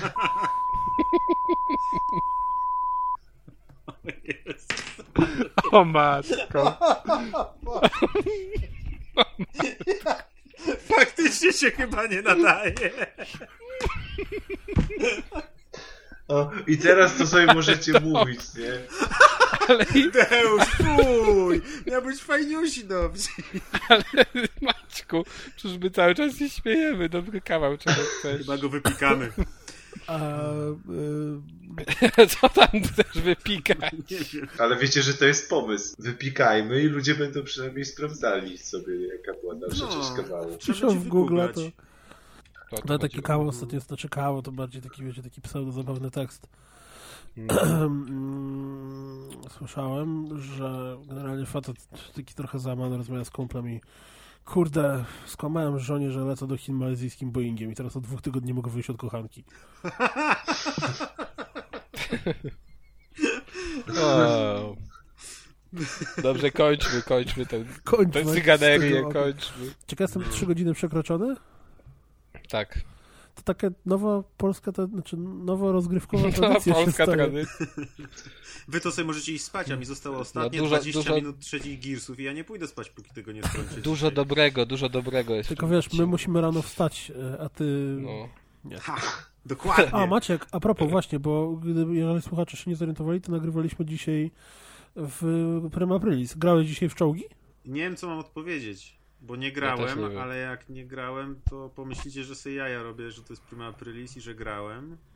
Nie, Ale bo nie gdybyś grałem. grał, to dzisiaj czołgi zrobiły naprawdę... ja wiem, ja wiem. Nie, nie słabe zrobili motywka. Z z Deuszem widzieliście to, czy nie? Nie. Nie. Czołgi zakładajcie jak... konta i gramy.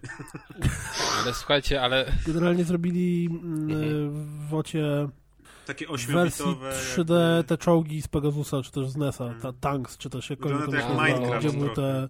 Tak, te murki i te czołgi, jeden czołgi był na górze, drugie czołgi były na dole i, i w ten sposób zrobili dzisiaj grę w czołgi. Co Więc- na YouTubie filmiki? Nawet, nawet śmiesznie im wyszło. Chociaż w zeszłym No roku pamiętam, że zapowiadali, że będzie, będą mapy na Księżycu i będą czołgi latać po Księżycu. Ale powiem wam, że daje głowę, że te tanki były lepsze. I Sony, PlayStation. To kiedy, kiedy tam te okulary bez szkieł? Mogę ci sprzedać, jak chcesz. Nie, a właściwie jaki jest, jaki jest najbardziej taki największy symbol hipstera? O, to ciężko. No Dużo właśnie. jest chyba. Znaczy to jest No, chyba... no to zaraz, jest tak dobra, jak dobra, z- bo zaraz dojdziemy, że posiadanie Wii U Nie, to jest tak jak z No, jest Kapitanem wiadome. Ameryką, trzeba, z Kapitanem Planetą, trzeba połączyć kilka rzeczy i wtedy się pojawia hipster. Kilka No, żywiołów. na, Ultimate stro- na, hipster się na facebookowej grupie y, czy fanpage'u Hipsters, nie, Hipster po prostu, na profilowym jest myszka Miki, która ma ten taki kap, kapeluszek, taką fedorę, czy tam jakkolwiek to się nazywa, okulary, pije kawę ze Starbucksa, mm, w uchu ma białą słuchawkę od iPhone'a, e, ma jakąś tą chustę na szyi, Rurki, jakąś spodnie. chu, tak, rurki oczywiście, No, to fioletową bluzę. To, to jest to. Teraz muszę Ale sobie słuchajcie, pamiętacie- Kaza. Nie ta A, czapka. pamię... A pamiętacie ten motyw właśnie z GTA 5? Bo tam była taka Że kwestia, Trevor że był gadał... protohipsterem. Tak. No, Tak, tak, to było trafne. Wychodziło, że no dobra, okej, panowie, bo już gadamy tak bez sensu, w sumie było a to- ach, my Ludzie nie już czekają, podcastu. ludzie czekają na blopersy, nie? A Ja tutaj już takie nudy i nudy. Myślę, że niech oni skończą w końcu i puszczą Ale to jest blopersy. nasz prima aprilis, to jest nasz chamski prima Nie ma aprilis. Niech, blopersów. czek... Niech czekają. Będą w Kickstarterze do kupienia. No ale tak byś, wiesz, tak byś puścił za jakąś taką melo melodykę, PlayStation, PlayStation, PlayStation przez ostatnie 20 minut. Jako Nasz te Flopex. e, zaprzyjaźniony skądinąd podcast e, Skądinąd. Psychokast z, w zeszłym roku, kiedy słuchało ich 12 osób e, w ramach Naprawdę odcinka- świetnie ich reklamujesz. Teraz ich słucha już 18. W ramach odcinka haha, żartuję. Liczba Chyba podwoiła, wow. 24. W ramach odcinka Prymu Aprilisowego y, po prostu puścili godzinę ciszy. Znaczy nie ciszy, tylko oni mają melodyjkę w tle i zostawili godzinną melodyjkę bez Ej, dobre. dźwięku. No. Ach, okej, no fajny pomysł, ale mam już Teraz koniec. Maciek zamiast tego podcastu Mm. puści trzy godziny ciszy. Nie mamy melodyjki, będzie cisza. Jest. Już tego rozpiskę się fajną zrobi, nie? Żeby tak, taka Newsy są w siódmej była. godzinie podcastu, recenzje Wii U w dziewiątej. Nie, ale to tak a propos ciszy, jeszcze ostatnia anegdotka króciutka. Mm, Nie wiem, czy wiecie, ale Spotify ma jakieś takie bardzo specyficzne metody płacenia twórcom za y, muzykę. Znaczy za odtwarzanie ich muzyki, czyli tam, nie wiem, załóżmy mm, jedna dziesiąta eurocent, znaczy jedna dziesiąta centa za odsłuchanie ich piosenki. Więc jakiś zespół wymyślił, że mm, wrzucili na Spotify swoją płytę, która składa się z e, chyba 11 piosenek. Każda trwa 31 sekund, dlatego że Spotify tylko coś, co trwa 30, ponad 30 sekund uznaje za piosenkę. Mm, ciszy. Jest po prostu 11 piosenek po 30 sekund ciszy, przez co jeżeli ktoś e, przesłucha i pi- piosenki nazywają się z, z, z, z, z, z, z i tak po kolei, z ko- kolejną literką Z i założenie jest takie, że jeżeli lubisz ten zespół i chcesz, żeby oni zebrali kasę na trasę koncertową, to po prostu na noc odpalaj Spotify z zapętloną tą płytą. I dzięki temu oni przez na przykład tam jedno przesłuchanie dostają 4 dolce. Jeżeli zrobi tak na przykład 100 osób, to dostają 4, znaczy 400 dolców. Nie? I w ten sposób chcą po prostu uzbierać kasę na trasę koncertową po, po świecie. I zbieramy ludzi- kasę? Żeby y, po prostu zapętlili sobie ich płytę My? non-stop. Na dziewczyny. My mamy żony, to odpada. Ty też No masz no, dziewczynę podobno. Jeszcze, no, może... A słucha tak. podcastu? Go Boże. Ale wiesz co chciałem powiedzieć, że jeszcze nie zaklepane, ale...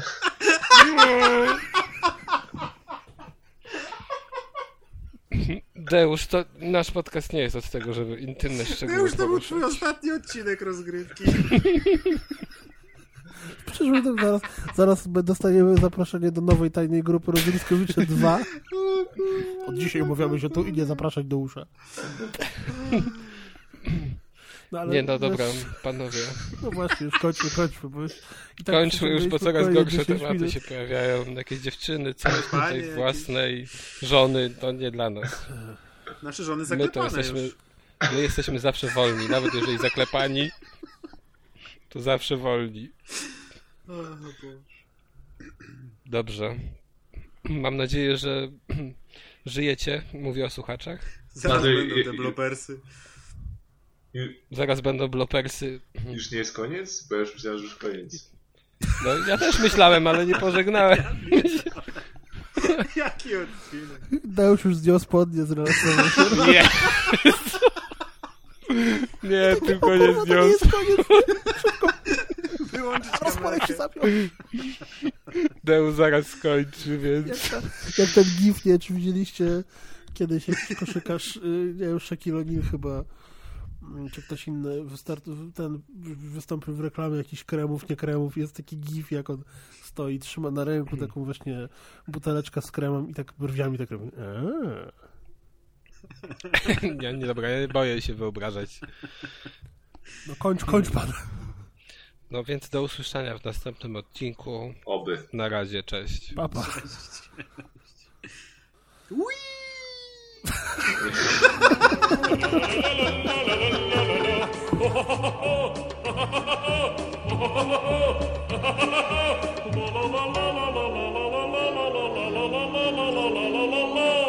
Y, Maciek, mam pytanie do ciebie, bardzo ważne.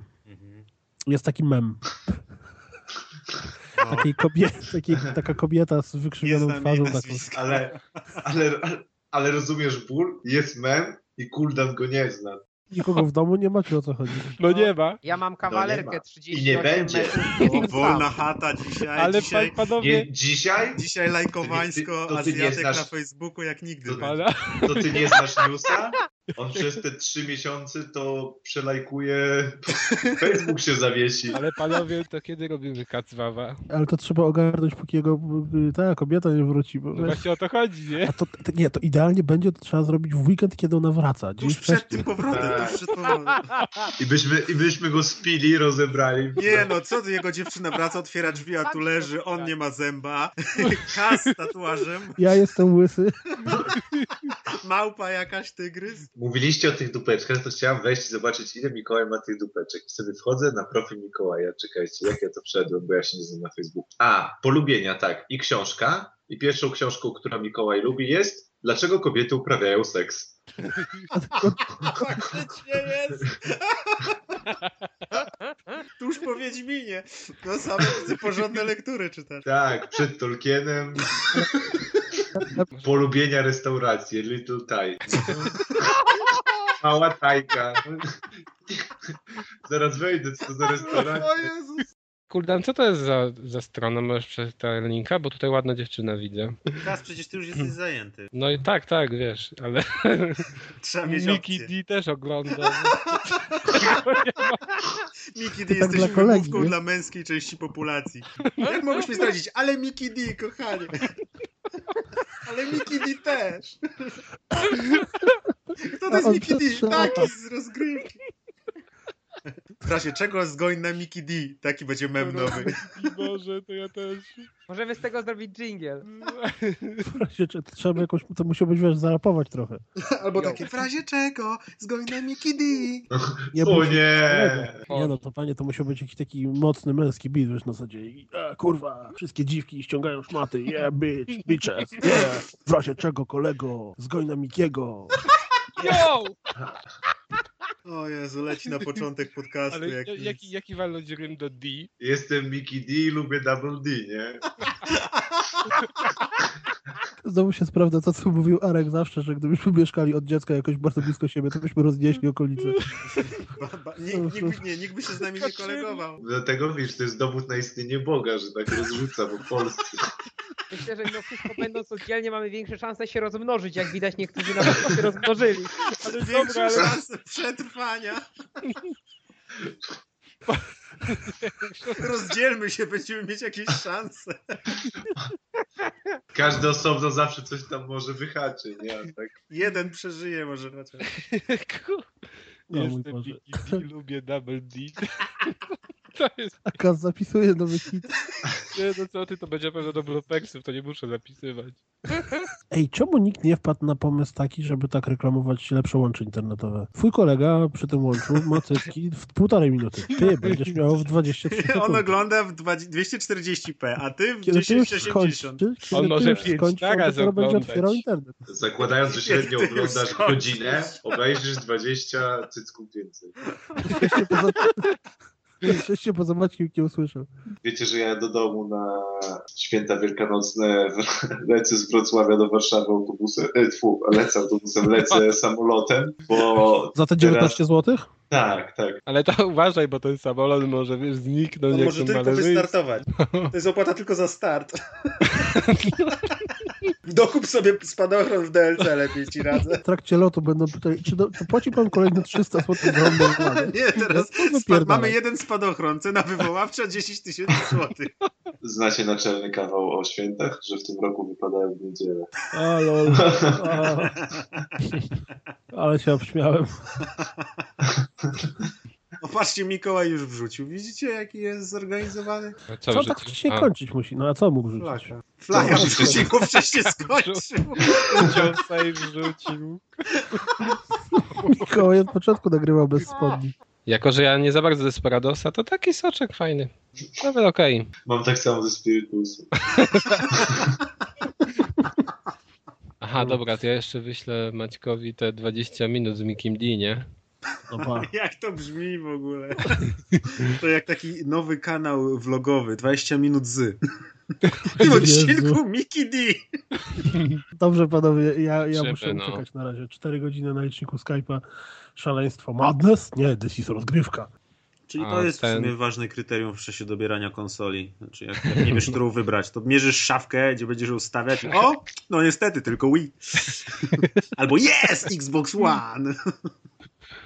Ale Xbox One to już w ogóle, nie? To, to wymyka się kryteria. Przecież Xbox jest One taki- jest szafką i potem Xbox One mierzysz i o, jeszcze wejdzie Wii.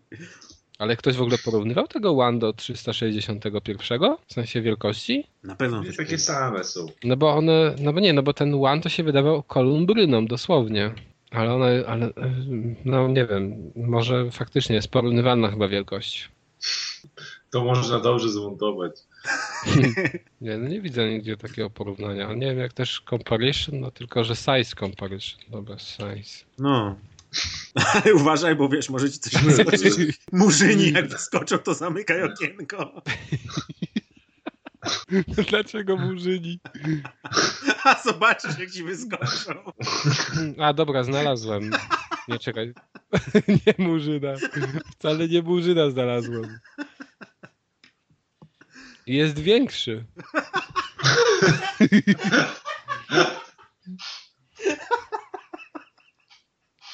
Ale jest i to sporo większy.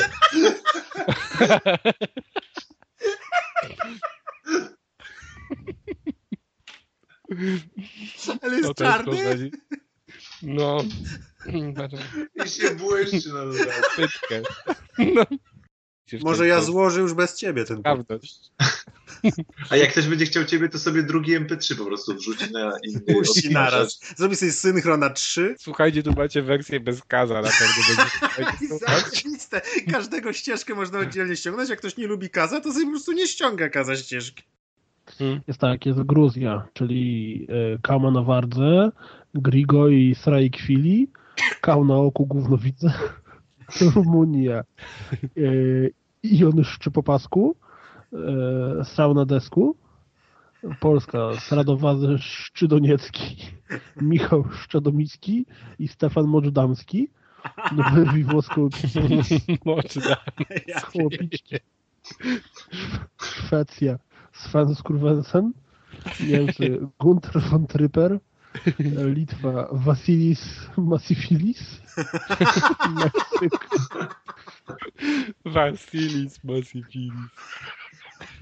Meksyk e, Jose Ondromachore. A to jest jeszcze pisane tak przez Y Samochaore. Mm, USA e, Andrew Fiutek i Jimmy Onderbrack. Yy, tu nawet nie wiem jaki to ma być kraj, bo jest napisane jako Kirgizja, więc mm, Aswan y, każdemu daje. Finlandia Gundarowa nie ma. E, I Włochy Adalberto Srapowoli. Okay. Takie uszy. Nie, tam było To tak, sa- jajami o matę na przykład. to tak samo jak No. było kiedyś, że kto napisał Powrót Morderczych Frytek? Karl Toffel, nie? Albo, albo kto napisał Przewodnik po Tatrach? Jan Osik. O, z tymi japońskimi tam było jeszcze coś tam. Kosimazaki był jeszcze. To mam jeszcze taki... Mam jeszcze, Na bosaka Kosimazaki. Mam Joe Monstera otwartego, to tu jest taka okienka wtyczka społecznościowa Facebooka i jest mydlił mi barana z wykrzyknikiem i podpis Adrian Kordaś to poleca. Serio.